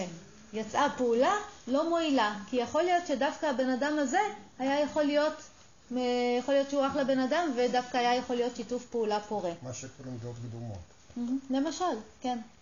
מגיע שם איזשהו ידע שהוא לא מדויק. או למשל, שוב בדוגמה שאם אני רוצה לעשות פרויקט מסוים, ועולים לי פחדים, מה המערכת שלי עושה מול הפחדים האלה? יפה, מתכווצת, נכון? ומיד נמנעת מהפחד, ואז בעצם מה הפעולה שתצא? ויתור. ויתור על הפרויקט. יופי, הימנעות מהפרויקט, רק בשביל לא להרגיש את הפחד הזה. אז האם זה אומר שההכרה שלי עובדת טוב או שהיא דרדלה? אי אפשר לדעת, כי יכול, אולי לפעמים זה באמת דבר טוב. היא עובדת מצוין. אה, היא עובדת מצוין. אז אבל מה הבעיה? ש... יפה. ההכרה שלי עצמה עובדת מצוין, אבל, יפה, הידע שנמצא בהכרה הוא בעייתי, כי ההכרה שלי אומרת, פחד זה דבר שיכול לפגוע בך, ולכן את צריכה להימנע מפחד, מהפחד בכל מחיר. ואם את מפחדת, עדיף שלא תעשי דברים. האם זה תמיד נכון? לא. האם זה לפעמים נכון? כן. כן, באיזה מצבים זה נכון? למשל, אם אני הגעתי לקצה של צוק, בסדר? ושם יש לי פחד, כדאי מאוד שאני אקשיב לפחד הזה. אבל אם אני אקשיב לפחד הזה, או אם כל פעם שעולה פחד אני אמנע, התוצר יהיה שאני בסופו של דבר לא אצא מהבית. כי כשאני עולה על הכביש, כמובן יש שם פחד, אז אני מפסיקה לנהוג. ואז כשאני מנסה להתקבל לעבודה חדשה, יש שם פחד, אז אני מפסיקה לנסות להתקבל. ואז כשאני זה, כל הזמן יהיה שם פחד, כל הזמן יהיה שם פחד, ובסופו של דבר תהיה כל הזמן הימנעות. אבל הבעיה היא לא בהכרה שלנו, הבעיה היא ב... בידע שיש לנו לגבי הדברים, ועכשיו אנחנו צריכים לשאול, מאיפה הגיע הידע הזה? מאיפה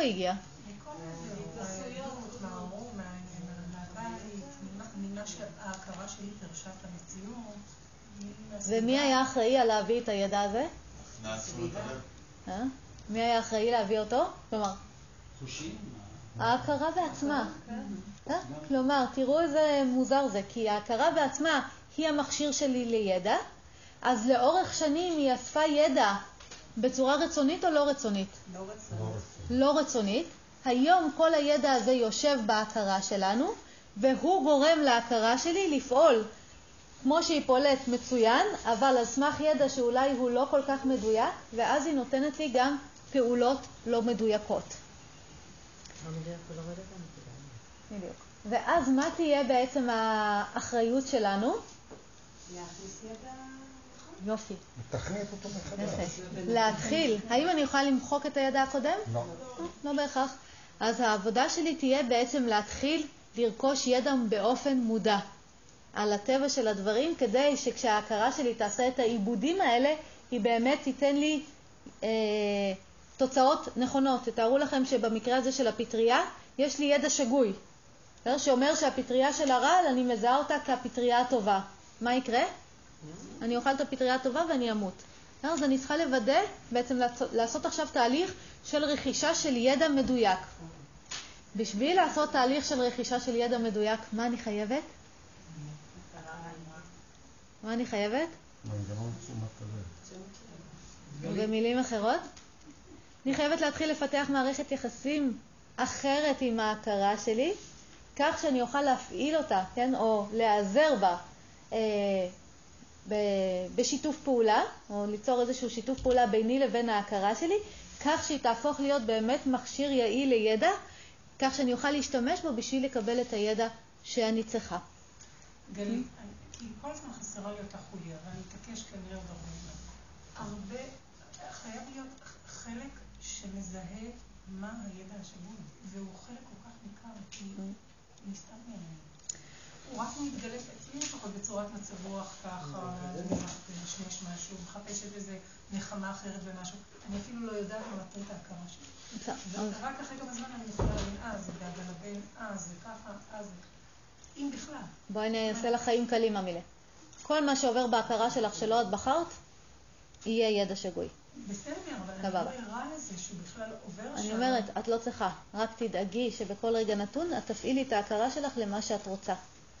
אה? זה יעשה לך חיים קלים, כי אני יכולה עד מחרתיים, מחרתיים זה מצב טוב, עד אין קץ להיות תקועה בתוך סבך הידע שיש לי, ולהמשיך להסתכל על עוד תחושה שעולה, עוד רעיון, עוד התניה, עוד דחייה, עוד זה, עוד זה, עוד סיפור, עוד כאלה. אני לא אצא מהסיפורים האלה. גם יש אפשרות שבעיניי לי יותר עוזרת, שברגע שאני סובלת, אני מבינה ש...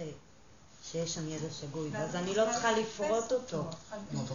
אני לא חייבת לפרוט אותו, אני מבינה שאני פועלת על ידע שגוי, ואני אומרת, אוקיי, אז מה המציאות? מה יועיל לי עכשיו? כי זה לא מועיל, זה סבל. אז אני לא פורטת מה זה היה שם. בסדר? זה יעשה לחיים יותר קלים. אני אחזור אותו נער, ילד שאמרתי להתחנך בסביבה שאמרתי עם הסמים, הוא יודע שהכל, זה מה שהוא התחנך. אין לו ידע אחר. נכון. מה עושים במקרה כזה? יפה. והמטרה שלנו... הוא לא יביא את התשומת שלו למשהו שהוא... הוא אפילו לא יודע שזה יש. נכון. זה הילד שיש. נכון. הוא לא יודע משהו אחר. נכון, אבל אם הילד הזה בא אליך ומבקש ממך עזרה... אם הוא יגיע אליי לסיפור אחר, בכוחות עצמו לא מסוגל.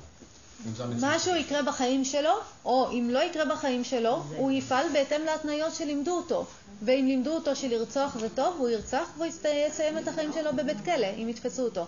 אבל אם משהו אחר יקרה, לא יודעת, הוא ילך יום אחד, בדיוק, או הוא ייכנס לכלא, אבל בכלא הוא יפגוש מישהו שידבר איתו על משהו אחר, אז, בדיוק, למשל, אז משהו אחר יכול לקרות שם. אבל זה רק כשהוא ייחשף לידע אחר, שמשהו אחר יוכל לקרות. כשאין לי ידע אחר, אין ידע אחר. האפשרויות שלי זה רק מה שיש. אה? אז בואו נחזור לענייננו, כי אנחנו צריכים לחזור, לקשר את כל זה למערכת יחסים שלנו עם ההכרה. אז ההכרה שלנו למעשה עובדת טוב, אבל מכיוון שהיא עובדת על ידע שנצבר לאורך שנים שבהם בכלל לא היינו במערכת יחסים עם ההכרה שלנו, זה נראה לנו היום שהיא מתנכלת לנו, בסדר? או שהיא עובדת לא טוב, או שהיא עושה לנו צרות, אבל למעשה היא לא עושה, היא פשוט עובדת כמו שהיא עובדת, על סמך ידע שלא בחרנו.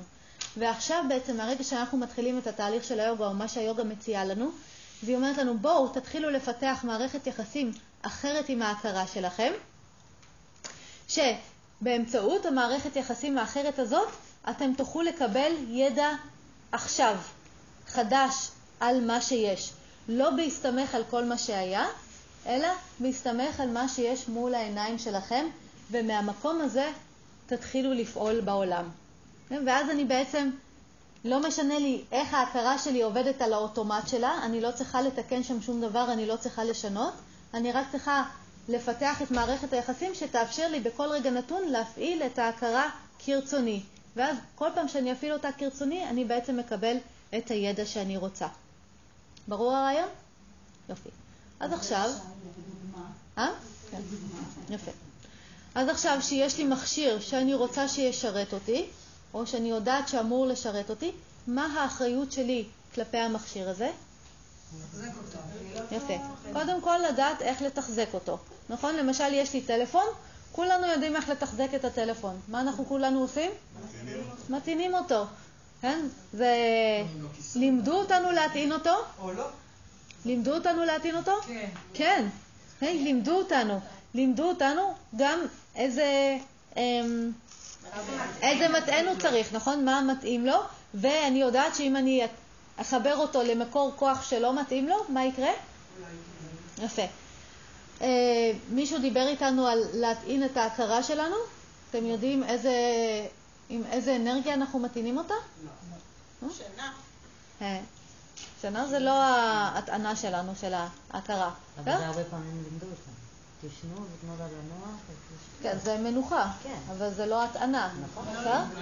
אז, יפה. אז אני צריכה לשאול איזה דלק, כן, או מה, איזה אנרגיה ההכרה שלי צריכה, המכשיר שלי צריך בשביל לפעול. אה, מה עוד אני צריכה לדעת על מכשיר? איפה ללחוץ כדי שזה יתופעל נכון. יפה. אני צריכה לדעת איך להפעיל אותו.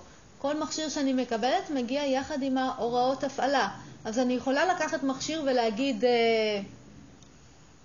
אני לא קוראת את הוראות ההפעלה, ואז יכול להיות שאני אצליח לנחש איך להפעיל אותו, אבל גם מה שיכול לקרות זה שאני לא אדע את כל הפונקציות שלו. כן? למשל, יש לי תוכנות על המחשב שלא טרחתי ללמוד איך להפעיל אותם, ואז אני יודעת את הדברים הכי בסיסיים. אבל את כל הדברים הקטנים שיכולים לעשות את החיים, אה, את החיים הרבה יותר קלים או את התוכנה הרבה יותר יעילה, זה אין לי מושג. למה? כי אני לא משקיעה בכלל זמן בללמוד את זה. אה, אבל אם אני אשקיע זמן בללמוד באמת איך להפעיל את ההכרה הזאת ואת כל הפונקציות שהיא יכולה, אני אגלה איזה מכשיר יעיל לי וכמה דברים היא מאפשרת לי לעשות. מה עוד אני צריכה לדעת? להגדיר מטרות. יפה, למשל תיקון תקלות פשוטות. כן? כמו שאני יודעת עם המכשיר, מה כולנו יודעים לעשות כשהוא נתקע? יפה, לחב... יפה, לכבות ולהפעיל. גם פה יכול להיות שיהיה מאוד uh, הגיוני שאני אדע כמה דברים, תקלות פשוטות. למשל, מי יכול לתת לי דוגמה? תקלה פשוטה שאני יכולה לתקן בהכרה שלי? אוקיי. מה את יודעת לעשות? מי אמר לי? להמשיך הלאה. למה להסתבך? מה? כן, למשל אני יכולה או לקחת קצת מנוחה, כשאנחנו רואים שהסטרס מאוד מאוד גדול, כן, שהמערכת שלי נכנסת ל-too much, למין לופ כזה, אני יכולה לדעת שאוקיי, אולי נדרשת פה איזושהי מנוחה. או הסחה. כן. הסחה לפעילות ש... שהיא משחררת או ממקדת. אוקיי, למשל. אה, בסדר, אז אני צריכה לדעת לתחזק את המכשיר, אני צריכה לדעת להפעיל אותו, אני צריכה אה, אה, לדעת לתקן תקלות פשוטות, ומהרגע שזאת מערכת היחסים שיש לי עם מכשיר, או זה הידע שיש לי עם מכשיר, מה יקרה למערכת היחסים שלי איתו?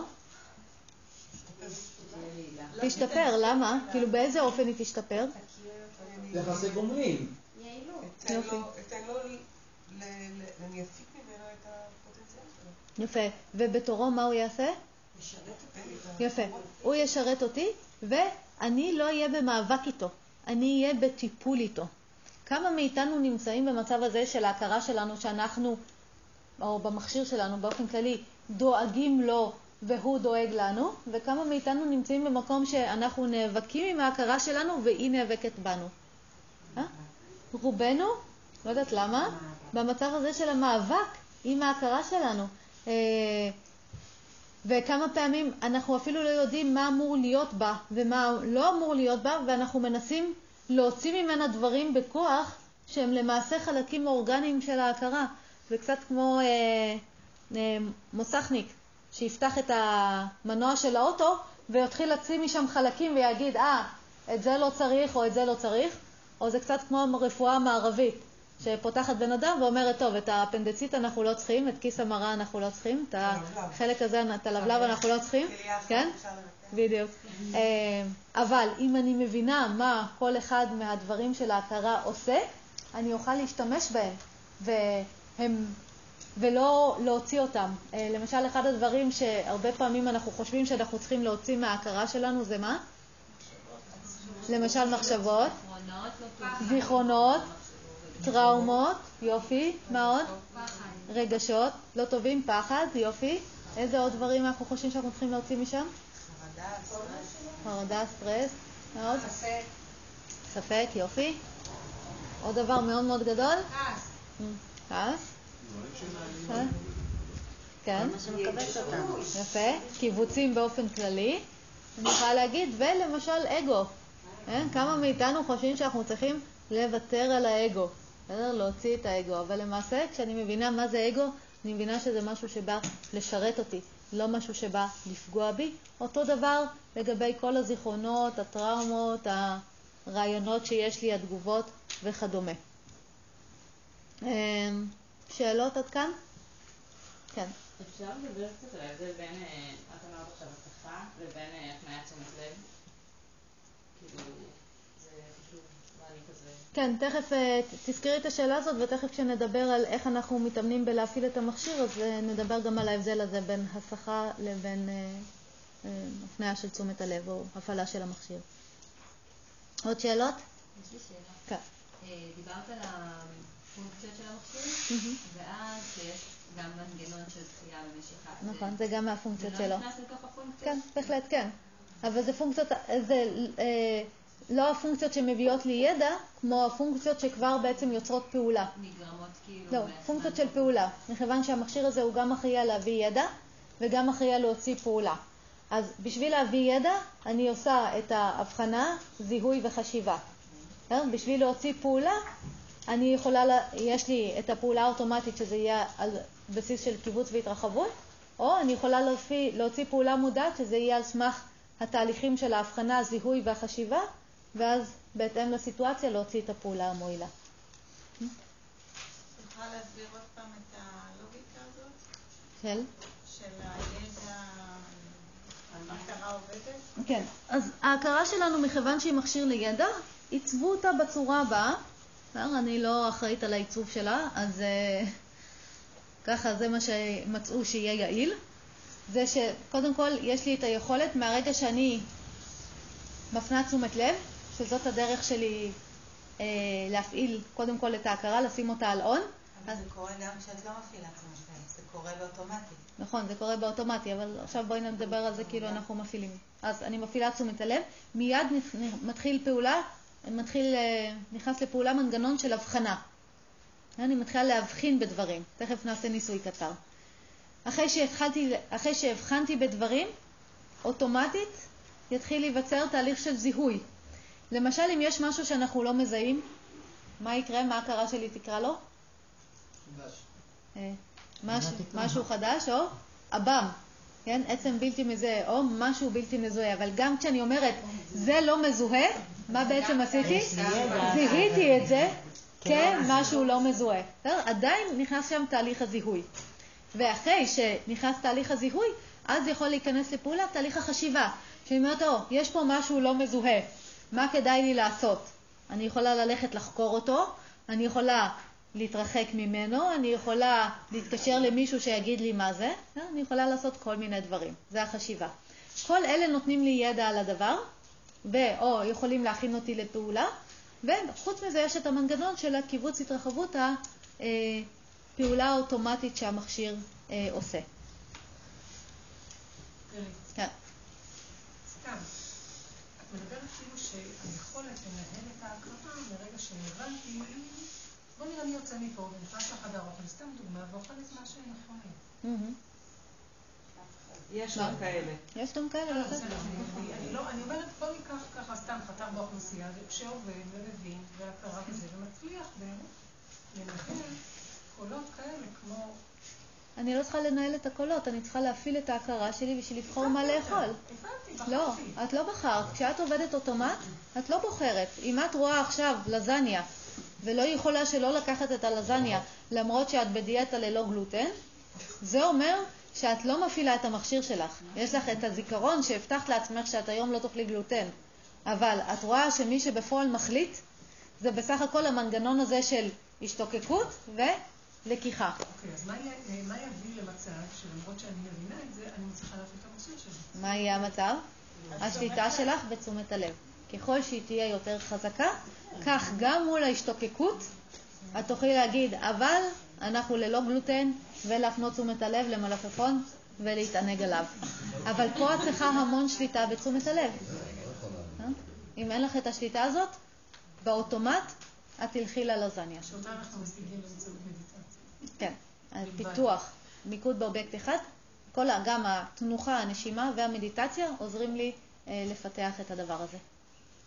בסדר? רגע, אחרי, אחרי שהעברת ידע וזה, והכנת את הכל לפעולה, מה שלב הפעולה? הפעולה, אני עושה, שם כבר מתרחשת הפעולה, אז אם החלטתי לקחת משהו, אני אושיט את היד, אני אקח אותו, אם החלטתי להסתובב וללכת, אני אסתובב ואלך. לא, לא. כמה פעולות כבר יש לנו בעולם הזה? אז מה שאת אומרת, אם אנחנו עושים פעולה אוטומטית, אין לנו את מנגנון, מנגנון ההבחנה, תהליך זיהוי ותהליך לא, חשיבה, אלא אני ישר נמצאת בפעולה. לא, יש. יש הבחנה וזיהוי, בסדר? והחשיבה היא כאילו אוטומטית שם. בסדר? היא כאילו, יש זיהוי של סכנה, ואז אין שם בעצם כל כך חשיבה, יש שם פשוט סכנה לברוח, או סכנה לקפוא. במקרה של שאני מפעילה את יכולת החשיבה, יהיה סכנה, ועכשיו מחשבה, אז מה כדאי לעשות? סכנה, אבל אני רצה ועוזרת לאנשים, סכנה, עדיף ללכת. אבל זה כבר יהיה פר סיטואציה, שזה בעצם מה שהיוגה רוצה להביא אותנו. להיות מסוגלים להפעיל את המכשיר פר סיטואציה, ולא רק על ההתניות שלו. Hmm? בדיוק, מה יעיל באותה סיטואציה. מה מטעין את ההכרה? מה מטעין את ההכרה שלנו? תכף אנחנו נדבר על זה באופן כללי, איך אנחנו מטפלים במכשיר הזה. כן. המטרה של היוגה זה לא להביא אותנו לאורך חיים, או לשלוט, או להיות במקום של הבחירה בהכרה. כי להבדיל מינה ואני לא גלוטן, אני אגיד שאני לא עוגת גבינה, אבל אני בהחלט יודע שעוגת גבינה תוסיף לי עוד קילו. ואני מתוך שליטה בחרתי, אוקיי, אני מוכר, יודע, אשא בתוצאות שבקנס, בחרתי בעוגת גבינה. Mm-hmm. ואז מבחינת הרגע זה, זה סבבה, או שזה, הופה, רגע. מבחינת... יש השלכות אחריות שלקחת בחשבון, שאחר כך אין כולסטרול ותמות בגיל צעיר, ויש לך השלכות מזה. זאת אומרת, עד איפה. כן, מבחינת היוגה זה לא בהכרח יהיה בחירה, זה אולי נראה לך כבחירה, אבל למעשה זה הדיפולט של המערכת לקחת את העוגת גבינה. אם היית מראה לי שיש סיטואציות שבהן אתה גם יכול לא לקחת עוגת גבינה, הייתי מאמינה לך שאתה בוחר כשאתה לוקח עוגת גבינה. אבל אם בכל הסיטואציות אתה תמיד בוחר לקחת עוגת גבינה, זה לא בחירה. זה התניה. אתה צריך להראות לי שלפעמים, ולא כשאתה חולה, אלא גם כשבא לך עוגת גבינה אתה יכול לא לקחת אותה. בסדר? זה כמו שמעשן יגיד לי, אני בוחר להדליק את הסיגריה. זובי הוא בוחר להדליק את הסיגריה. די כבר. כן, בדיוק. זה אני בוחרת מתי אני רוצה. בדיוק. אבל אנחנו לא בוחרים. עשרה ימים כן, לא היה לה ברירה. אוקיי, בואו נעשה ניסוי קצר, קצת להעיר אותנו. שבו בצורה נוחה.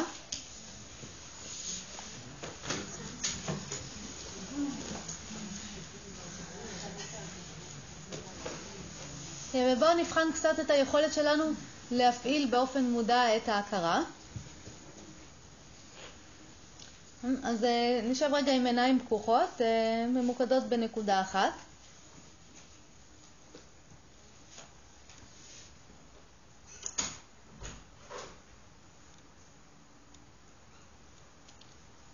ועכשיו תחשבו על אה, משהו שאתם צריכים לעשות מחר, אבל תמשיכו להשאיר את העיניים ממוקדות על נקודה אחת. אבל אני רוצה שתחשבו על מה שאתם אמורים לעשות מחר.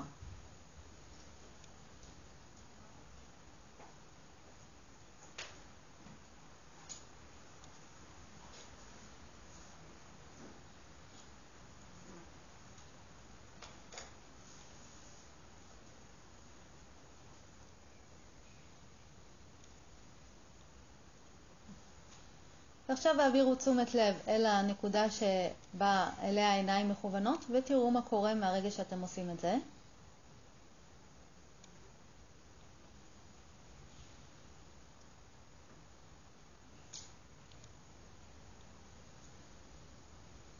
ואנחנו נמשיך להחזיק שם את תשומת הלב, ונסו לשים לב מה קורה ככל שאתם מחזיקים את תשומת הלב יותר שם, אה, יותר באותה נקודה, מה מתרחש. או יותר זמן באותה נקודה, מה קורה.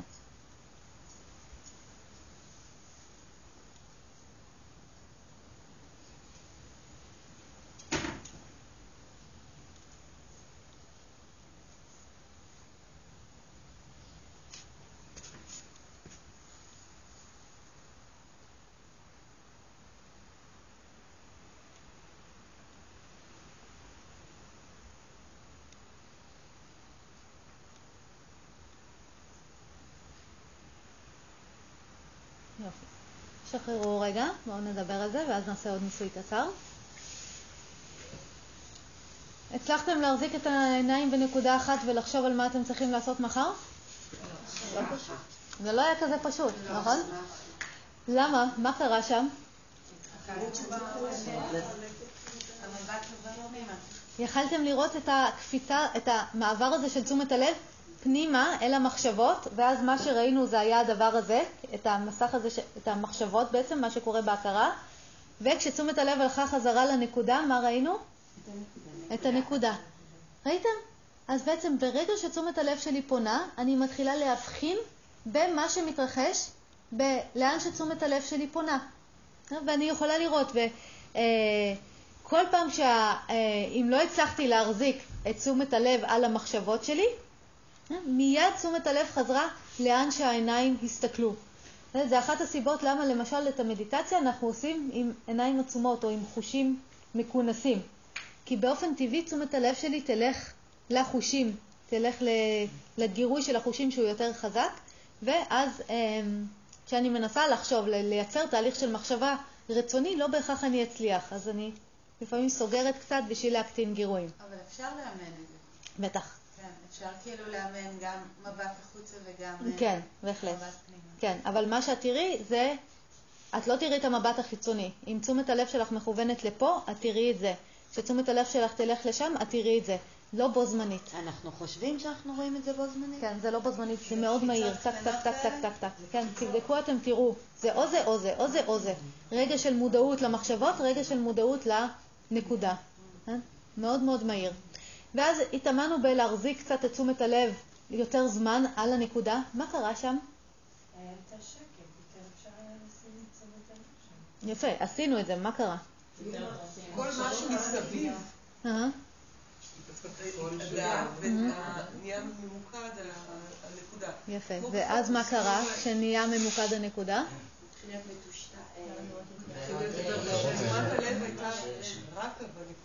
יפה, מה קרה? אה? היה צריך במאמץ.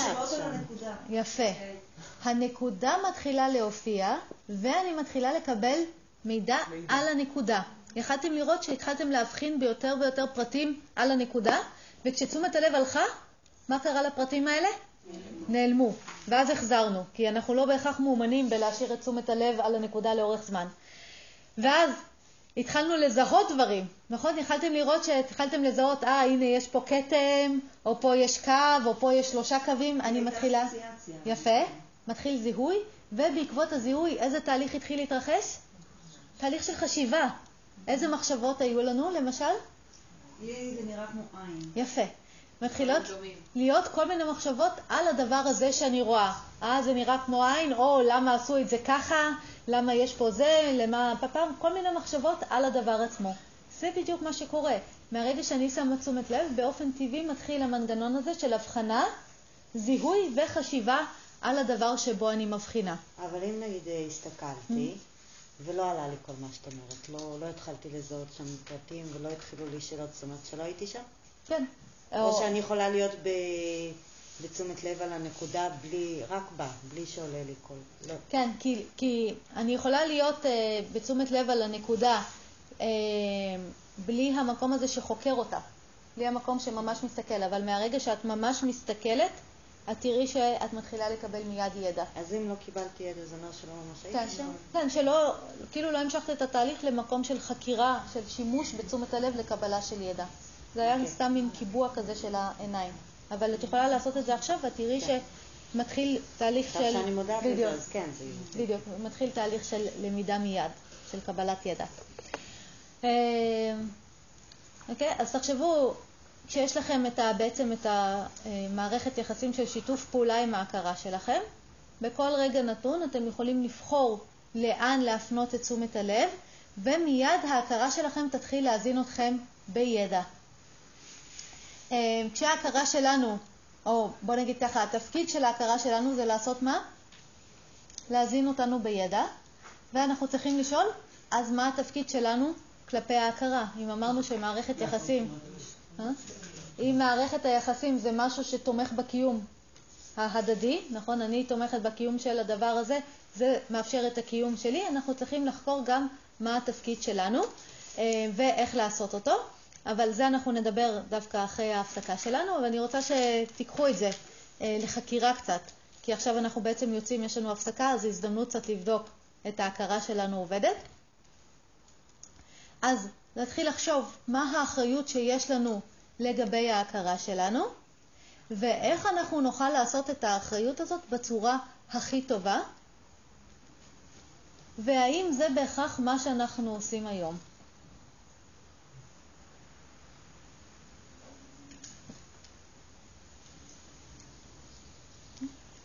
או במילים אחרות, אם אני רוצה שמשהו יזין אותי, מה האחריות שלי לגביו ואיך אני אעשה את זה בצורה הכי טובה. כי זה בעצם מה שאנחנו רוצים לפתח פה עם ההכרה שלנו.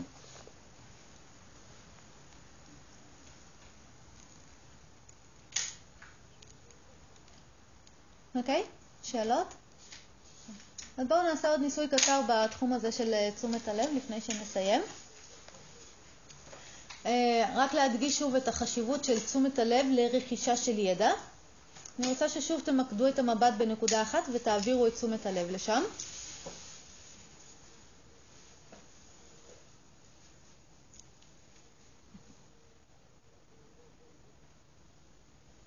ועכשיו אה, תעבירו לרגע אחד את תשומת הלב לנקודה אחרת ותחזרו לנקודה שלכם. ואז שוב תעבירו את תשומת הלב לנקודה אחרת ותחזרו לנקודה שלכם ותעשו את זה ככה כמה פעמים או לאורך זמן עד שאני אגיד מספיק ותבדקו כמה ידע אתם מקבלים על הנקודה שלכם כשאתם עושים את זה, שכל פעם תשומת הלב קופצת. מה קורה שם?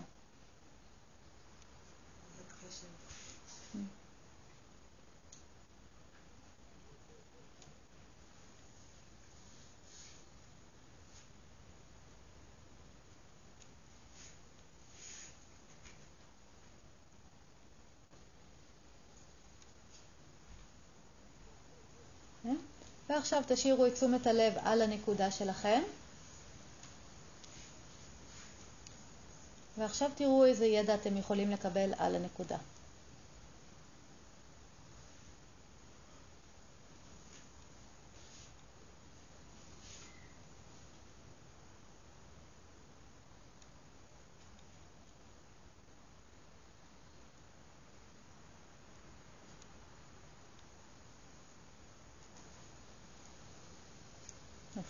יופי. ושחררו.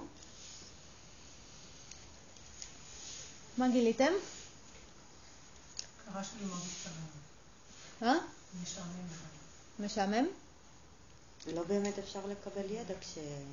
זה, זה כאילו כל פעם מההתחלה צריך, זה סטארט ועוצר, זה סטארט ועוצר. יופי.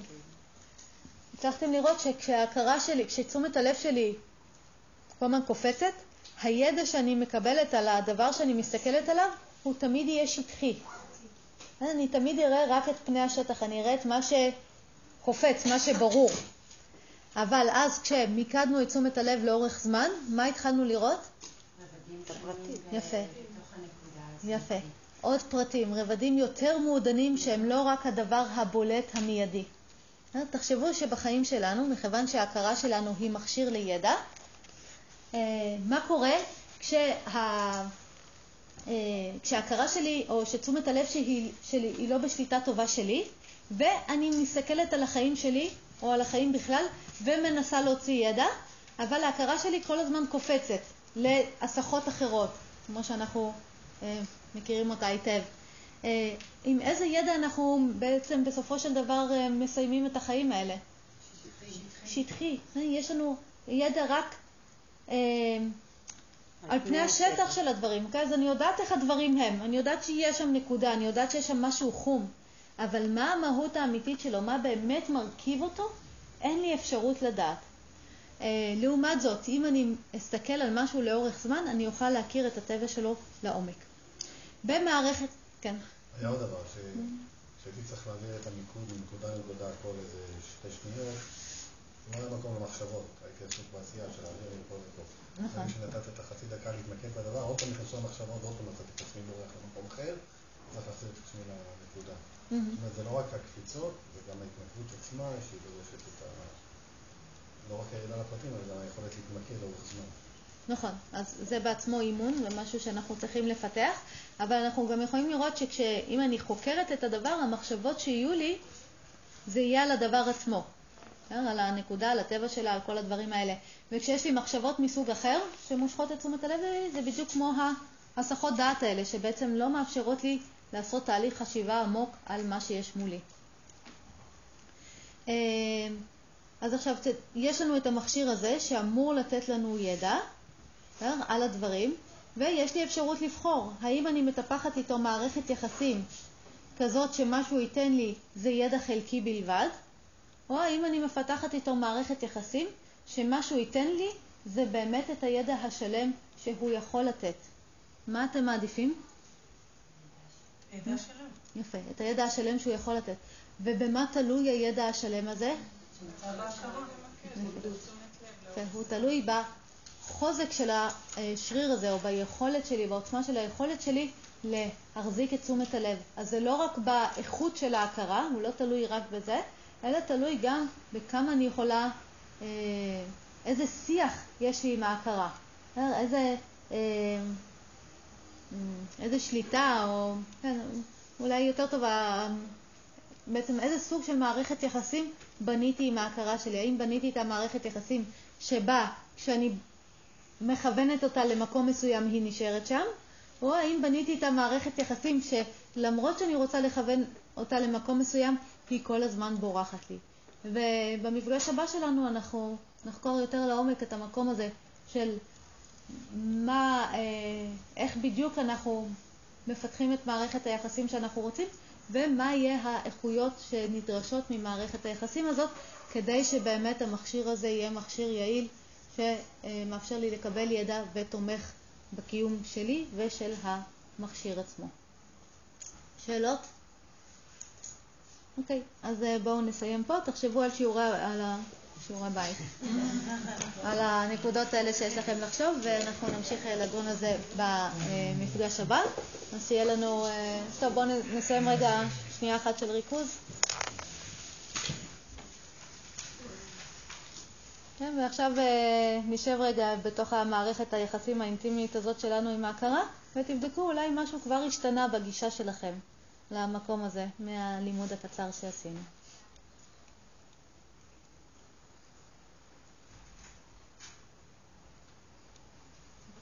אז אה, תודה רבה, שיהיה לנו הפסקה נעימה. אמ, אוקיי, בואו נתחיל עם ישיבה שקטה. להכין את ההכרה שלנו לקראת הלימוד. שבו בצורה נוחה, אפשרו לעמוד השדרה להתארך, לבית החזה להיפתח.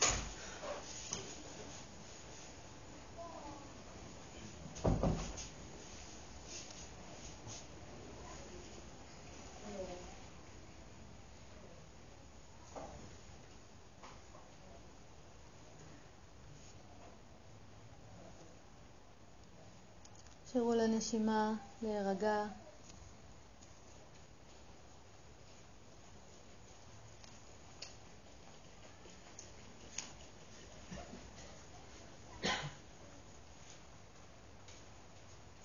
ותראו שברגע זה אתם יכולים להיות ערים לתחושות שלכם, למצב הרוח, אם אתם רגועים או לא, מבסוטים או לא. תנסו לראות את ההבדל ביניכם לבין ההכרה. אתם ערים למה שמתרחש. ומה שמתרחש יכול להיות תחושה, יכול להיות רגש, יכול להיות מחשבה, יכול להיות עייפות, יכול להיות כל מיני דברים, אבל תראו מה, מה אתם רואים כשאתם מסתכלים בפנים. אתם תראו שתמיד יש שם איזושהי תחושה, גם אם זה שקט, שקט זה תחושה. גם אם זה התגעשות, התגעשות זה תחושה. תמיד אני יכולה להסתכל ולראות שם את המצב של ההכרה שלי, או מה שאנחנו עד היום הגדרנו כמצבנו. אבל למעשה, אם תשימו לב, אתם אלה שמסתכלים על המצב. והמצב הזה הוא המצב של ההכרה.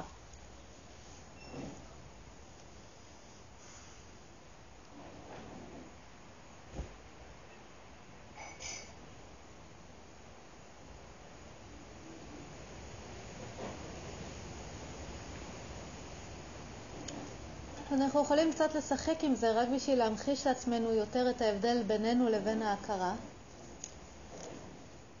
בואו תחשבו על משהו משמח שקרה, או משהו משמח שהולך לקרות, או משהו שאתם נורא רוצים שהולך לקרות. ותראו שאתם מתחילים להיות ערים לתחושה מסוימת במערכת שמתפתחת.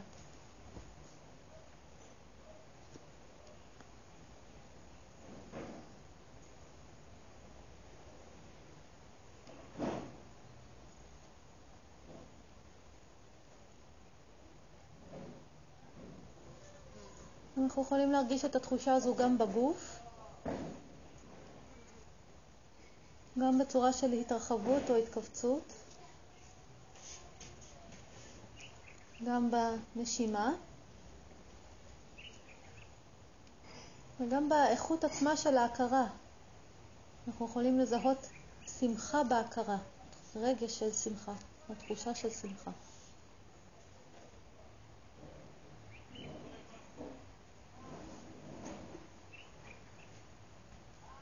ותראו שאתם אלה שערים לזה.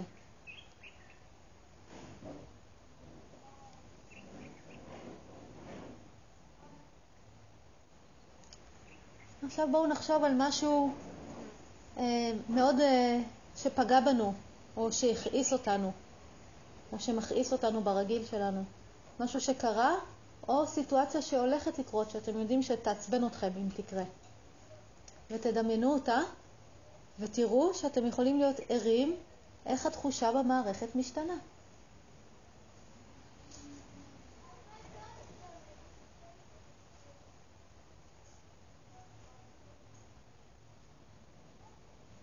אנחנו יכולים להרגיש את זה גם בגוף. יכולים להרגיש את זה בתחושה של התרחבות או קיבוץ, תבדקו.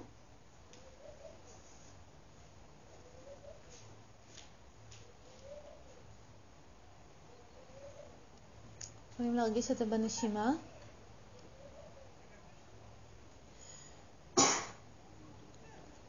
וגם בכעס או בעצבנות או בפגיעה שנוצרת בהכרה עצמה. ואם מהמקום הזה תתנו, תתחילו לייצר מחשבות, אתם תראו שהמחשבות שנוצרות זה מחשבות של כעס או פגיעה או משהו כזה. מה שאפשר לראות, שזה מה שנוצר.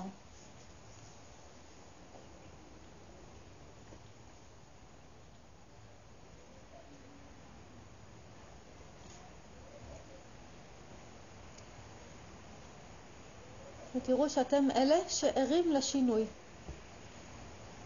אתם אלה שערים לתחושה, אבל אתם בעצמכם לא התחושה. ועכשיו תזגזגו קצת. תעברו רגע אחד לשמחה, תחשבו על משהו משמח, רגע אחד לכעס או עצבים או פגיעה, ותראו שאתם יכולים לזגזג ביניהם מאוד מאוד בקלות. אתם יכולים לראות איך התחושה משתנה, ואתם נשארים אלה שערים לתחושות. תשחקו עם זה קצת, זה, ואתם יכולים להעלות גם מגוון רחב של רגשות או מחשבות, מה שבא לכם. ותעברו ביניהם ותראו.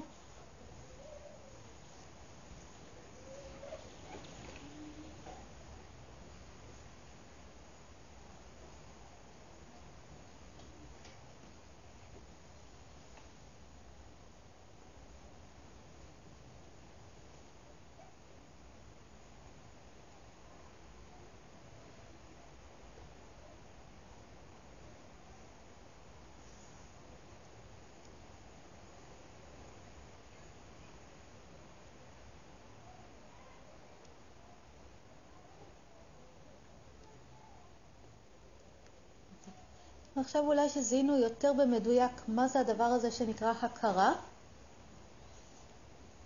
תשאלו את עצמכם, איך אני עובד או עובדת עם הדבר הזה? איך אני מזינה אותו?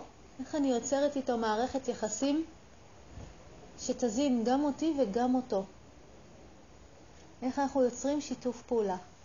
ממש תבדקו מה הדבר הזה שנקרא הכרה, המקום הזה ששם נמצאים כל הדברים, מה הוא צריך בשביל לפעול טוב, בשביל לשתף איתכם פעולה.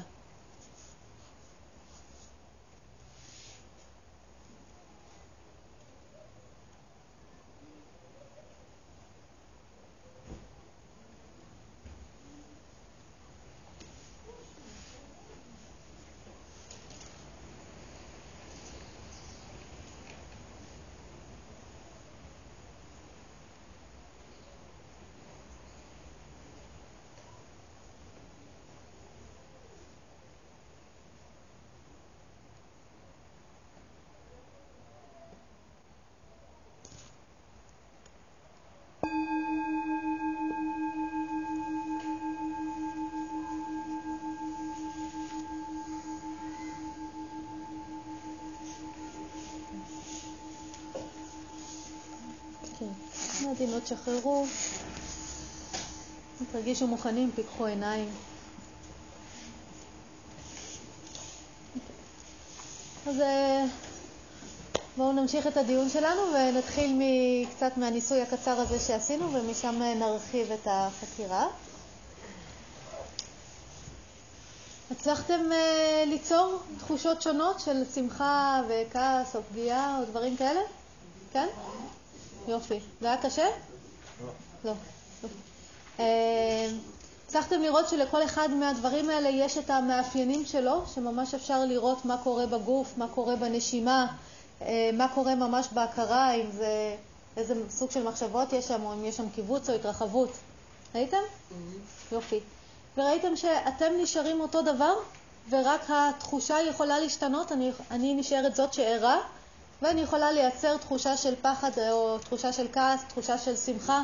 התחושות משתנות בכל המערכת, אבל אני כזאת שנשארת ערה, נשארת, נשארת אותו דבר. הצלחתם לראות את זה? כן? אוקיי, לא כולם ביחד, יופי. אה, מה זה אומר? מה אנחנו מסיקים מזה, מהניסוי הקטן הזה? שאנחנו צריכים להגדיר, וברגע שנדע להגדיר, אז אנחנו... להגדיר מה? מטרות, אנחנו רוצים מהכרה. ואז מה קורה? מה יקרה? נגיע לשם, בתקשורת מלאה עם ההכרה. יופי. תכף נדבר על זה בעצם, על מה ההכרה צריכה.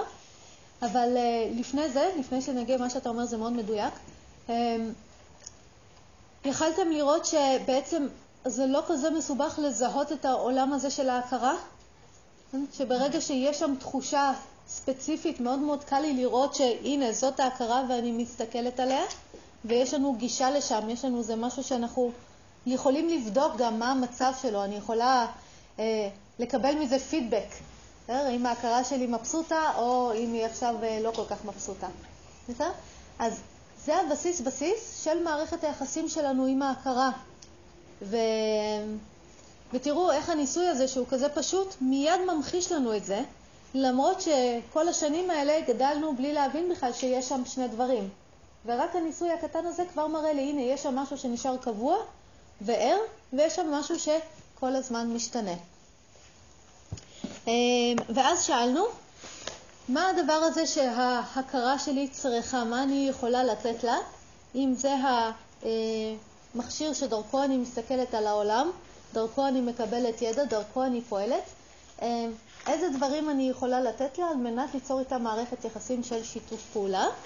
ובוא תחזור על מה שאמרת, הרצל. הגדרות להכרה. לדעת להגדיר להכרה את הרצונות שלי, יופי. להגיד מטרות, יופי. להציב מטרות. נהדר. אחד הדברים המעניינים עם ההכרה שלנו, שההכרה שלנו רוצה שנשלוט בה. היא ממש מבקשת הכוונה, כמו שאתה הגדרת מאוד מאוד יפה. כשאנחנו מכירים את זה, כולנו, מה קורה כשההכרה שלנו יוצאת משליטה? מכירים את המצבים האלה? שהיא מאוד רג'סית, היא יוצאת משליטה, ו, ומה אנחנו מרגישים במצבים האלה? יפה, חוסר אונים, נכון? ואנחנו כאילו מחפשים משהו שיכוון אותנו, משהו שיגדיר לנו. וזה בעצם, במצבים האלה, המצב הזה של היציאה משליטה, זה בעצם ההכרה יוצאת משליטה, ומה שהיא מבקשת זה בסך הכל יד מכוונת. היא מבקשת מישהו שישתמש בה. זה קצת... ילדים. כן, בדיוק. ילדים זה דוגמה מצוינת. ואנחנו רואים את זה הרבה אצל הורים וילדים. ילד שאני לא שמה לו גבולות, מה יקרה? ישתולל, ומה יקרה? מה יקרה להורים? אה? יהיו חסרי אונים, אבל יותר מזה, מה יקרה להורים? ומה יקרה? מה, איזה מערכת יחסים תיווצר? מי ישלוט במי? הילדים יתחילו לשלוט בהורים. מכירים את זה? ראיתם את זה פעם? בסדר? הילד עם הבא לי, לא בא לי שלו, בסדר? עכשיו משפיט את ההורים שלו, כי הם חסרי אונים מולו, הם לא שמו לו אף פעם גבולות, ואז הילד הופך להיות זה ששולט בבית, וכל הרצונות של הילד צריכים להתממש. אני ראיתי פעם מקרה מאוד מאוד קיצוני של זה, בקטע שהילד היה מחליט מי נכנס לבית ומי לא. עד כדי כך, עד כדי כך, כן. זה ילד שהיה ממש מרביץ להורים שלו, וכאילו ממש הם היו יוצאים חבולים. אז זה יכול להגיע לכזה רמות, אז זה עם ילדים, אבל תדמיינו עם ההכרה שלנו, כמה פעמים אנחנו יוצאים חבולים מההכרה שלנו? כמה פעמים ההכרה שלנו מחליטה מי נכנס לחיים שלנו ומי לא. מכירים את זה? מה נעשה ומה לא. ועוד מעט אנחנו נרחיב את זה על הדיון, עד כמה זה... עד כמה ש... כשזה קורה בעצם מה אנחנו מפספסים, כן? מה קורה שם, מה אנחנו מאבדים כשההכרה מחליטה בשבילנו אה, מה כן ומה לא. אבל אם יש לי ילד ואני שמה לו גבולות ברורים, מה יקרה בתוך הגבולות האלה? האם זה חוסם את הילד?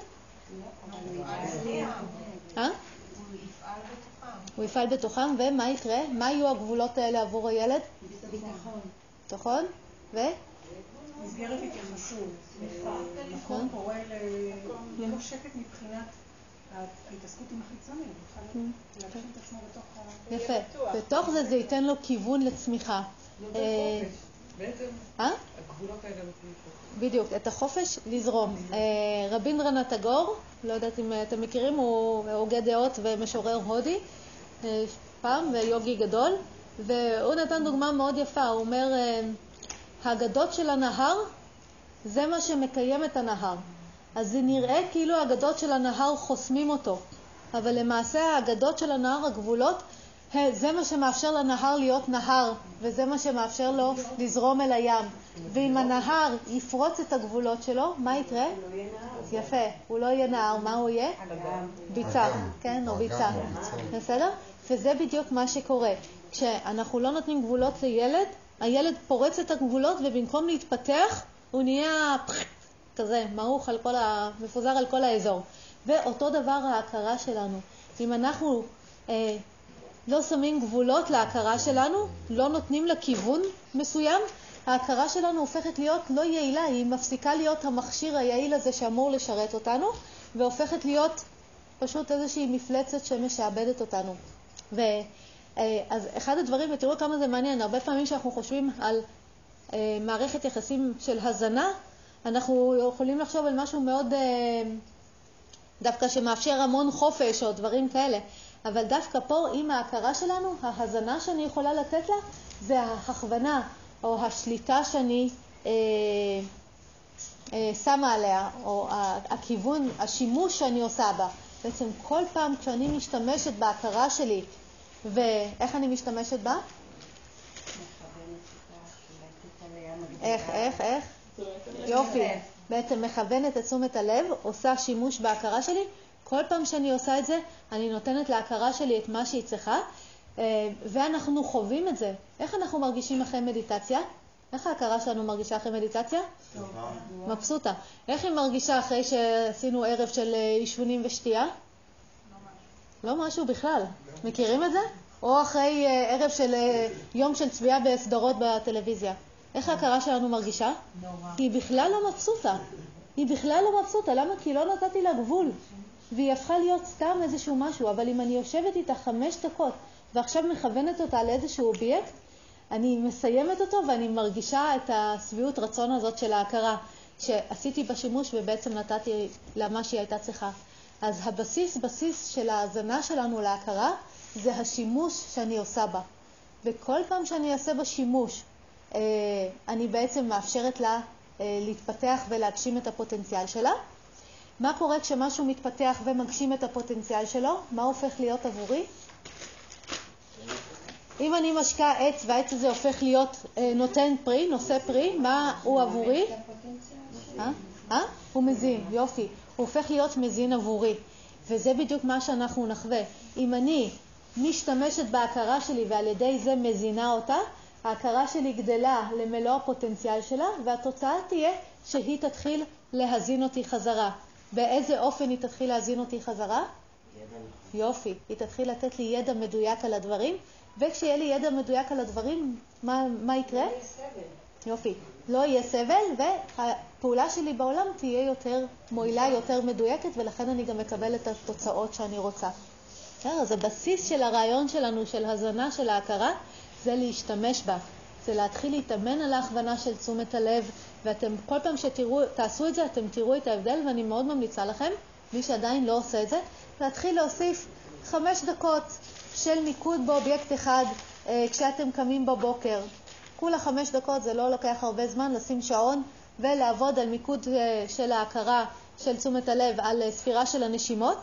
תעשו את זה בהתמדה, אתם תראו שכל המצב של ההכרה משתנה, היא הופכת להיות כלי יותר יעיל, היא הופכת להיות מבסוטה, ואם היא מבסוטה, מה קורה לכם?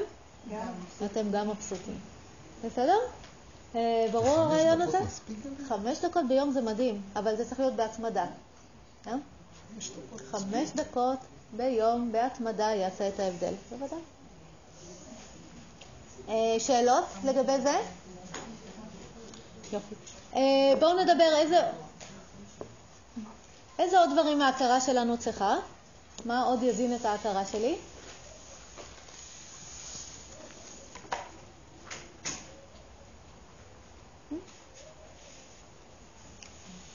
זהו? רק זה שאני אשתמש בה?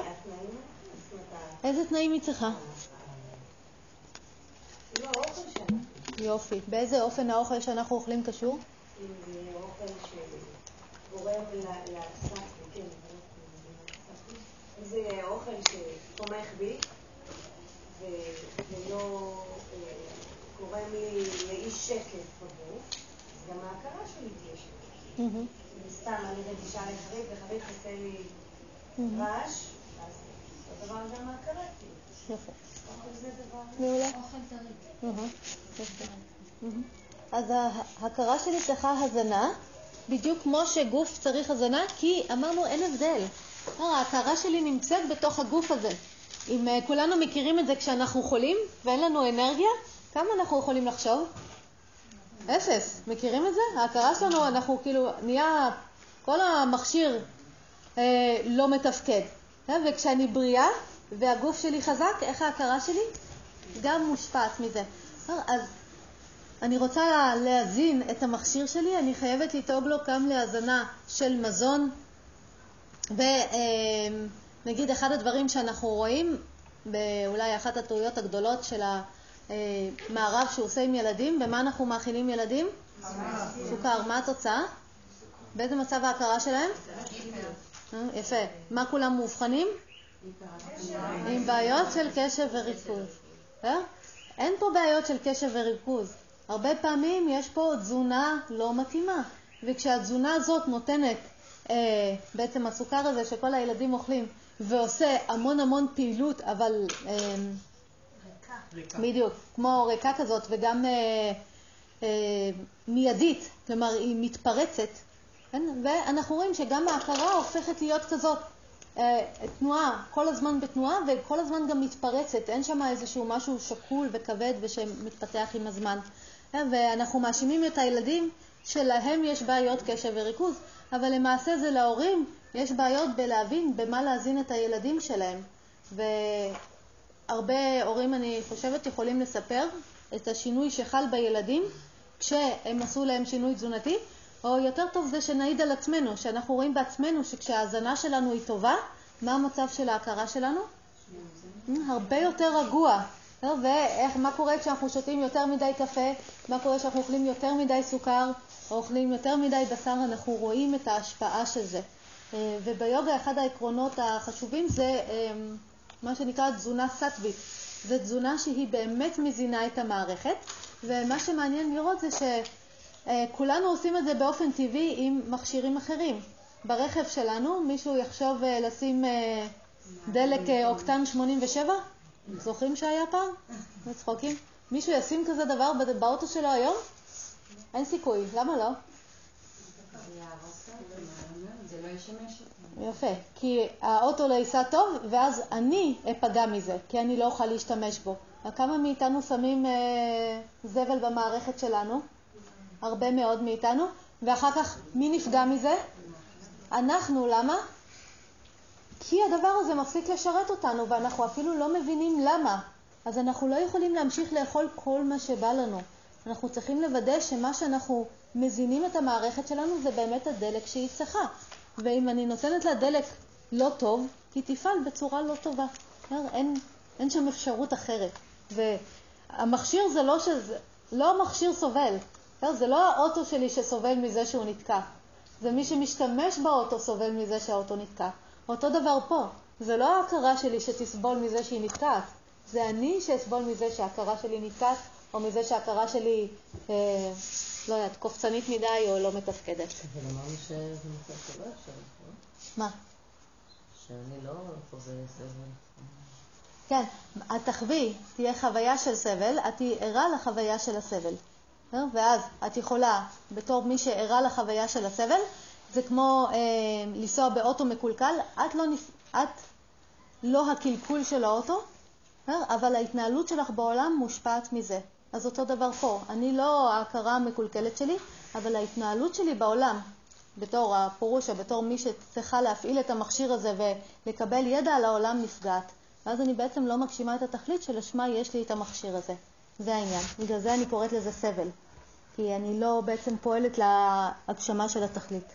אבל החוויה עצמה של הסבל היא תמיד תהיה במכשיר, ואת תהיי זאת שערה אליה. אה, אוקיי, אז ברור לנו שההכרה שלי, אם אני רוצה לפתח את המערכת יחסים של הזנה, אה, אני חייבת אה, לטפח אותה גם מבחינת תזונה. כשההכרה שלי תהיה מטופחת, מה תהיה התוצאה?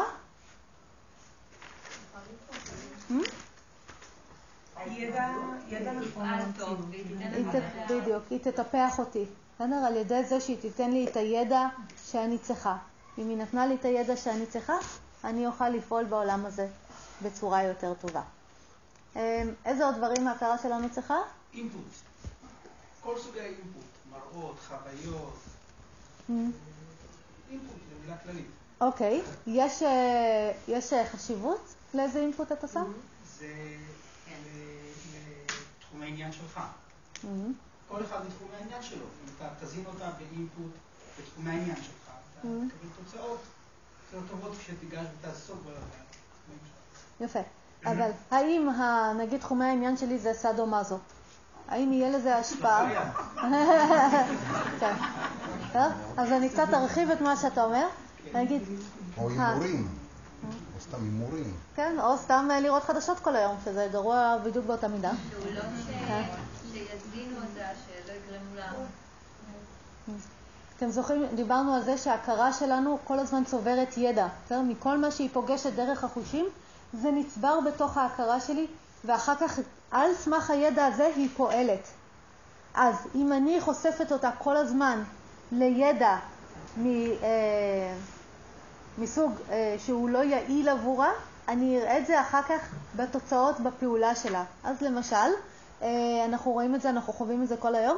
מה קורה אחרי אה, שלוש שעות של צפייה בחדשות? באיזה מצב ההכרה שלנו? לא. אה? אני יודעת, אבל אני מרחיבה את מה שאמרת לשם. זה תלוי במתבונן, אבל זה לא חשוב. לא, ההכרה שלי תושפע מזה, בסדר? האם יכול להיות שאתם תשבו ותראו חדשות שלוש שעות, ואחרי זה כשתלכו מהטלוויזיה, אה, המידע הזה שקלטתם לא יישב בהכרה ויעשה איזושהי סירקולציה שם?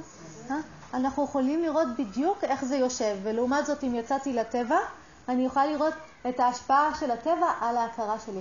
אז ההאזנה של ההכרה שלי זה לא רק דרך האוכל, לא רק דרך השימוש שאני עושה בה, אלא למה אני חושפת אותה. אם אני אחשוף אותה לדברים שהם מזינים עבורה, היא תוזן, ואם אני אחשוף אותה ל... לא יודעת מה, ל...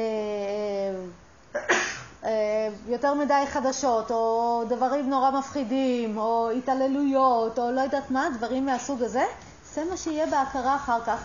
ושוב, אם נדבר על ילדים, אה, למה ילדים חשופים היום המון? יפה, משחקים. ומה התכנים של המשחקים האלה? אלימות. ומה קורה לילדים? ומה הם, מה עולם התוכן שלהם אחר כך? כן, עולם אלים אחר כך. בסדר? הם בעצמם, זה מה, ש, זה מה שנשאר שם וזה מה שעובר כל הזמן עיבוד וצירקולציה, ומשם הם אחר כך מתחילים לפעול בעולם.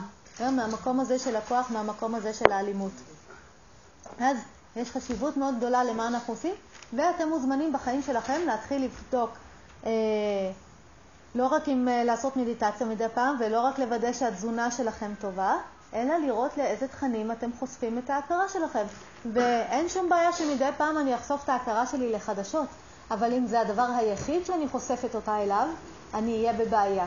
אז אנחנו צריכים לראות שיש שם גם תכנים שהם אה, בדיוק מרגיעים או מזינים או מעוררי השראה, הרבה מעוררי השראה זה יהיה טוב וכולי. אה, אתה רוצה להרחיב קצת על מה שאתה התכוונת להגיד? וכאילו, אם לא, זה לא היה מדויק? אה? הוא די- דיאלוגי אה, עם אנשים שמעניינים. אותך. בטבע, אם זה עושה לך טוב. כן, אז לחשוף אותה לדברים שעושים טוב. נכון, בדיוק. אבל אני צריכה לראות שהטוב הזה, אם, שוב, אם סאדו מזו זה מה שעושה לי טוב, זה לא יהיה יעיל להכרה שלי. אז אני צריכה לראות שזה באמת טוב מסוג שמיטיב.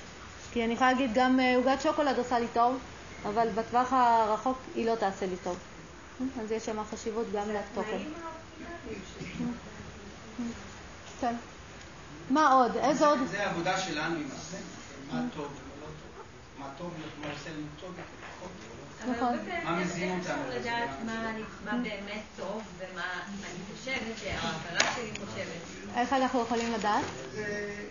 אם שתית הרבה אלכוהול בלילה ועד כמה לא טוב. כן, אבל אבל זה דברים מובהקים, זה דברים מובהקים, אבל יש דברים שהם לא לגמרי ברורים, נגיד, אה, אוקיי, אני יכולה להבין משחקי מחשב גורם לי לאחר כך, זה, אבל לא יודעת, דברים, אה, לא. אז תבדקי, את תראי שאת תמיד יכולה, זה מבחן התוצאה, יגיד לי מה העניינים.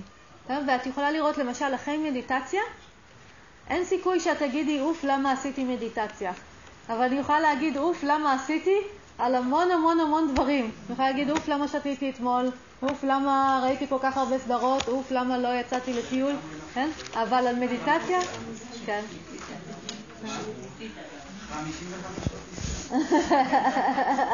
ועדיין בודק. בסדר? אז אה, במבחן התוצאה, התוצאה לא תשקר לי ואני אראה. כשההכרה שלי מבסוטה, אני גם מבסוטה. וביוגה יש לנו משהו מאוד יפה, היוגה אומרת, בחיים, ברגיל, אנחנו רגילים אה, לעשות פעולות שהן נקטר בהתחלה, אבל מתגלות לנו כרעל בסוף. למשל, אה, נורא נחמד לי העוגת שוקולד בהתחלה, אבל אחרי זה אני מגילה, מגלה שאני סובלת מזה. נורא נחמד לי לשבת לראות סדרות כל היום, אבל בסוף היום אני מרגישה את הסבל שיש בזה. לעומת זאת, התרגול של היוגה, על כל הטכניקות השונות שלו, יכול להרגיש כרעל בהתחלה, וכן, אבל תמיד יתגלה כנקטר בסוף. מה זה אומר? שבהתחלה זה ירגיש לי מאמץ. זה ירגיש לי שלא בא לי, שאני לא נהנית מזה, שמין חובה כזאת או לא משנה מה, אבל אף פעם אין סיכוי שאחרי שעשיתי אני אגיד, אוף, למה עשיתי? תמיד בסוף תהיה לי תחושה טובה.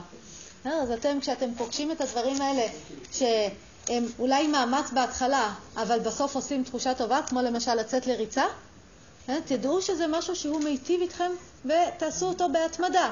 ולעומת זאת, אם יש דברים שאתם גורמים לכם הרבה הנאה בהתחלה, אבל בסוף מתגלים כרעל, כסבל, אה, האם אני צריכה להימנע מהם לגמרי? לא. לא? אבל? יפה. אני פשוט לא אעשה אותם בהתמדה. כי מה שאני עושה מדי פעם לא יהיה לו השפעה מאוד מאוד גדולה על המערכת. אבל מה שאני עושה מדי יום, יהיה לו, הוא יקבע איך המערכת שלי תהיה. אז מה שאני עושה מדי יום כדאי שיהיה מועיל, מה שאני עושה מדי פעם גם יכול להיות כזה לא מועיל. מה שהורג אתכם, תשתדלו להימנע. אה, אוקיי, עוד דברים שיכולים אה, להזין את ההכרה שלי או לפתח מערכת יחסים. דיאלוג של רעיונות. אוקיי. אז זה די אותו דבר, לא? כאילו שיתוף בידע או... כן. בסדר? מה היה פה? שינה. יופי. בואי תגידי לנו עוד קצת על זה, למה זה חשוב? אה, כי אם אני ישנה טוב, אז יש לי כוח לעשות דברים במהלך היום. יופי. כן, מצוין. כל מכשיר צריך גם את זמן המנוחה שלו. אה, בשביל, בזמן המנוחה, אה, קצת להירגע, קצת לעשות שם את התהליכים שקורים. אנחנו גם רואים שבשינה קורים המון המון דברים, גם מבחינת מה הגוף עושה בשינה, בונה את עצמו, מערכת חיסונית עובדת, אה, אה, ההכרה עוברת איזשהו שינוי, כל החלומות האלה, הכל מסתדר במקום. אה, אז השינה היא מאוד חשובה, ואנחנו רואים מה קורה לאנשים שהשינה נמנעת מהם, לאיזה מצב הם מגיעים. גם עוד פעם אונים. בדיוק, ואנחנו יכולים לראות איך ההכרה מושפעת מזה, וכשההכרה מושפעת מזה, איך אנחנו מושפעים מזה. אנחנו לא יכולים לא לישון, אה, לא לישון הרבה זמן ולהיות הכל כרגיל, או אנחנו רואים את זה אצל אנשים שלא ישנים טוב לאורך זמן. כמה זה משפיע עליהם, כמה זה אה, גומר את המערכת שלהם, ואז יש שם את כל העניין של הכדורי שינה וזה שזה כאילו בא לשפר משהו, אבל לא. כן, אה? כן, גם לישון יותר מדי, נכון. גם לישון יותר מדי לא יעשה לי טוב, יעשה לי את ההכרה מדי כהה, מדי עייפה. אז לישון במידה, היוגה אוהבת להגיד אה, לישון במידה, לאכול במידה, אה, ליהנות במידה, הכל במידה והכל יהיה בסדר. אה, אז זה שינה, ואם נרחיב את זה, זה לא רק השינה, אלא זה כל האלמנט הזה של הרפייה. בעצם, כמה מתח ההכרה שלנו אוגרת ביומיום הרגיל שלנו? כמה מאיתנו מרפים, עושים אה, הרפייה למתח הזה או לסטרס באופן מודע? לא הרבה, אה? כן, ומה התוצר? מתח מצטבר. מתח מצטבר, ואז מה? לחץ, לחץ ולחץ. לחץ ולחץ, ומה? יפה. מחלות, יופי. חוסר שקט. כן, חוסר שקט. וגם אחרי זה כשאנחנו רוצים להיות בשקט, מה אנחנו מגלים? שאנחנו כבר לא יכולים. אה? אז המקום הזה של להרפות את המתח, להרפות את הסטרס שנוצר בהכרה, הוא מהותי לתפקוד של ההכרה שלנו,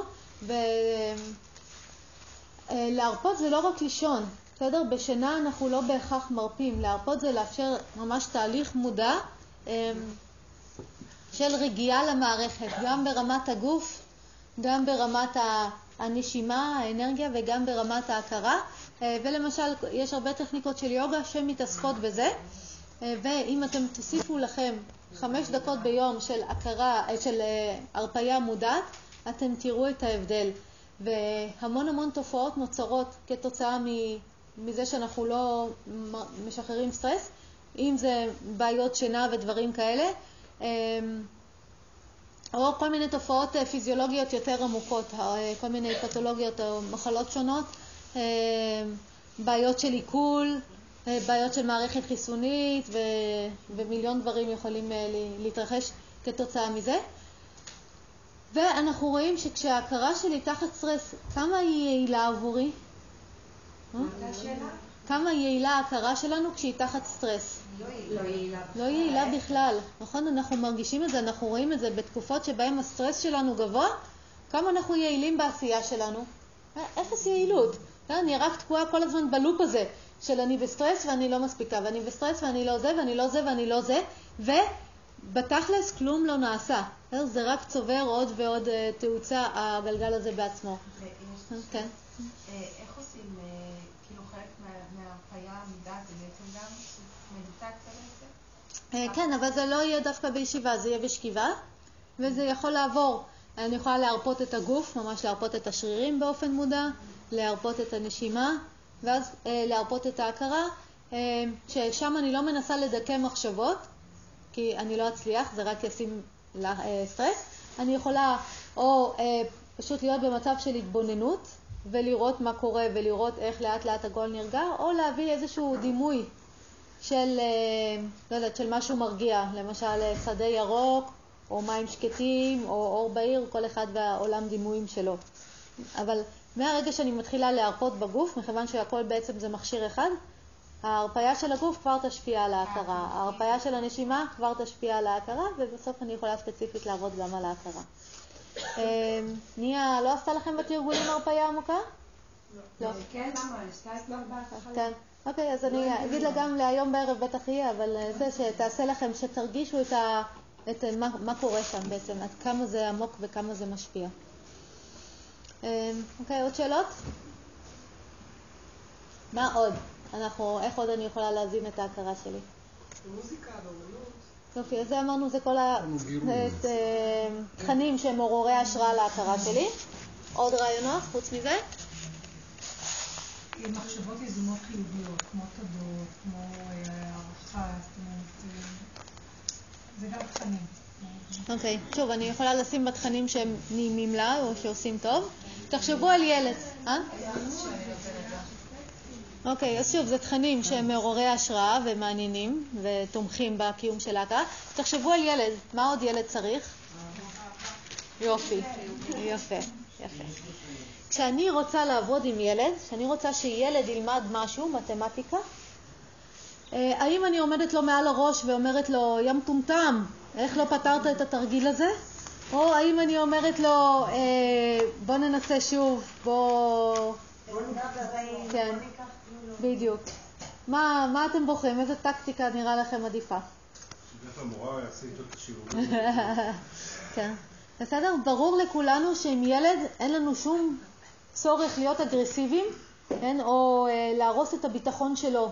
או אה, להפך, מאוד מאוד ברור לנו שאנחנו רוצים להיות כמה שיותר, אה, כן, אה, אבל איזשהו, אה, כן, בדיוק, לתת לו את התמיכה בשביל שהוא יוכל להגשים את הפוטנציאל שלו. אבל אם אני מתחילה לדכא אותו, או לשפוט אותו, או לבקר אותו, אנחנו יודעים מה יקרה, ואולי חלקנו גם עברנו דרך תהליכים כאלה שבהם דיכאו אותנו ולא תמכו בנו, ואנחנו רואים את התוצאות. אה, כן. אמ, ובואו נשאל את עצמנו כמה פעמים, או תבדקו, אתם עם ההכרה שלכם, האם אתם מתייחסים אליה, נותנים לה את התמיכה כמו שילד צריך, או האם אתם אה, מאוד שיפוטיים וביקורתיים כלפיה? אה, כמה פעמים אנחנו כאלה? כמה פעמים הדיבור הפנימי שלנו אל עצמנו, אל ההכרה שלנו, זה דיבור שעם בן אדם זר, לא, שלבן אדם זר לא הייתי אומרת. לעצמי אני יכולה להגיד משפטים שבחיים לא הייתי אומרת אותם לאף אחד אחר. למה? למה זה נראה לנו הגיוני לעשות את זה? אנחנו זה בשביל עצמנו. כן, ואז אנחנו לא מבינים למה אנחנו לא מתחילים להרגיש יותר טוב, למה, אה, למה אנחנו מרגישים אה, יותר חסרי יכולת. כשאני מבקרת את עצמי אני רק רואה כמה אני נחלשת, זה לא מחזק אותי. ואז כשזה, אה, כשההכרה שלי נחלשת, מה קורה לי? אני לא ההכרה שלי, אבל כשההכרה שלי נחלשת, מה קורה לי? יותר מזה? מה קורה? יופי, מה זה אומר? אני יכולת גם לצנות אחר כך מערכות יחסים עם מישהו אחר, זה השלכה לגמרי גם עליך. נכון. יפה, או במילים אחרות, היא מפסיקה לשרת אותי. בסדר? היא מפסיקה להיות כלי יעיל כמו שהיא אמורה להיות. ואנחנו רואים את זה, אני עובדת עם הרבה אנשים כאלה, שיצאו מתוך, אה, לא יודעת מה, מתוך ילדות, שבה היה המון נגיד דגש על אה, למידה של תחומים מסוימים והמון אה, ציפיות מאוד מאוד גבוהות וכל השיח היה על לא מספיק טובה, כן, והישגיות וביקורתיות והמון המון דברים כאלה. והאנשים האלה היום, ההכרה שלהם מפורקת. כלומר, אין שם על מה, עם מה לעבוד, והתהליך שצריך לעשות זה תהליך של שיקום של מערכת היחסים עם ההכרה, כי הדיבור שלהם הפנימי הפך להיות את אותו הדיבור שהם קיבלו מהבית. וכשהם מסתכלים על ההכרה שלהם, או על עצמם למשל, לא מצליחים לעשות איזשהו משהו, או הולכים לעשות משהו, מיד הדיבור הפנימי הוא נהיה, אה, אה, את לא מספיק טובה, את לא תצליחי לעשות את זה, מה את בכלל מנסה, את יודעת שאת אף פעם לא תעשי, וכאלה וכאלה. איזה סיכוי יש לנו בתוך עולם פנימי כזה? אז אחד הסודות בעבודה שלנו עם ההכרה, זה לעבוד עם ההכרה כאילו היא ילד קטן. ואני יכולה להעיד שמהתהליך האישי שלי, שההתפתחות שלי, כששיניתי את הדיאלוג הפנימי שלי, והוא הפסיק להיות דיאלוג של ביקורת, אלא דיאלוג שבונה יכולת, ולמשל, כשאני רוצה לעשות משהו ואני רואה את ההכרה שלי מתקשה בתוך זה, אני אף פעם לא אבוא אליה בטענות, אלא אני אגיד לה דברים כמו, אוקיי, תראי, תראי ש... שאת בסך הכל רוצה להצליח, בגלל זה את מפחדת, לא בגלל שום דבר אחר, ואז נבנה שם איזשהו תהליך של, אמ, של אמון ו, ו, ותמיכה בהכרה, ואז באמת ההכרה יכולה, או אני יכולה לעשות דברים עם ההכרה שלי, כי יש שם, כי אין שם התנגדות, ויש שם הקשבה, ויש שם אה, איזשהו שיתוף פעולה. אבל כשהדיבור שלנו, אני כל הזמן באה אל, אל עצמי בטענות, אוף, למה את ביקורתית? ולמה את שיפוטית, ולמה את אה, מתעצבנת, ולמה את ככה, ולמה את ככה, ולמה את ככה, איזה סיכוי יש להכרה שלי? אין לה שום סיכוי. אמ, אז אחד הדברים הגדולים החשובים בהאזנה שלנו של ההכרה זה להתחיל לתת לה רוך ועדינות ואינטימיות ו... ואהבה ולראות את הצד הטוב של ההכרה שלנו. אה, מה הצד הטוב של ההכרה שלנו? כן. מה הצד הטוב שלה? כן. יודעת להקשיב. היא יודעת להקשיב, אוקיי. מה, בוא, או יותר מזה? יופי. היא תמיד רוצה שיהיה טוב. לא? אתם תראו שאין רגע אחד שבו תשאלו את עצמכם, את ההכרה שלכם, מה את רוצה? והיא תגיד לכם, אני רוצה לסבול. נכון? תשאלו אותה, את רוצה שהאוכל יהיה טעים או מגעיל? מה היא תגיד? את רוצה לישון טוב בלילה או לישון חרא? את רוצה שיאהבו אותך או ישנאו אותך? כן? ההכרה שלי תמיד תבחר את הטוב. וכשזה מה שאני מאירה לה, זה מה שאני משקפת לה, את הרצון שלה שיהיה טוב, בזה, בתוך זה היא יכולה להתחזק. כן? ובתוך זה אני בעצם יכולה אה, לבנות איתה את המערכת יחסים של שיתוף פעולה. כי מה אני רוצה? גם יפה, ומה היא רוצה? גם שיהיה טוב. אז אנחנו יכולות לשתף בזה פעולה ולפעול ביחד להשגת הטוב. אבל אם אני חושבת שההכרה שלי באה לפגוע בי, כמה פעמים זה ההתייחסות שלנו להכרה, ובעיקר בתוך העולם הזה של הפסיכולוגיה והפסיכיאטריה, ששם ההכרה זה האויב של הבן אדם וצריך להרדים את כל המפלצות שיש שם, אחרת זה אוי ואבוי מה יקרה לנו.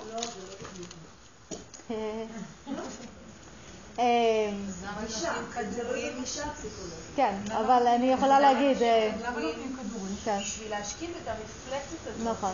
ככה עובדים איתה. נכון. אה, בוא נגיד ככה, היום זה משתנה. גם מכות חשמל נותנים. נכון, נכון, נותנים כל דבר בשביל לנסות להזין. עושים כל דבר חוץ מללמד את הבן אדם איך להשתמש בהכרה שלו ואיך לבנות איתה מערכת יחסים. כשהוא מגיע לטיפול. היום הגישות, יש הרבה נכון. גישות פוסט-מודרניות שמאוד מושפעות מהגישות הבודהיסטיות. נכון, אבל זה חדש. אבל על איזה בסיס זה יושב ומה מלמדים באקדמיה? לא ילמדו אותך את הבסיס של התפיסה הבודהיסטית של ההכרה באקדמיה, ילמדו אותך את הבסיס של פרויד באקדמיה. והבסיס של פרויד באקדמיה זה שההכרה שלנו מלאה בתשוקות ובאגו ובתת מודע, וכל הדברים האלה מאיימים עלינו והולכים להרוג אותנו אם אנחנו לא נעשה איתם משהו. ושאנחנו עבד ואנחנו... אין, אין שם שום מערכת יחסים שנבנית ביני לבין ההכרה שלי, אלא יש שם משהו שצריך, אה, לא יודעת מה, להילחם איתו, שהוא לד... מאבק לדכא כל החיים. אותה, כן, לדכא, לדכא, אבל גם הוא כאילו מבטיח לי מאבק כל החיים. בסדר? כאילו, זה, אז תחשבו שעל זה גדלנו, וזה הרעיון שיש לנו לגבי ההכרה שלנו, ובעצם כשאנחנו עושים תהליך של יוגה אנחנו צריכים לשנות או לרכוש ידע חדש ולהבין שההכרה שלנו זה לא מפלצת שבאה לפגוע בנו, להפך, זה המכשיר הכי טוב שאי פעם קיבלנו, שבא לשרת אותנו ובא לאפשר לנו להשיג את הטוב שאנחנו רוצים. וכשזאת מערכת היחסים, או כשמערכת היחסים שלי מושתתת על הרעיון הזה, אז יש אפשרות לשיתוף פעולה. אבל כשהמערכת היחסים שלי מבוססת על זה שפה יש מפלצת שמנסה להזיק לי ואני צריכה לברוח ממנה, איזה שיתוף פעולה יש לי עם מפלצות? אה? אפס, חוץ מזה שהן אולי הולכות לאכול אותי. אה, שאלות? כן. פשוט אה, אני תוהה אם שכחנו את כל האספקט הפיזי שתומך בהכרה, כל האסנות, כל הזה, וגם את הפרניאמה. זאת אומרת, דיברנו על תזונה ודיברנו על יחס להכרה, אבל. בכל זאת הבסיס הוא... נכון. נכון מאוד. אז אה, אנחנו יכולים לדבר על זה. חלק מהתנאים המתאימים שאני צריכה לתת להכרה שלי זה לוודא שהחומר שהיא אה, מאוחסנת בו, הוא יהיה במצב טוב. זה כמו המחשב שלי. האם אני יכולה לדאוג רק לתוכנה של המחשב ולהתחיל להוציא את המקשים מהמחשב? לא, כן? או לשבור את המסך? לא, זה לא יעזור לי, גם אם התוכנה תהיה שם מושלמת, היא לא תהיה נגישה עבורי. אז חלק מהעבודה שלנו, לבנות אה, מערכת יחסים מזינה עם ההכרה, זה לוודא שהגוף, או להשת... אה, לעשות פעילות פיזית כזו שתומכת בגוף בריא, לעשות עבודה נשימתית כזו שתומכת במערכת אנרגטית אה, טובה, כך שההכרה שלי תשכון בתוך מכשיר שהוא יהיה יעיל עבורה. אה, וזה יהיה לא רק יעיל להכרה שלי, זה יהיה גם לי, עבורי, יעיל אחר כך. מתי? מתי זה יהיה מועיל שיש לי אנרגיה טובה וגוף בריא וחזק? אה? יופי. שאני ארצה לפעול בעולם. וכולנו יודעים מה זה לנסות לפעול בעולם כשאנחנו חולים. איך זה, כמה זה אפשרי? אה? מיד זה נפגע, מיד. כן? אני קצת שוכבת עם שפעת בבית, זהו, אני כבר לא פועלת את הפעולות הרגילות שלי. אז כמה חשיבות יש לדאוג לכל המערכת הזאת. ולא סתם יש את הזה, אה, נפש בריאה בגוף בריא, כן? לא סתם, יש שם הרבה חוכמה בדבר הזה. אה, ודרך אגב, אנחנו רואים את זה אה, הרבה מאוד, שאנשים שמשנים את אורח החיים שלהם, בלי אפילו להתעסק עם מדיטציות יותר מדי, אבל ישנו את התזונה, ישנו את הפעילות הפיזית, ישנו את, ה, לא יודעת, את העבודה האנרגטית שלהם, יוסיפו, לא יודעת, קצת הרפיות גם, אה, כל ה, המצב ההכרה שלהם משתנה, גם אם הם לא עובדים ספציפית על ההכרה. בסדר? מיד המצב רוח משתפר, מיד משהו קורה במערכת. ולעומת זאת אנחנו רואים אנשים שמתחילים להזניח את הגוף שלהם, אה, מיד גם ההכרה מושפעת מזה. אני לא יכולה לחיות בתוך גוף מוזנח ולחשוב שההכרה שלי תהיה סבבה. מיד זה משפיע, זה הכל עובד ביחד. עוד רעיונות לדברים שיזינו את ההכרה שלי, את המכשיר שלי? אז אני חושבת שדי דיברנו ככה יפה על אה, הרבה דברים, ואתם מוזמנים לבדוק בחיים שלכם. אה, אולי גם נתינה. נתינה זה כמו, זה קצת אה, נכנס למקום הזה של אה, לחשוף אותה לתכנים שהם טובים. אז אני יכולה לחשוף אותה לנתינה, או אני יכולה לחשוף אותה ל... לא יודעת מה, לאנוכיות. אז זה, זה קצת יהיה כזה. אבל בהחלט כן, כל פעולה שהיא פעולה שמיטיבה, תיטיב עם ההכרה שלי, כי הטבע שלה זה לרצות להיטיב. אז כל דבר כזה בהחלט ייטיב איתה. זו הערה חשובה. אז בעצם מה שאנחנו רוצים לבנות אה, ביני לבין עצמי, או מה שאני רוצה לבנות ביני לבין עצמי, או ביני לבין ההכרה שלי, זה מערכת יחסים שאני קוראת לה הזנה הדדית. מה זה אומר הזנה הדדית? אה, זה אומר ש... בשביל ש... שניתן לבנות מערכת שהיא בנויה על הזנה, וההזנה הזאת מזינה את עצמה. ואני אסביר. אם אני דואגת להזין את עצמי, ואני, המערכת שלי עובדת טוב אה, ונותנת פרי, נגיד אני יכולה לפעול בחופשיות בעולם, הפעולות שאני אעשה בעולם יהיו מזינות עבור העולם. נגיד אני יכולה להשקות את הגינה. אם אני אשקה את הגינה שלי, מה יקרה לגינה שלי? יפה. הגינה שלי תהיה מוזנת, היא בעצמה תצמח ותיתן פרי, ומה יקרה לפירות האלה? הם יזינו אותי. אם הם מזינים אותי, מה יקרה לי? אני אגדל, אני אפרח, ואני אוכל להזין יותר טוב אחרים. אז המודל הזה של הזנה הדדית זה הבסיס, בסיס לבנייה של מערכת יחסים טובה מול כל דבר. אמ, ואנחנו, אני אשמור את זה עכשיו בזה של ההכרה, אבל אחרי זה אנחנו נרחיב את זה כמובן לדברים נוספים. אז במקום הזה עם ההכרה שלי, אה, מה זה אומר שאני אהיה מזינה עבור ההכרה שלי?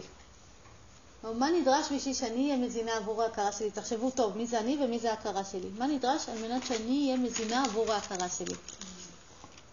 שאני אעשה פעולות נכונות.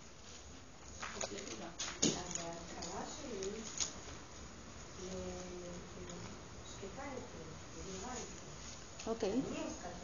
יפה. עכשיו, בשביל שאת תוכלי לפעול, מה את צריכה? צריכה להיות נפרדת ממנה. בידע בשביל שאני אוכל להשקות את הגינה, מה אני צריכה? אני צריכה שיהיה לי את הכוח להשקות אותה. אני בעצמי צריכה להיות מוזנת. אז אני, בשביל להזין את ההכרה שלי, בשביל שאני אוכל לעשות את זה, אני בעצמי צריכה להיות מוזנת. אז עכשיו השאלה הראשונה שאנחנו צריכים לשאול, מה זה אומר אני מוזנת? מי אני? קודם? המגזר?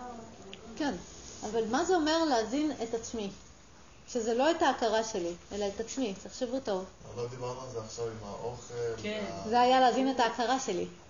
אבל זה להכרה? כן. בתוצאות. המכשיר הוא אחד, ההכרה והגוף. אז כשאני אוכלת ואני מתעמלת, וכשאני ישנה ואני עושה הרפייה ואני חושפת את עצמי לתכנים וכל זה, זה ברמה של המכשיר. זה מזין את כל ההכרה ואת הגוף, ומוודא שהמכשיר יהיה תקין.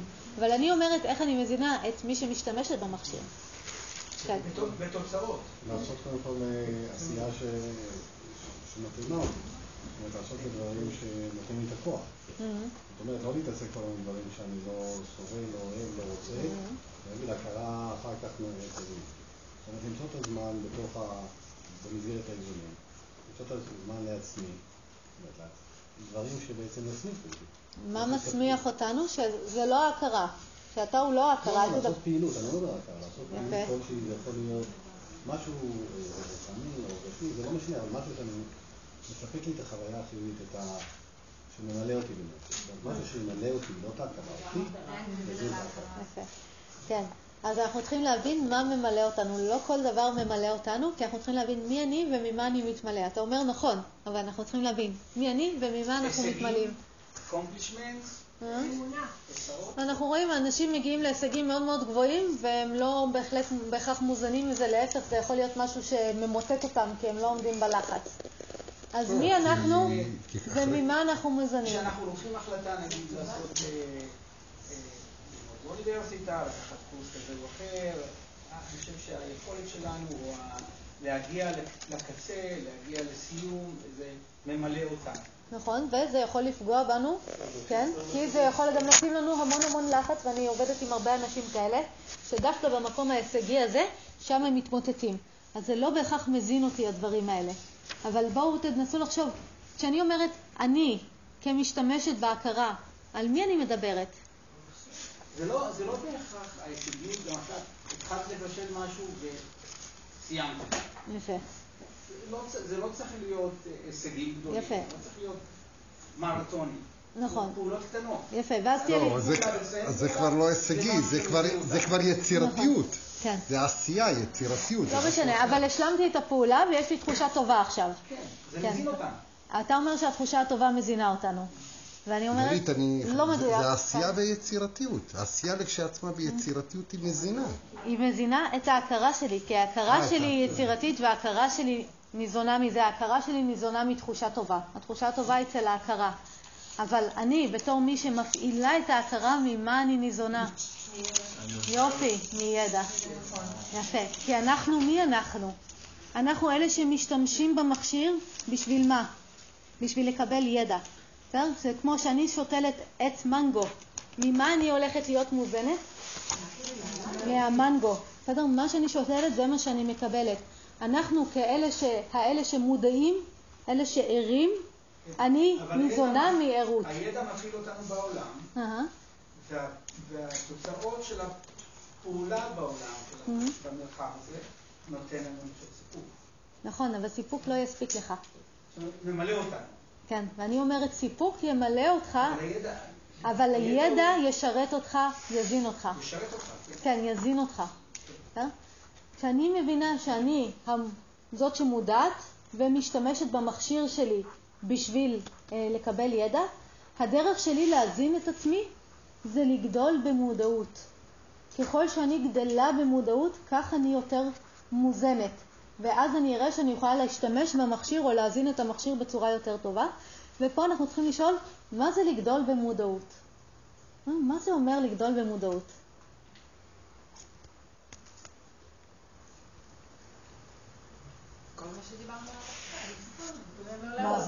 מה דיברנו עד עכשיו? איזה מהדברים, אמינה? אני מתבונן אולי בתחושות שלך, בהכרה. יופי. כל פעם שאני עושה את זה, אני גדלה במודעות. להיות עוד איזה צד שמתבונן. יופי. כל... אה? כל פעם שאני מתבוננת בהכרה שלי ובתחושות שלה, אני גדלה במודעות, נכון? כי אני בעצם מתבססת במקום המודע. אז לגדול במודעות זה לגדול בעצם בערות, זה לראות יותר ויותר. ככל שאני רואה יותר ויותר את המתרחש, כך אני גדלה במודעות. אה, ואנחנו רואים את זה. מה זה התחושה הזאת שיש לנו שאנחנו חסרי מודעות? אה, מכירים את זה? לפעמים אני מרגישה שאני נכנסתי, נגיד, נכנסים כזה ללופ של אה, חוסר מודעות. שזה רק התניות, התניות, התניות פועלות, שאנחנו לא מוצאים את עצמנו שם. אנחנו לא מוצאים איזשהו משהו שמכוון, יש איזשהו משהו שעושה. ומה- ו- ב- אם אה, נבדוק מה קורה במצב הזה, זה מצב שבו אני כאילו לא מצליחה להתבונן על שום דבר. מכירים את זה? זה קורה לנו למשל אם יש תקופות שבהן אנחנו צריכים אה, לקבל איזושהי החלטה גדולה, ואנחנו נכנסים ללופ של, אה, של מחשבות ומה לעשות ומה לעשות ומה לעשות, ואנחנו... כן, או הרבה שינויים, או דברים מתחילים לזוז לנו. אחרי שזה עובר, פתאום אנחנו יכולים להסתכל על זה מהצד. בדיוק. זה לא בעצם מהצד, זה אחרי. נכון. ואז דברים נראים לנו ברורים. יופי. ותוך כדי, זאת בדיוק ההסתכלות הזאת מהצד שהייתה חסרה לנו. כן. ואז אנחנו הולכים, ל, לא יודעת, לאיזשהו תרפיסט או משהו כזה, שיחזיק את הסיפור בשבילנו ויספר לנו אותו כמישהו שמשקיף מהצד. אז המקום הזה, כשאנחנו בעצם מאבדים את המודעות שלנו, שם אנחנו מרגישים הכי חלשים. וכל פעם כשאנחנו גדלים במודעות ואני מודעת למה שמתרחש, אני מודעת למה קורה לי, אני מודעת למה קורה בחיים שלי, אני מודעת לתוצאות של הפעולות שלי למשל, אנחנו מרגישים שאנחנו מתחזקים בחיים. אתם מכירים את זה? תחשבו על תקופות חלשות שהיו לכם, שהרגשתם חלשים, ותקופות שהרגשתם חזקים. מה אפיין אותם? כן? או שהייתי במודעות למתרחש והייתי בשליטה על העניינים, או שהייתי בתוך המערבולת הזאת של הגלים שמתרסקים עליי. מסכימים? מכירים? מתחברים לזה? יופי. אז המקום שלי להתחזק, כדי שאני אוכל להזין את ההכרה שלי, זה לגדול בעצמי במודעות. ואז אנחנו צריכים לשאול מה הדרך שלנו לגדול במודעות. מה הדרך שלי לגדול במודעות? מקודם אמרת? יפה. להתחיל להתאמן על התבוננות. להתחיל להתרגל להסתכל על ההכרה שלי, על ההשתנויות שלה, גם על המזרון כשאני יושבת במדיטציה או תוך כדי תרגול של אסנות ופרניאמה, אבל גם ביום-יום. ואתם, מי שמתרגל יוגה לאורך זמן, או מי שמתחיל לתרגל יותר לעומק, אתם תראו שהמודעות ביום גדלה, או המודעות למה שמתרחש בהכרה שלנו, גדלה כשאנחנו מתרגלים יוגה. אם לפני זה סתם פעלנו במין, במין חוסר מודעות כזה, כן, עשיתי ככה, עשיתי ככה, אני אפילו לא יודעת להסביר למה. אה, פתאום אני מתחילה להסתכל ואני רואה, הנה עכשיו מישהו אמר לי משהו, ועכשיו ההכרה שלי ככה מתכווצת, ועכשיו אני כבר לא עונה לו לטלפון כי לא בא לי, ועכשיו אה, בגלל שלא עניתי לו לטלפון אז אני מרגישה חרא, ואם אני מרגישה חרא אז אני פותחת את המקרר, ואם אני פותחת את המקרר אני אוכלת את כל מה שיש שם, כבר כבר שכחתי שאני בדיאטה. אני מתחילה לראות את השתלשלות העניינים. ההשתלשלות העניינים הזאת, איפה היא מתרחשת? יפה. ואני, מה קורה לי? אה, אני נהיית מודעת לזה, גם אם זה עדיין קורה. בסדר? אני לא צריכה להפסיק את זה. מס... לא, אני לא בחוסר מודעות. אני במודעות מסתכלת על ההכרה שלי. חוסר מודעות זה אומר שאין לי אפילו את ההסתכלות הזאת. לא, פעלתי, ההכרה שלי פעלה מתוך התניות, פשוט לא לקחתי איש השליטה. אבל אם הצלחתי לראות את כל השרשרת הזאת, זה אומר שהייתי במודעות. לעומת זאת, פעם, אם תנסו להיזכר איך זה היה לפני שהתחלתם לתרגל, כן? איזה מודעות היה שם? או רואים את זה הרבה פעמים, מודעות זה גם משהו שמתפתח עם הגיל.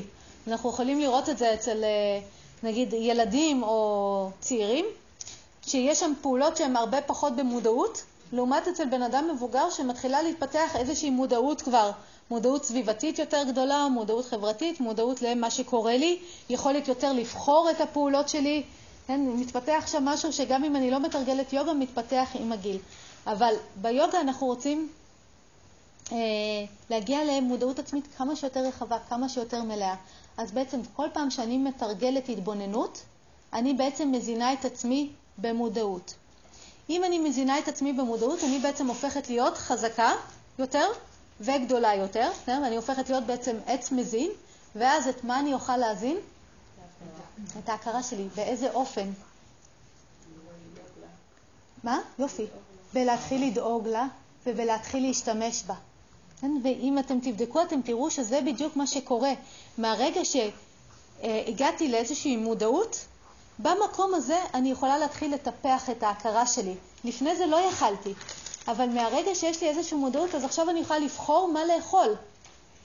בשביל להזין את ההכרה ואת הגוף שלי. אני יכולה להתחיל אה, לבחור מה לעשות. אם ללד, לצאת לטיול או לשבת ולראות סדרות. אני יכולה להתחיל אה, לבחור אה, איזה שיח פנימי יהיה לי. האם אני אחזור על אותם משפטים שאימא שלי אמרה לי, או אני אתחיל ליצור אה, משפטים חדשים שמחזקים. עם איזה אנשים להיפגש. אה, בדיוק, עם איזה אנשים להיפגש. אני אוכל להתחיל לבחור אה, אה, את התנאים שאני שמה עבור ההכרה שלי, אבל זה יתאפשר רק בגלל שחיזקתי את עצמי קודם כל במודעות. ואם לא חיזקתי את עצמי במקום המודע, האפשרות להתחיל לבחור עבור ההכרה שלי תנאים יותר מתאימים לא תהיה אפשרית. מבינים את הרעיון הזה? אז אני לא מיד ניגשת לטפל בהכרה. כלומר, אני עושה גם את זה, אבל זה יתאפשר לי יותר ויותר ככל שאני בעצמי אגדל במודעות.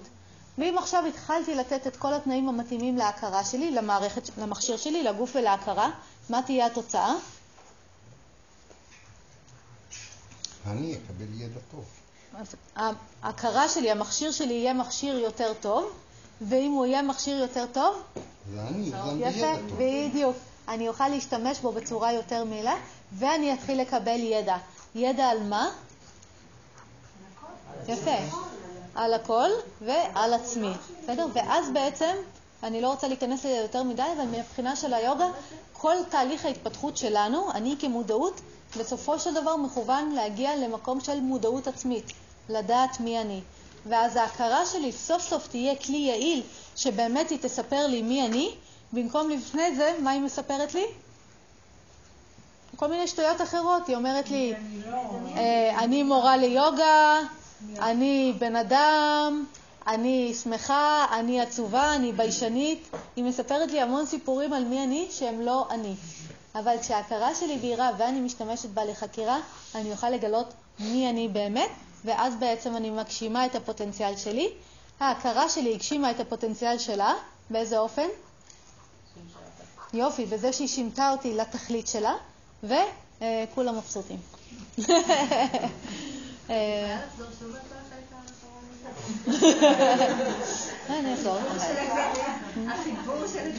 כן.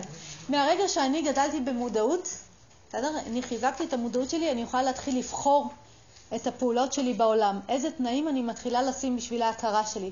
אז אני אוכל לבחור איזה פעילות לעשות, אני אוכל לבחור אה, אה, איזה תכנים נר... לחשוף את ההכרה שלי, אני אוכל לבחור מה לאכול. לפני זה לא יכלתי לעשות את זה. מכירים את האנשים האלה שלא יכולים לבחור? כן, שגם אם הם רוצים, הם אומרים, אני רוצה להפסיק לעשן. מכירים את זה? האם זה אומר שהם מצליחים להפסיק לעשן? למה לא? כי הוא לא רוצה. לא בגלל זה. מה? יופי, כי אין שם מספיק מודעות שמחליטה שאת הסיגריה הבאה לא לוקחים. צריך להיות שם איזשהו אלמנט. אותו דבר זה בדיאטה. אני מחליטה שנכנסתי לדיאטה, האם זה יעזור לי? לא. אני חייבת להיות במודעות בכל רגע נתון למה אני מכניסה לפה, ואם, וברגע שבו אין מודעות, מיד תיכנס לי עוגת שוקולד לפה, בלי שאני אפילו אשים לב. אז מהרגע שפיתחתי מידה מספקת של מודעות, חיזקתי את עצמי מספיק, אז זה השלב שבו אני יכולה להתחיל לבחור איזה פעולות לעשות שיזינו את המכשיר שלי. מהרגע שאני מתחילה לבחור פעולות מזינות עבור המכשיר שלי, התוצאה תהיה שהמכשיר שלי יתחיל לעבוד יותר טוב. מהרגע שהוא עובד יותר טוב, מה הוא יתחיל להיות עבורי? בדיוק, שימושי או יעיל, ואז אני אוכל להתחיל להשתמש בו בשביל מה שהוא באמת נועד לעשות. בשביל לתת לי ידע מדויק על הדברים ועל עצמי. זה הרעיון. עוד שאלות? כן. כשדיברת על מה קורה כשאני לא מודעת, וגם נתת השוואה לילדים, אבל יש משהו, וזה קורה הרבה בילדים באמת, כשאת מאוד מאוד בתוך מה שאת עושה, ודיברנו על זה נראה לי פעם בהקשר של זה שאפילו אני לא אזכור. אם הייתי מאוד מאוד בתוך משהו, אז לא התבוננתי עליו מבחוץ, הייתי מאוד מאוד בתוך משהו. ואני דווקא בלופ שלי זה טוב. נכון. כאילו, אני אוהבת להיות ככה. כן, אבל זו הייתה הבחירה שלך לעשות את המשהו הזה. נכון, את תראי שאת נכנסת אליו... אני יותר על המודעות, אבל כאילו פה לא נתנו מקום. פה זה כאילו, ככל שאני יותר מודעת, אני יותר יעילה, אני יותר בכיוון של לדאוג לעצמי ולהבין את עצמי. נכון. ואין מקום בתרשים הזה של לוותר על, על המודעות ועל ההתבוננות. לא, אבל המצב שאת מתארת זה מצב של מודעות מלאה, זה לא מצב של חוסר מודעות. במצב של חוסר מודעות, הפעולה הייתה מפסיקה. נגיד אם את רוקדת ואת נכנסת לאיזשהו מצב שבו את מרגישה שזה כבר לא את מפעילה את המכשיר, כן, אלא יש שם איזושהי שלמות כזאת, זה מכיוון שיש שם רק מודעות. אבל זה, לא, זה מרגיש לך שונה ממה שזה בדרך כלל, כי בדרך כלל יש מודעות עם פעולה, בדיוק, עם פעולה מכוונת שאת עושה. אבל מהרגע שזה נכנס לאיזשהו, לא יודעת מה, מין הרמוניה כזאת, מין שיתוף פעולה מלא, אז ההפרדה הקטנה הזאת שיש בעצם נעלמת, מה שבדרך כלל יש, ואז יש שם בעצם מודעות מלאה, או יש שם איזושהי שלמות של פעולה. אז זה לא חוסר מודעות. אני יכולה להגדיר את זה כחוסר מודעות, אבל באותה מידה זה כאילו מודעות מלאה. כאילו בגלל שאני לא יכולה להתבונן על זה מבחוץ או לזכור את זה, אני מרגישה שזה איך שאנחנו מגדירים את המודעות פה. אז זה באמת מעניין להגדיר את זה. כן, זה מודעות, כמו מודעות מלאה, אבל שלא יוצרת תפיסה. כלומר, לא עוברת, לא נוצרות תפיסות במכשיר. במצב רגיל יש לי כל הזמן תפיסה שלי מרימה את היד, שלי מורידה את היד. ופה אין את התפיסה הזאת, יש פשוט משהו שמתרחש. אז זה כאילו... זה דומה לי לתת למשהו... כמו שאנחנו מדברים על זה שהסחות דעת מתעסקות לי בהכרה ואני לא קולטת בה, כי ברגע הזה שאת מתארת, שיכול לקרות לילד או בריקוד או בלא יודעת מה, אז משהו, אני, אני מתמסרת למשהו. נכון. אולי זה למודעות שלי, אם, אם אני שומעת מה את אומרת, אבל זה גם לפעמים להתמסר למשהו חיצוני שהוא כמו רעש שעכשיו אני הולכת איתו, וכל התשומת לב שלי אה, ברחה אליו. כן, אבל, אבל אז זה כבר מצב אחר. בסדר? אני דיברתי, חשבתי שאת מתכוונת יותר למקום שבו את עושה איזושהי פעולה ומגיעה לשלמות של הפעולה הזאת, אני... ואז בעצם נוצר כזה מצב שהוא, שהפיצול הזה לא קיים. אבל אם זה רק ההסתחפות של תשומת הלב אחרי איזשהו צליל, ולא משהו שאני יצרתי, אז זה לא בהכרח מצב של מודעות. מה זה משנה אם זה אחרי צליל או אחרי ריקוד? כי אני כן מרגישה שהתכוונתי למה שאת אומרת, אבל זה גם מבחינתי יכול לקרות. לא משנה לי אם זה צליל או ריקוד, משנה לי אם זה היה פעולה מודעת. כלומר, מאיפה זה התחיל. אם זה התחיל כפעולה מודעת, או משהו שנכפה עליי מבחוץ. כי משהו שנכפה עליי מבחוץ לוקח לי את תשומת הלב, ולא בהכרח יש שם מקום של מודעות. אבל משהו שיצרתי מלכתחילה, שהפעלתי את המכשיר עבורו והגעתי לאיזושהי שלמות של פעולה, זה יהיה יותר מקום מודע. נראה לי שזה ה... זה, אבל אה, את יכולה גם לבדוק את זה קצת מתוך חוויה ולראות יותר לעומק, אה, לנסות לחקור מה קורה שם, אם אפשר לחקור את זה. עוד שאלות? כן. כן. מסתקרן אותי ממה שאני מרגישה. נניח תקחי את כל התלמידים שלך. עשי סקר. אחרי ששמעו איקס אה, סדנאות ואיקס הרצאות, כמה מיישמים בחיים שלהם? הרבה מאוד. הרבה מאוד? כי מה שאני מרגישה זה שהכוחות שמושכים אותנו אחורה הם כל כך חזקים כמו נגיד לא ללכת עד הסוף, כמו להיסחב, ממש ביציאה מתוך הרצאה כזאת. שוב. זאת אומרת, אני מטילה ספק ביכולת של האדם עצמו לבדו לקחת את הילד הזה וליישם אותו בחיים, נגיד, אה, אם הוא לא נתמך באיזושהי מערכת חיצונית שעוזרת לו כל פעם להתכוונן. מה הבעיה להתמך? מה הבעיה שאת מקבלת תרגול, את עושה אותו כל יום חמש דקות, ופעם בחודש או פעם בשלושה חודשים את באה לפגישה ומדייקים את התרגול. אבל זה לא אומר שאני צריכה... לא רק זה, אני חושב שהתוצאה שהגעת לפה, באת לפה ממודעות. זה כבר תוצאה של איזשהו משהו עושה. כן. ואל תחפשי את הסוף של הדרך. תחפשי את הדרך עצמה. והרעיון של היוגה זה שהיא עושה אותנו מאוד עצמאיים. מכיוון שיש לי תרגול ואני יכולה לעשות אותו כל יום בבית, אני לא צריכה uh, תמיכה יומיומית, אלא אם כן המצב של המכשיר שלי הוא מאוד גרוע והוא צריך uh, תיקון אינטנסיבי. אבל במצב רגיל, אני אחראית על התחזוק שלו, אני עושה את העבודה, ופעם בכמה זמן אנחנו יכולים uh, לקבל הנחיות ספציפיות בשביל לגדול בידע בסוג מסוים, או אם יש פתאום עכשיו איזושהי תקופה שהיא יותר מעמיסה על המכשיר, או המכשיר נפגע, אז אני יכולה לקבל הנחיות ספציפיות איך אה, להסתדר איתו. אבל בסופו של דבר זה אחריות של הבן אדם אה, לפתח את המערכת היחסים הזאת של הזנה הדדית עם עצמו, וחמש דקות ביום יעשו את העבודה.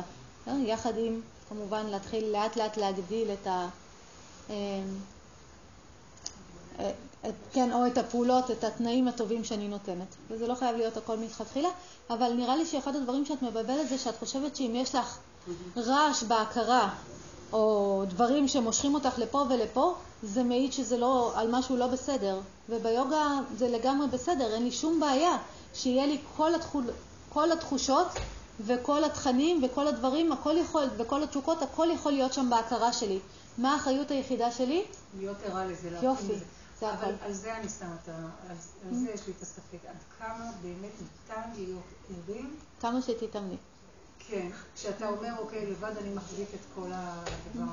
כן, כמה שתתאמני. תתאמני על להיות ערה, הערות שלך תגדל ואת תגלי שבסופו של דבר את מגיעה למצב שבו באופן רגיל את ערה כל הזמן למה שמתרחש פה. זה, המצ... זה הופך להיות המצב הרגיל שלנו. בהחלט זה אפשרי ואני רואה את זה אצל הרבה מאוד אה, תלמידים שלי. כן.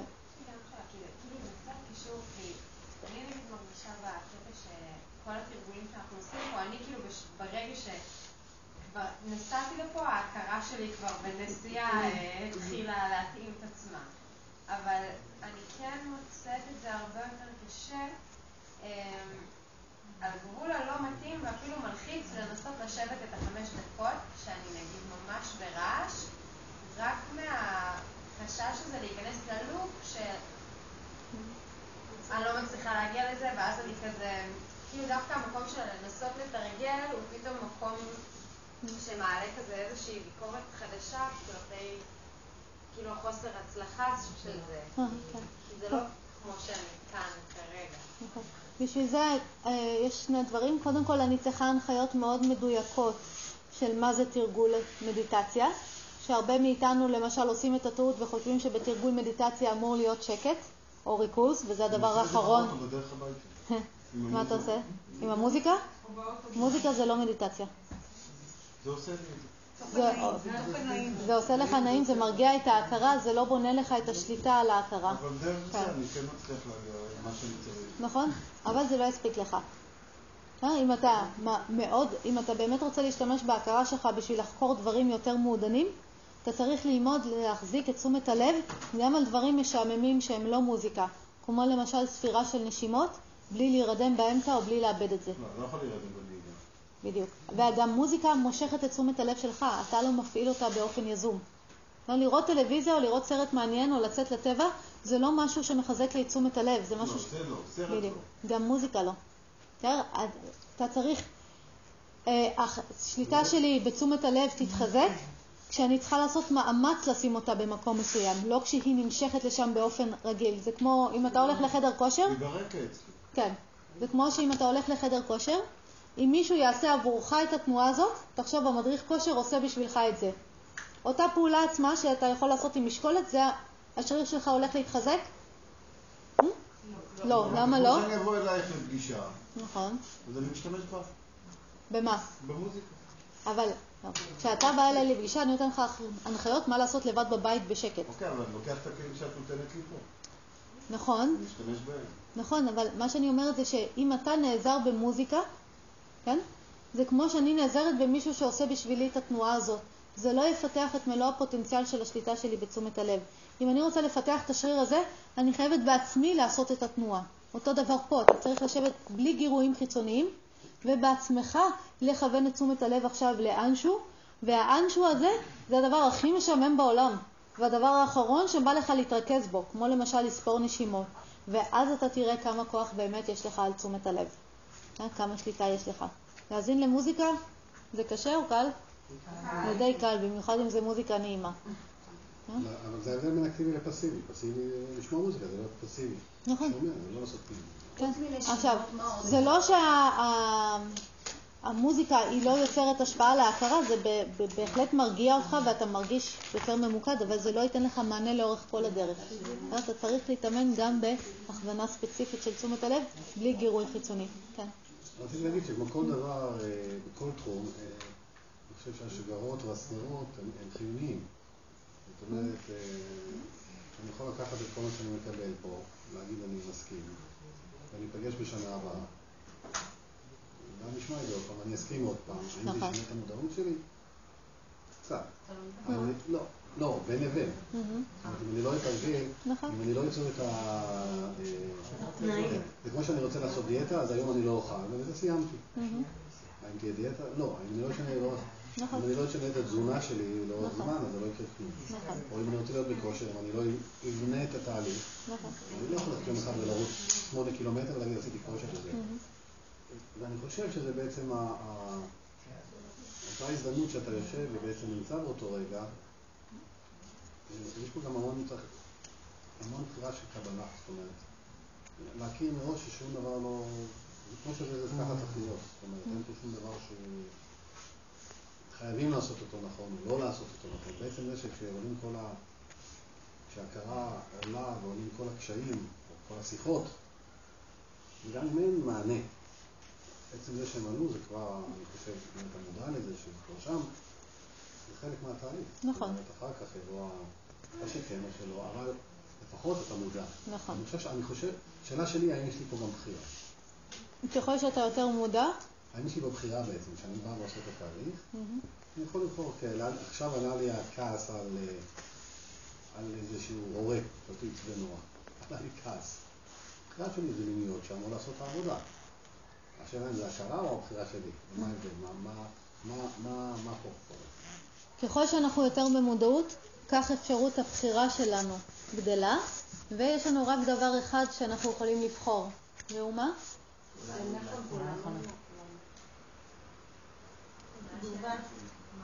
ותגובה זה הדבר האחרון בערך שאנחנו יכולים לבחור. אמרתי, ככל שאני גדלה במודעות, אפשרות חופש הבחירה שלי גדל, אבל יש לי רק בחירה אחת. מה היא? יופי. לאן לשים את תשומת הלב? זאת הדרך שלי להפעיל את המכשיר, אין לי בחירה אחרת. זה הכוח היחיד שיש לי. לאן אני מפנה את תשומת הלב? ואז אני בסיטואציה עם הורה, הורה אומר משהו, המערכת שלי מתכווצת ומתחילה לכעוס, ועכשיו, בתוך זה, אם אני מודעת, או ככל שאני יותר מודעת, אז תהיה לי יותר אפשרות לבחור. אה, אם, אני, אה, אם יש לי את האפשרות לבחור, אני יכולה לבחור לאן לשים את תשומת הלב. למשל, אני יכולה לראות שיש לי כמה אופציות לפעולה. אני יכולה לצעוק עליו חזרה, אני יכולה להגיד לו צא מהחדר, אני יכולה להגיד לו, אוקיי, שמעתי, בוא תספר לי קצת עוד, אני, יש לי כל מיני אפשרויות. לאפשרות שאליה אני אצליח לכוון את תשומת הלב, זאת האפשרות שאני אוכל להוציא לפועל. אבל אם אין לי שליטה על תשומת הלב, איזה פעולה תקרה? מה שבהתניה שלי. יפה, הפעולה האוטומטית. אם נפגעתי, מה הפעולה האוטומטית? לפגוע חזרה. לא, לברוח. יש, אין. זה המכשיר, הוא עובד אצל כולם אותו דבר. אם נפגעתי, הפעולה שלי תהיה לפגוע חזרה. אם, אה, אם מישהו גרם לי הנאה, מה תהיה הפעולה שלי? להגיד לו תודה. אה? להתקרב אליו. כן, כן? כל... איך אני אתקרב אליו, זאת כבר שאלה אחרת. אבל זה תמיד יהיה ככה, מישהו נתן לך מחמאה, את לא יכולה שלא לחייך. מהרגע שהוא נתן לך מחמאה ואת התרחבת, בפעם הבאה שהוא יתקשר אלייך, את הולכת לענות לו או לא? בוודאי שכן, עם חיוך גדול על הפנים. לעומת זאת, הבן אדם הזה העביר עלייך ביקורת, את לא יכולה שלא להתכווץ, עכשיו הוא מתקשר אלייך, מה את הולכת לעשות? לסנן אותו, או לחשוב פעמיים אם כדאי או לא, או, או לא, לא משנה מה, כן? או לענות לו בכן, מה, ככה. אצל כולנו אותו דבר. המערכת שלנו, המכשיר עובד על אותם דפוסים של התנועות בדיוק. אבל מה יהיו התכנים שיפעילו את התנועות האלה, זה כבר תלוי בהרכב הידע של כל אחד. יופי. עוד דברים? עוד אה, שאלות? כן, יש שאלה. אה, איך אה, מתרגלים את את ההתבוננות, או איך באמת עושים אותה מהמם. בפועל? אז אנחנו, בדיוק מה שאנחנו מתרגלים פה במדיטציה זה ההתחלה. קודם כל ללמוד לכוון את תשומת הלב שלנו לאובייקט אחד, כי כמו שראינו בהתנסויות הקטנות שעשינו, אני לא יכולה להתחיל להיות מודעת למשהו אם אני לא מפנה אליו את תשומת הלב. בסדר? אז קודם כל אנחנו מתחילים מזה. תתחילי עם חמש דקות של מיקוד באובייקט אחד, אחרי זה משם אנחנו נוכל להתקדם למקום שעכשיו פשוט שוהה בתשומת לב ומתחיל להיות ער למה שמתרחש. אה, אני עושה את זה גם על המזרון, ואחרי זה אני לוקחת את זה גם ליום-יום. למשל ביום-יום, אני קיבלתי שיחת טלפון, אה, ועכשיו אני רואה איך אה, אמרו לי, אה, לא יודעת מה, סבא שלך בבית חולים, אני יכולה לראות מיד איך המערכת שלי מתכווצת. ואז אה, אני יכולה, אם אני נהיית ערה לזה, אני יכולה להמשיך להיות ערה להשתלשלויות, מה קורה מהקיבוץ. התכווצתי, עכשיו אני מתחילה, לא יודעת מה, לחשוב בהיסטריה, מה צריך לעשות. אחר כך זה, אחר כך זה. אני פשוט מתחילה להיות ערה גם ביומיום. אבל הערות הזאת ביומיום, מכיוון שהיומיום הוא מאוד מאוד עמוס, צריכה, אה, בדיוק, צריכה לה... יופי, להתחיל מקודם כל על המזרון. תעשי את זה על המזרון, תוכלי ליישם את זה ביומיום, תיישמי את זה ביומיום, תגדלי במודעות. אבל ההתחלה היא תמיד ממיקוד באובייקט אחד. קודם כל, להתחיל ליצור איזושהי מערכת יחסים אינטימית עם ההכרה שלנו, של לשלוט בה, להתחיל להשתמש בה, לכוון את תשומת הלב, ומשם אני אחר כך אוכל, בעצם מהרגע שאני עושה את זה, מתחיל להיכנס האלמנט הזה של מודעות. נכון? אני מיד נהיית מודעת, ומשם אני יכולה להמשיך לחזק את זה. עוד אולי יש שאלה? לך איזה. קריטריון אה, לבדוק את אה, רמת תשומת לב של בן אדם? כן, לפי הפעולות שלו. כלומר, פעולות של בן אדם יעידו על רמה של תשומת הלב שלו. תפרטי. כשהבן אדם עושה פעולות מועילות, אתה יכול לדעת שהוא במודעות. בן אדם שעושה פעולות לא מועילות, אתה יכול לדעת שהוא בחוסר מודעות. זה הכל. כי כשאני במודעות, מה יהיה הבחירה שלי? פעולות שמועילות למכשיר שלי, הן פעולות שמטפחות. אבל אם אתה רואה בן אדם שמעשן למשל, אתה יכול להגיד שהבן אדם הזה הוא לא במודעות מלאה. הוא לא בתשומת לב. אם הוא היה בתשומת לב, הוא היה, גם אם הוא מעשן ברגיל, הוא היה בוחר עכשיו לא לעשן. כן? כי איזה סיבה יש לי לפגוע במכשיר הזה? יש אנשים שמאוד בשליטה, בעיקר אם ניקח לדוגמת האוכל או המוצר, אה, מאוד מאוד אה, שולטים על עצמם, אבל לא, אני לא בהכרח מרגישה שזה זה, שזה אותו דבר שאנחנו מדברים עליו. כן, אבל את תסתכלי על כל החיים שלהם, כל הפעולות שלהם בחיים. לא רק על מה הם אוכלים או לא אוכלים, איך הם מדברים עם אנשים, איזה פעולות הם, אה, לאן הם הולכים, איזה פעולות הם בוחרים לעשות, עם איזו מוטיבציה הם עושים את הפעולות האלה. יהיו שם המון אלמנטים, אבל בסופו של דבר רמת המודעות שלנו והשליטה שלנו בתשומת הלב מתורגמת לפעולות, וזה לפי פעולות שאני יכולה לה- להעיד מה המצב של המודעות של הבן אדם או מה המצב של התשומת לב שלו. הייתה פה שאלה? כן. המודעות היא בשביל האני. נכון? האני רוצה לקבל ידע מההכרה. האני והמודעות זה אותו דבר, לצורך העניין. כן. אוקיי. אם זה ככה, אז אני יכול לראות את זה. כן, יופי. בסדר? עכשיו, העניין הוא, מה, מה שמבלבל אותנו פה זה שאין לנו, אנחנו לא יכולים לתפוס את האני הזה. אני רוצה לדעת מי אני, רוצה לתפוס אותו, אבל כל תפיסה היא תמיד תהיה בהכרה. אפילו להגדיר. כן, בדיוק. בגלל זה זה בעייתי. בגלל זה היוגה נתנה לזה מילה ממש ממש יפה. היא קוראת לזה פורושה. והפירוש של המילה פורושה זה זה שגר בעיר. או במילים אחרות, זה שמשתמש במכשיר. בסדר? היא לא יכולה להגיד מי זה. אבל... בדיוק. יפה. ואז איך, אה, מתי אני מתבססת יותר ויותר בתור זאת שמשתמשת במכשיר? מתי? מזה שמישהו יגיד לי, את זאת שמשתמשת, את זאת שמשתמשת? זאת שיודעת להשתמש. לא, מתי זה יקרה? ככל שאני אשתמש בו יותר. ככל שאני יותר אשתמש במכשיר שלי, כך הזהות שלי או ההתבססות שלי במקום של זאת שמשתמשת במכשיר יגדל. אמ, בדיוק כמו שככל שאני אנהג יותר ברכב שלי, כך הזהות שלי כנהגת הרכב תגדל, נכון? ואתם יכולים לראות איך הייתם בהתחלה כשרק קיבלתם רישיון ואיך אתם עכשיו. יש הבדל בהתייחסות שלכם, כן, בזהות שלכם? כן, כמה זה התפתח מתוך זה שחזרתי על פעולות של נהיגה. אז אותו דבר, אתה תתחיל לטפח את המכשיר שלך, אתה תתחיל להשתמש בו, להשתמש בו בשביל לרכוש ידע שאתה רוצה. הזהות שלך כזה שמשתמש במכשיר תתפתח יותר ויותר. ואם הייתי בא ואומר שכרגע אנחנו מפרידים, ההכרה זה לא אתה, רגשות זה לא אתה, אלה כלים שאתה משתמש בהם. אבל אם נבוא ונגיד שהכל זה אני, הגוף שלי זה אני, זה המוח, זאת הגישה שאני מכיר גם. נכון. איך אפשר לבוא ולהוכיח את זה אפילו לעצמי? כי אני אומר, אוקיי, אז אמרנו, ההכרה, הפרדנו את כל הדברים, ואולי זה בעצם חלקים, ולא דברים נפרדים, חלקים מתוך אותו אחד, שזה מה שאתה, בסופו של דבר. גם הגוף, גם הרגשות, גם הכלים שאתה משתמש בהם, גם המודעות. כן. אז מה שהיוגה אומרת זה שכל הדברים האלה הם משתנים, ואם אתה תבדוק אתה תראה שאתה אף פעם לא משתנה. אז למשל אנחנו יכולים לראות עד כמה הגוף שלנו השתנה מהרגע שנולדנו עד עכשיו, ועדיין אנחנו נשארנו אותו דבר. אני יכולה לראות כמה תחושות, תגובות, מחשבות היו לי לאורך כל החיים, ועדיין אני נשארתי אותו דבר. אה? ואז אתה יכול להגיד, אוקיי, כשכל זה ימות, גם אני אמות. אבל אז באים היוגים, מכיוון שלנו אין גישה כרגע לשם, ואומרים, לא, גם אנחנו יכולים לזכור, או יכולים לראות, שהמודעות, אנחנו נשארנו והגופים השתנו. ולמשל, אחד המודעויות האלה שעדיין חיות היום זה מי? הדלאי למה. בסדר? שמה הדלאי למה מתאמן? אתם יודעים מה האימון המרכזי שלו? זה השלבים של המוות. כדי שהוא יישאר מודע ויוכל להתנתק מהגוף בלי לאבד את המודעות ולקבל גוף אחר כשהוא אומר להם, הוא ממש הולך להצביע להם על אה, איפה הוא הולך להיוולד, והוא יוכל לבחור לאן להמשיך. אז זה ממש מודעות שממשיכה כבר דורות. אני לא יודעת מתי התחיל הדלאי למה הראשון, בסדר? אבל תחשוב שזה איזושהי מודעות שהגיעה למודעות עצמית מלאה ואמרה, אה, מעכשיו אני עובדת בעולם הזה בשביל אה, לשמר את הידע אה, הזה שעוזר לאנשים להשתחרר מסבל, והתחייבה כל פעם להישאר במודעות ולהחליף גופים בלי לאבד את זה.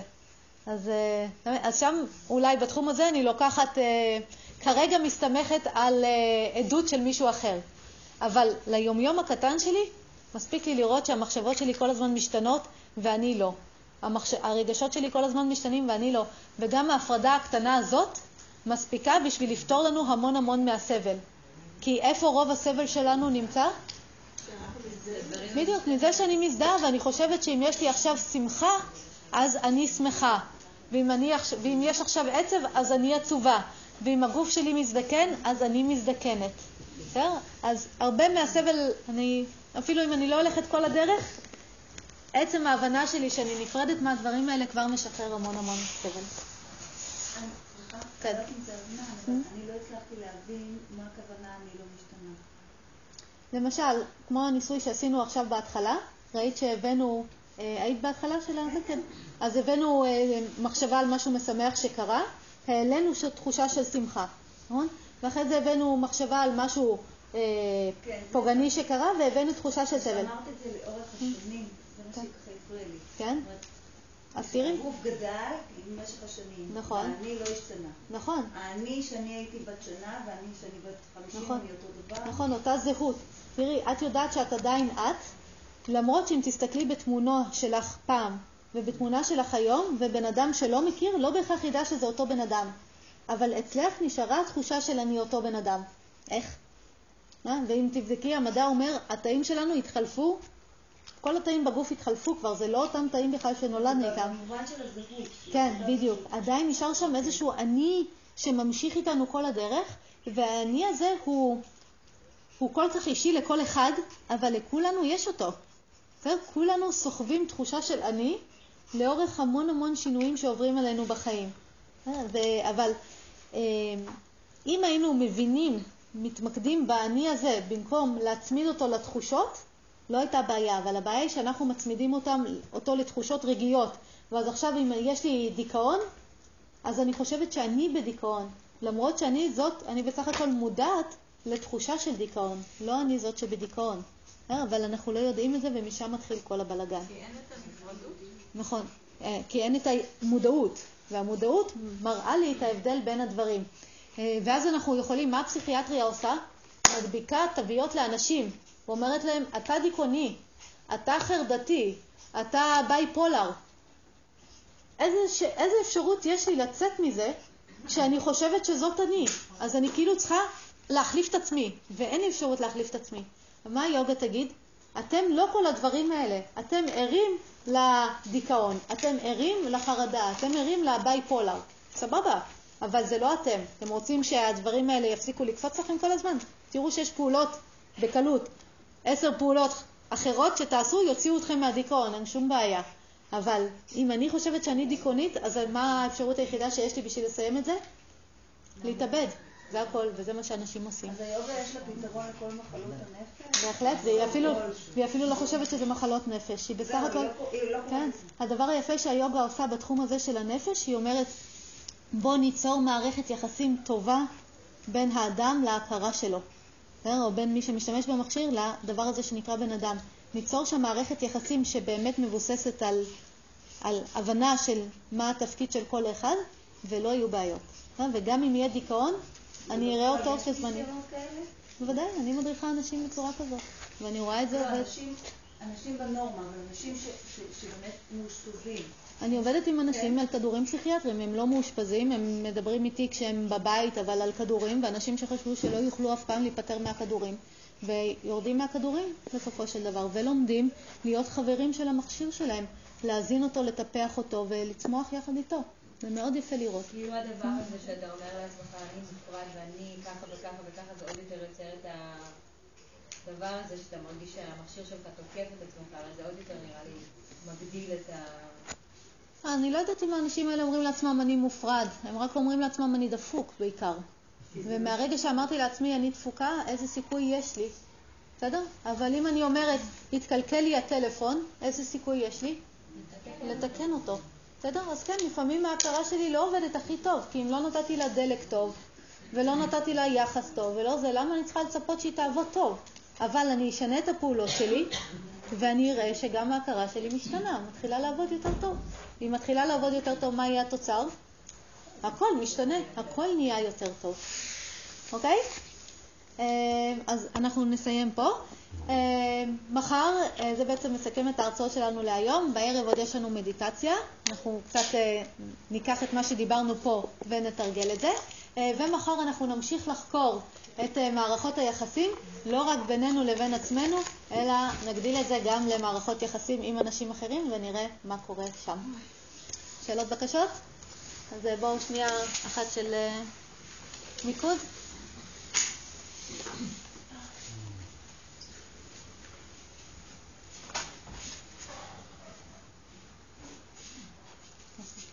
שיהיה לנו המשך יום פורה, תודה רבה. אז אה, בשש יש לכם אה, תרגול.